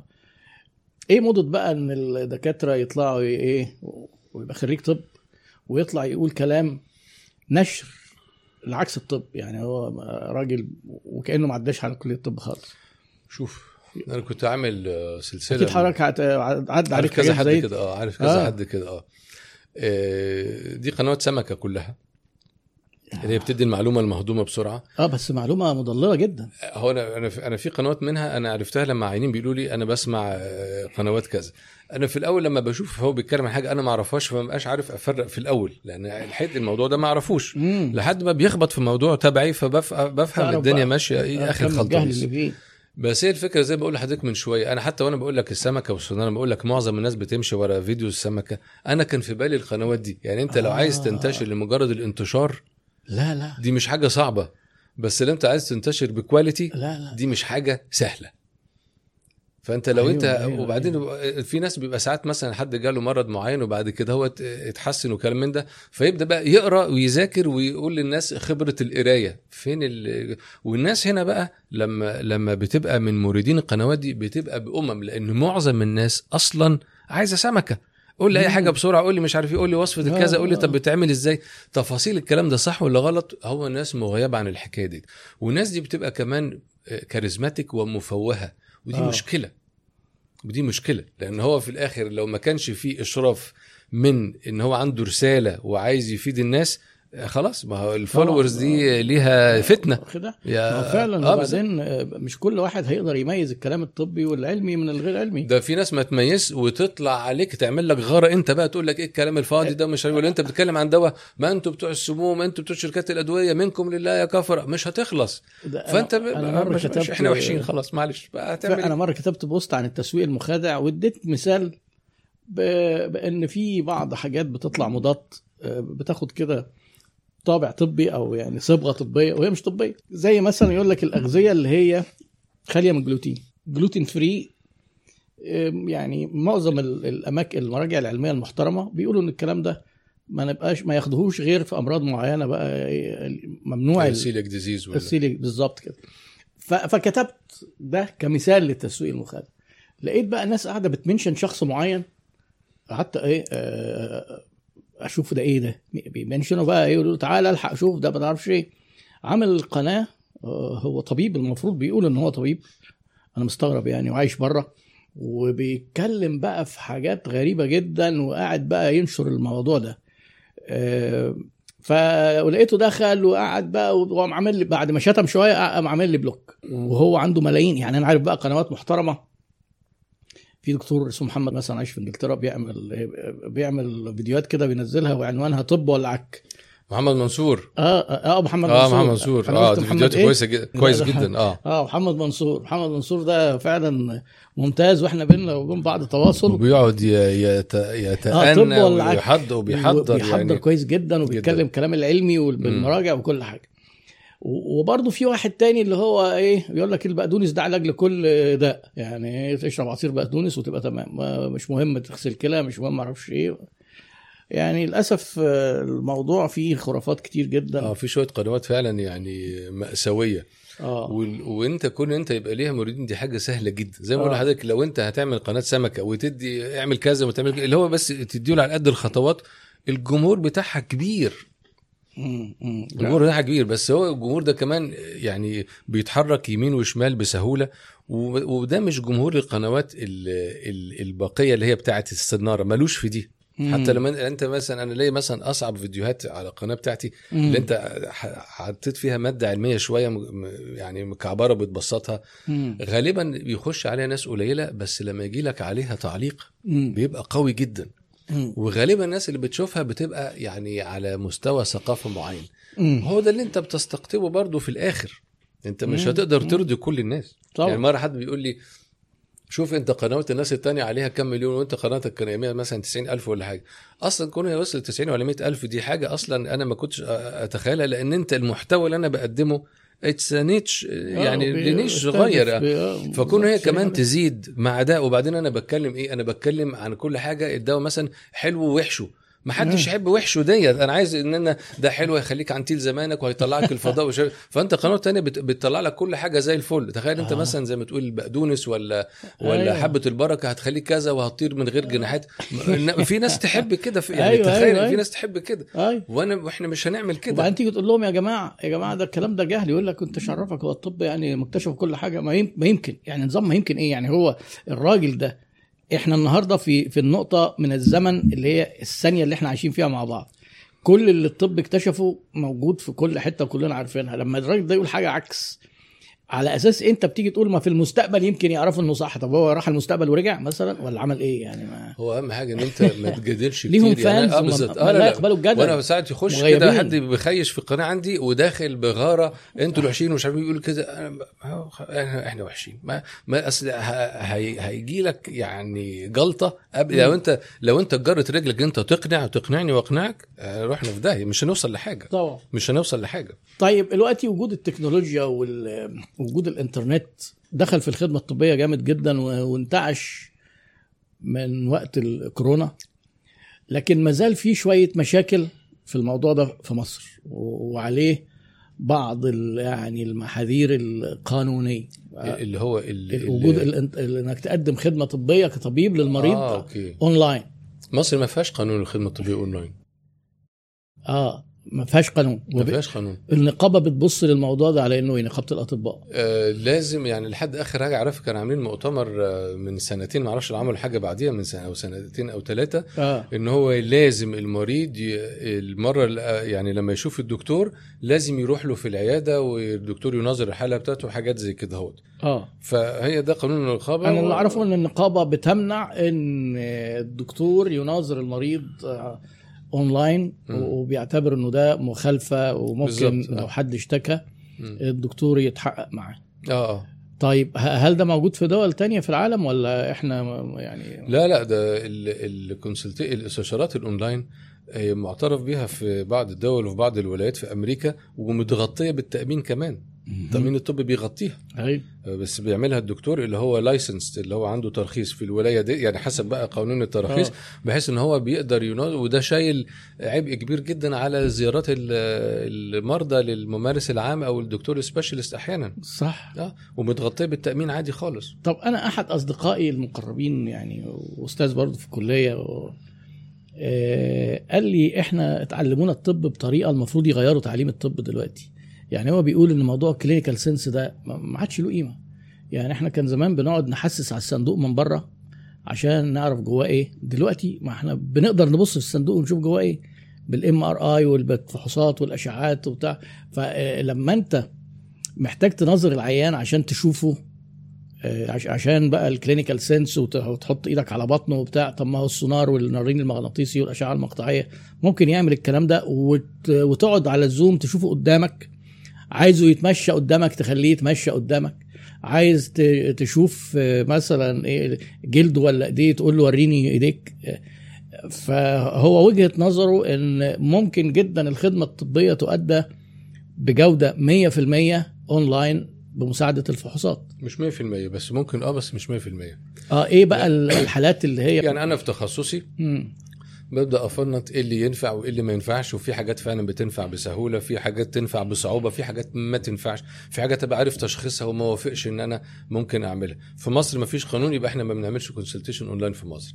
لكن يمكن مثلا حد بره مصر مثلا عايز رأي استرشادي مش عارف إيه فبيورينا الحاجات ال data بتاعته وإحنا نقدر نقول إذا كان ده يناسبه أو ما يناسبوش. آه لكن هل في حالات من اللي هي بره مصر دي ممكن تقول له لا ده ما ينفعش وما يناسبكش آه، وأنا. محتاج أشوفك طبعا لازم. طبعا آه تشخيصات طبعاً. معينة علما ساعات ولا وساعات في حاجات من تبقى أنت عارف تشخيصها وتقول برضو ما ينفعش. طب ما ينفعش ليه برضه عشان يعني لأنه مثلا لو أنا. بشخص حاجة وأنت عارف إن ديت المشكلة دي أصلها غير عضوي ونفسي يعني ما فيش آه، بعد كده. آه. أصلا المريض بيبقى قاعد قدامك وتقنعه بكده ويبقى صعب إقناعه وعايزه ملكات وحاجات. ما بالك ان أنت هتقولها له أونلاين؟ اقفل الباب كلام. حضرتك صح 100% اقفل الباب من الأول. آه. آه. طب مش ممكن في الحالة دي آه، ب- لا انك ممكن تقول له مثلا إيه ت consult حد نفسي عندك؟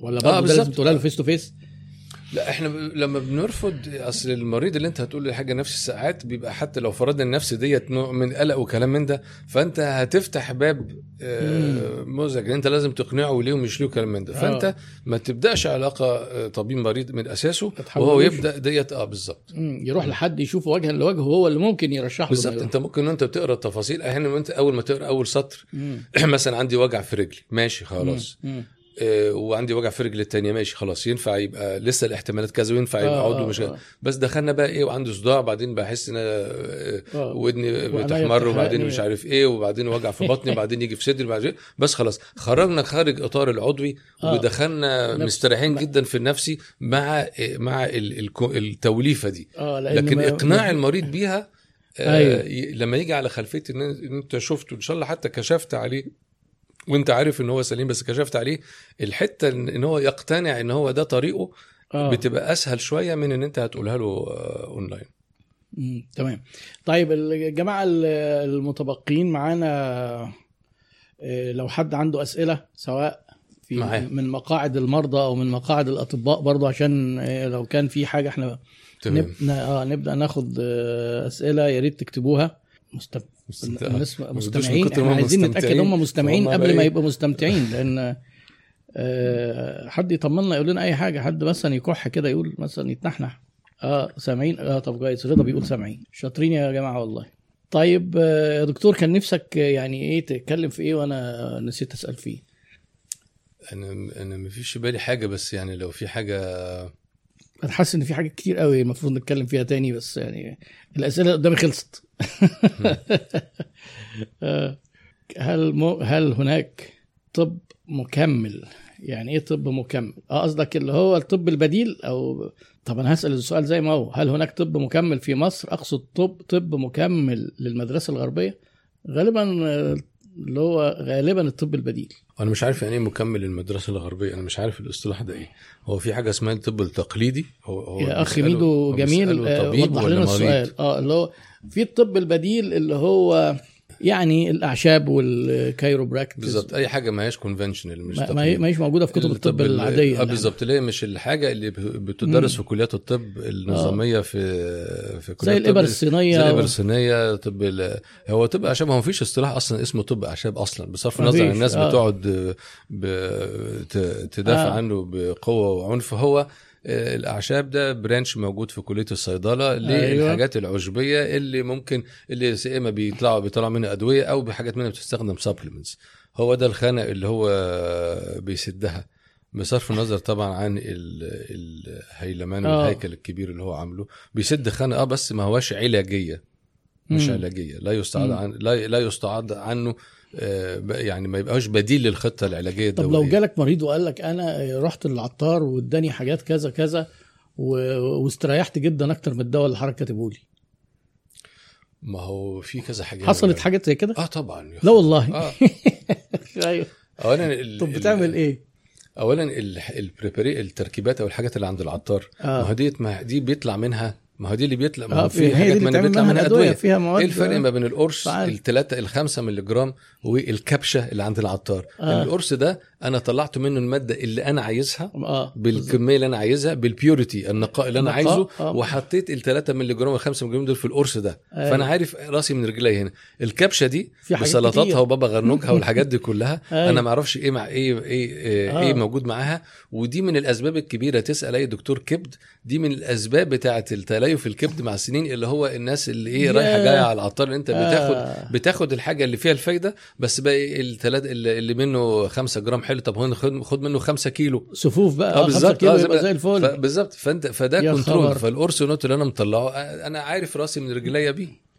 آه طيب. اللي بياخد preparations تركيبات من عند الناس اللي هم بيقولوا عندنا البرطمانات والحاجات دي آه. أنت إيش عرفك إيه اللي في البرطمان؟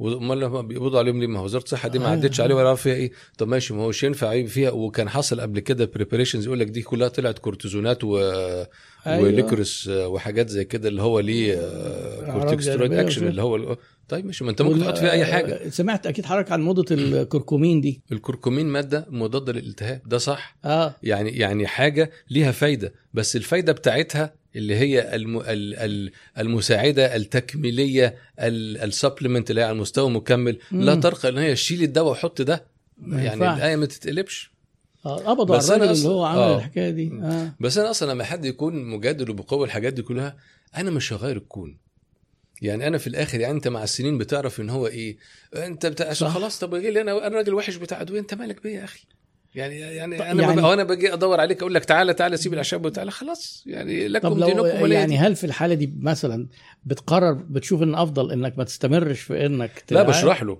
ما هو المفروض جالي. يعني ما هو أيوة. جالي خلاص. حتى ساعات عكسه. طب انت جاي ليه انت عارف ان أنا راجل وحش بتاع الأدوية والكلام من ده. عشان بس نبدا أيوة أيوة. نبدأ نفتح. وكلام من ده. آه. مسؤوليتي هنا أنا أشرح له. أيوه. بس مش مسؤوليتي إن أنا لازم أشد شعره عشان أغير أفكاره. طب افرض قال لك طيب أنا إيه حضرتك أنا ممكن آخد الدواء بتاعك مع الأعشاب برضو اللي بتريحني؟ إيه، توافق؟ ما لازم أبقى عارف الأعشاب ديت إيه وجاية منين. هنعرف يعني منين. يعني أنا يعني أنا بالنسبة لي هو بياخد الدواء بتاعه كويس. آه. الأعشاب دي مسؤوليتك أنت؟ ولازم يبقى معروف دي جاية منين.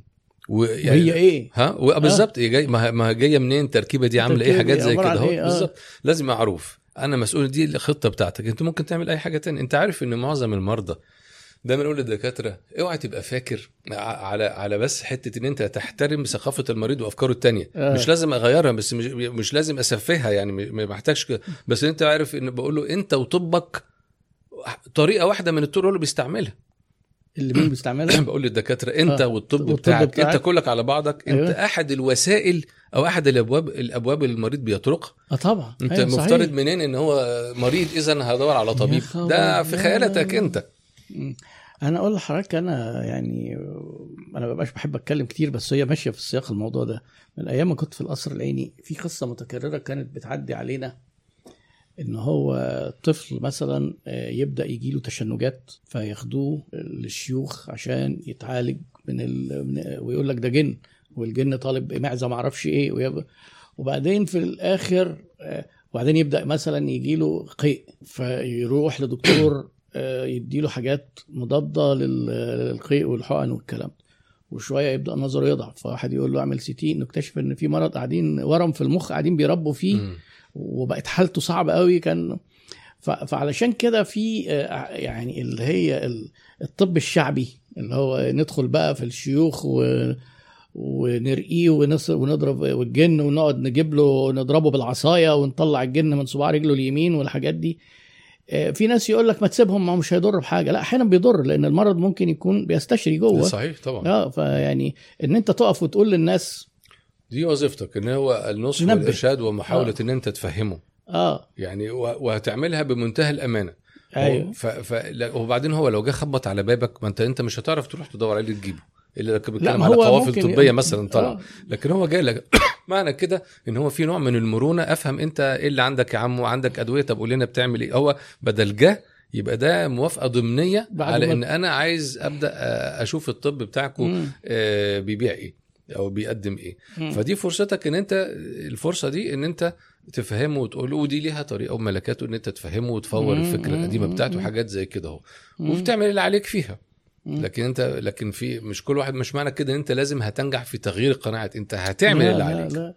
يعني إحنا كان برضو يعني أيام برضو بيدرسونا ما أعرفش الكلام ده لسه بيتقال ولا لا ولسه بيحصل في في الفلاحين إن هو دايما مؤمنين كده في القرى إن لما الطفل يجي له حصبة لازم الدنيا كلها تبقى لونها أحمر ويلبسوه أحمر وما أعرفش وستاره حمراء ولا اسمع. حاجة كده آه. متخيل بحاجة كده آه، إحنا بقى كنا في طب المنصورة وكان بيدر... آه، وقال لك إيه كانوا بيقولوا لنا بقى بتوع الأطفال لو أنت دخلت وكشف منزلي ورحت لقيت الدنيا حمراء ما تخانقش مع الناس سيبها حمراء لأن دي حاجة طب شعبي مش هيضر العيان في حاجة. سيبهم يعملوا اللي هم عايزينه. ما تعيش في الدور وتقعد تقول لهم إيه الجهل اللي أنتوا بتعملوه؟ إيه الهبل. ده؟ ده مهم جدا. ده برضه دي ال culture بتاعتها طبعا لا لا. مثلا في من الأسئلة اللي بسألها في course ال communication أنا يقول لك أنا عايز أعمل حجاب. تقول له إيه؟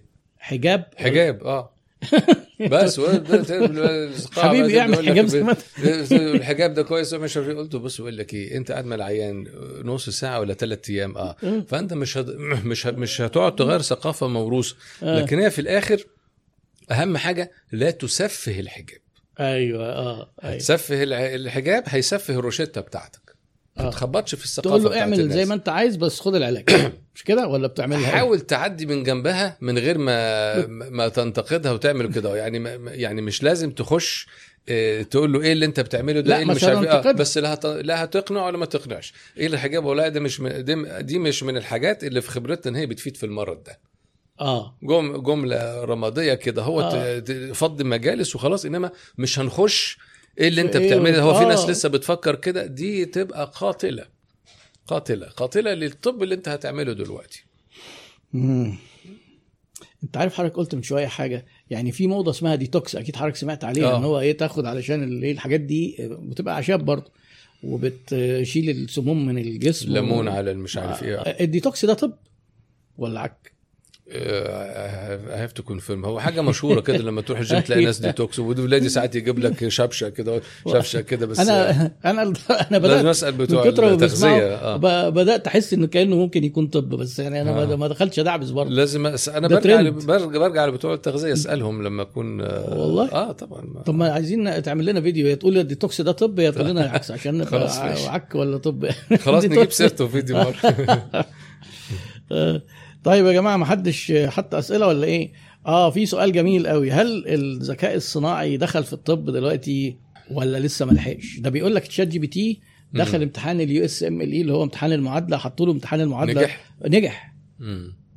نجح في في في تقريبا جزئين من ثلاثة حاجة زي كده يعني. ما ما ودوش ال clinical إن هو يقعد يفحص يعني. okay okay. ما هو طبعا عنده database أنا بدخل أسأله في أي تفصيلة في أي علم من العلوم على أي مستوى. حاجة فظيعة. معاه. معاك للآخر خالص. هو يعني أنا في يعني مالوش application أنا أعرفه عندنا مثلا دلوقتي. في الجامعة يعني. لا آه. بس هو أكيد داخل طبعا. يكفي إن هو يخش مثلا في في علوم كتيرة زي ال bioinformatics اللي هو اللي بيحلل الجينوم وكده أهو. أكيد ده قطع شوط فيه. أنا ما أعرفش يعني بس أكيد هيبقى قطع شوط في حاجات زي كده بالذات. مم. طيب في آه، السؤال بتاع الذكاء الصناعي ده كان الأخ علي شتا بيقوله. آه، محمود آه، عبد الرحيم بيسأل طبيب الامتياز اللي ملوش نظام يعلمه يتعلم آه. إزاي؟ ويتعلم من مين؟ أنا ما أعرفش أنت يعني في أي كلية ده يا محمود؟ أصل ما يعني مش في امتياز من غير نظام يعلمه إزاي يعني؟ هو الامتياز للأسف هي دي المشكلة الكبيرة بتاعتهم إن هو آه.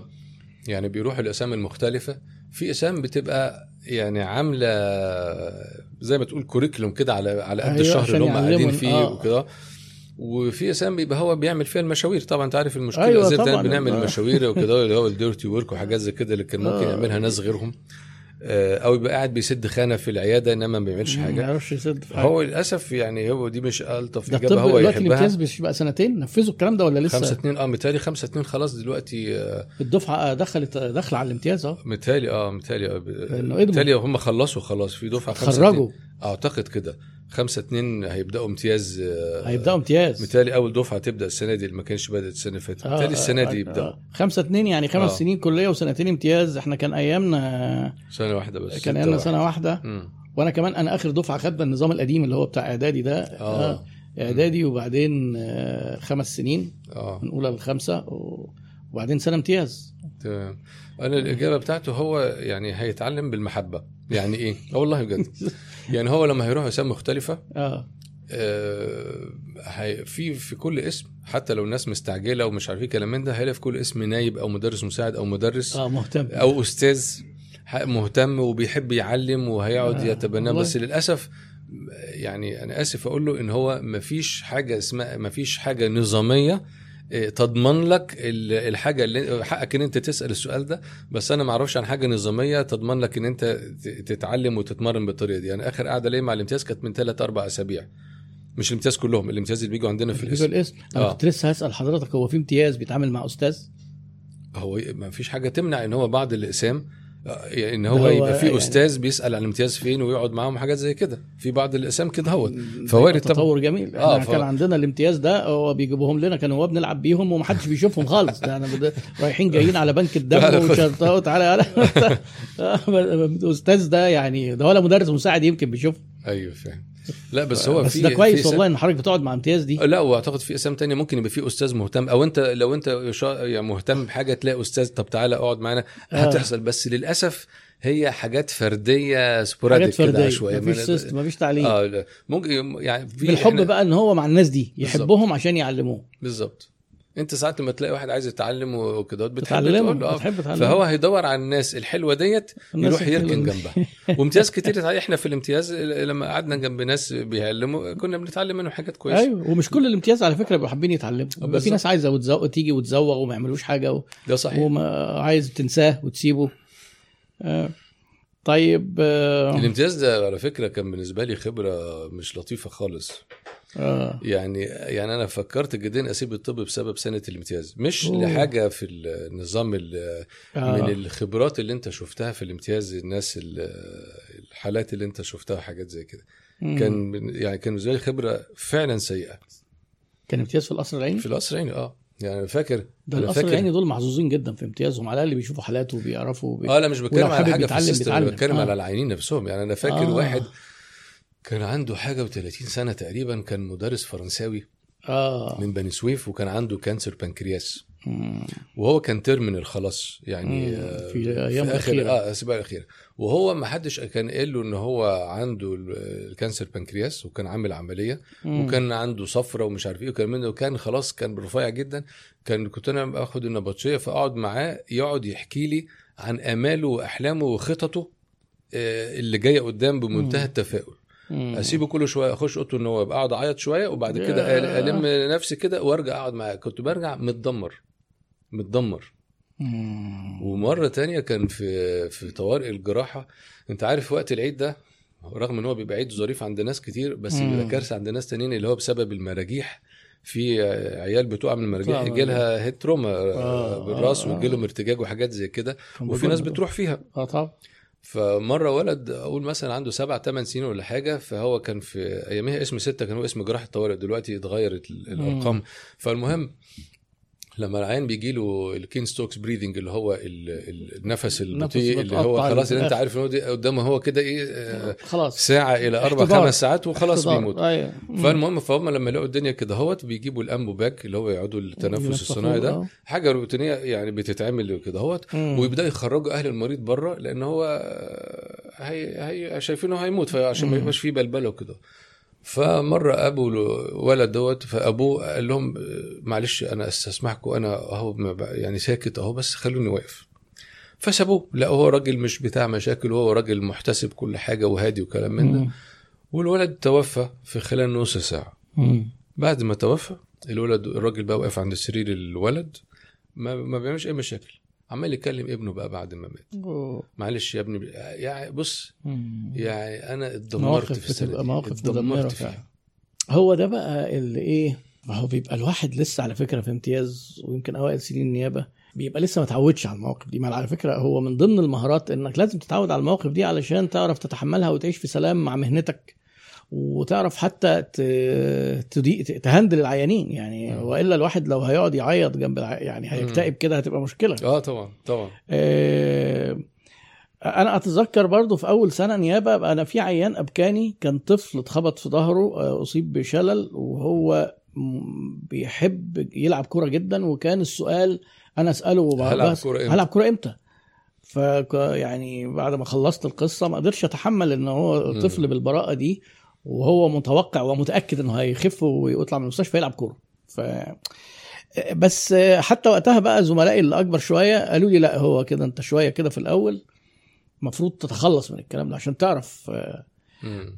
يعني أصل في الحوادث هيجي مثلا الكلام بالذات الجراحين بقى لما يجي حاجة زي كده وتلاقي مثلا مش عايزين بقى إن إيه نخض الناس من المناظر أيوة. اللي بتبقى موجودة مم. بس بقى لو أنت اتخضيت مشكلة مش هتعرف تاخد. قرارات إيه إيه أفضل منصة فادت حضرتك في ال digital في ال digital marketing أعتقد. رضا داعبس بيسأل وهل التيك توك مناسب؟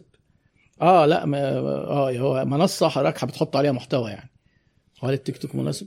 آه هو آه، أفضل منصة هو اليوتيوب. اليوتيوب أفضل منصة دي الاجابه آه حضرتك آه بالظبط آه. آه، التيك توك المحتوى بتاعه في الأغلب ما هوش بتاع آه، حاجات طبي. آه بالظبط. آه. فيعني آه، أكيد في دكاترة عليه بس أنا ما أعرفش فيه كتير.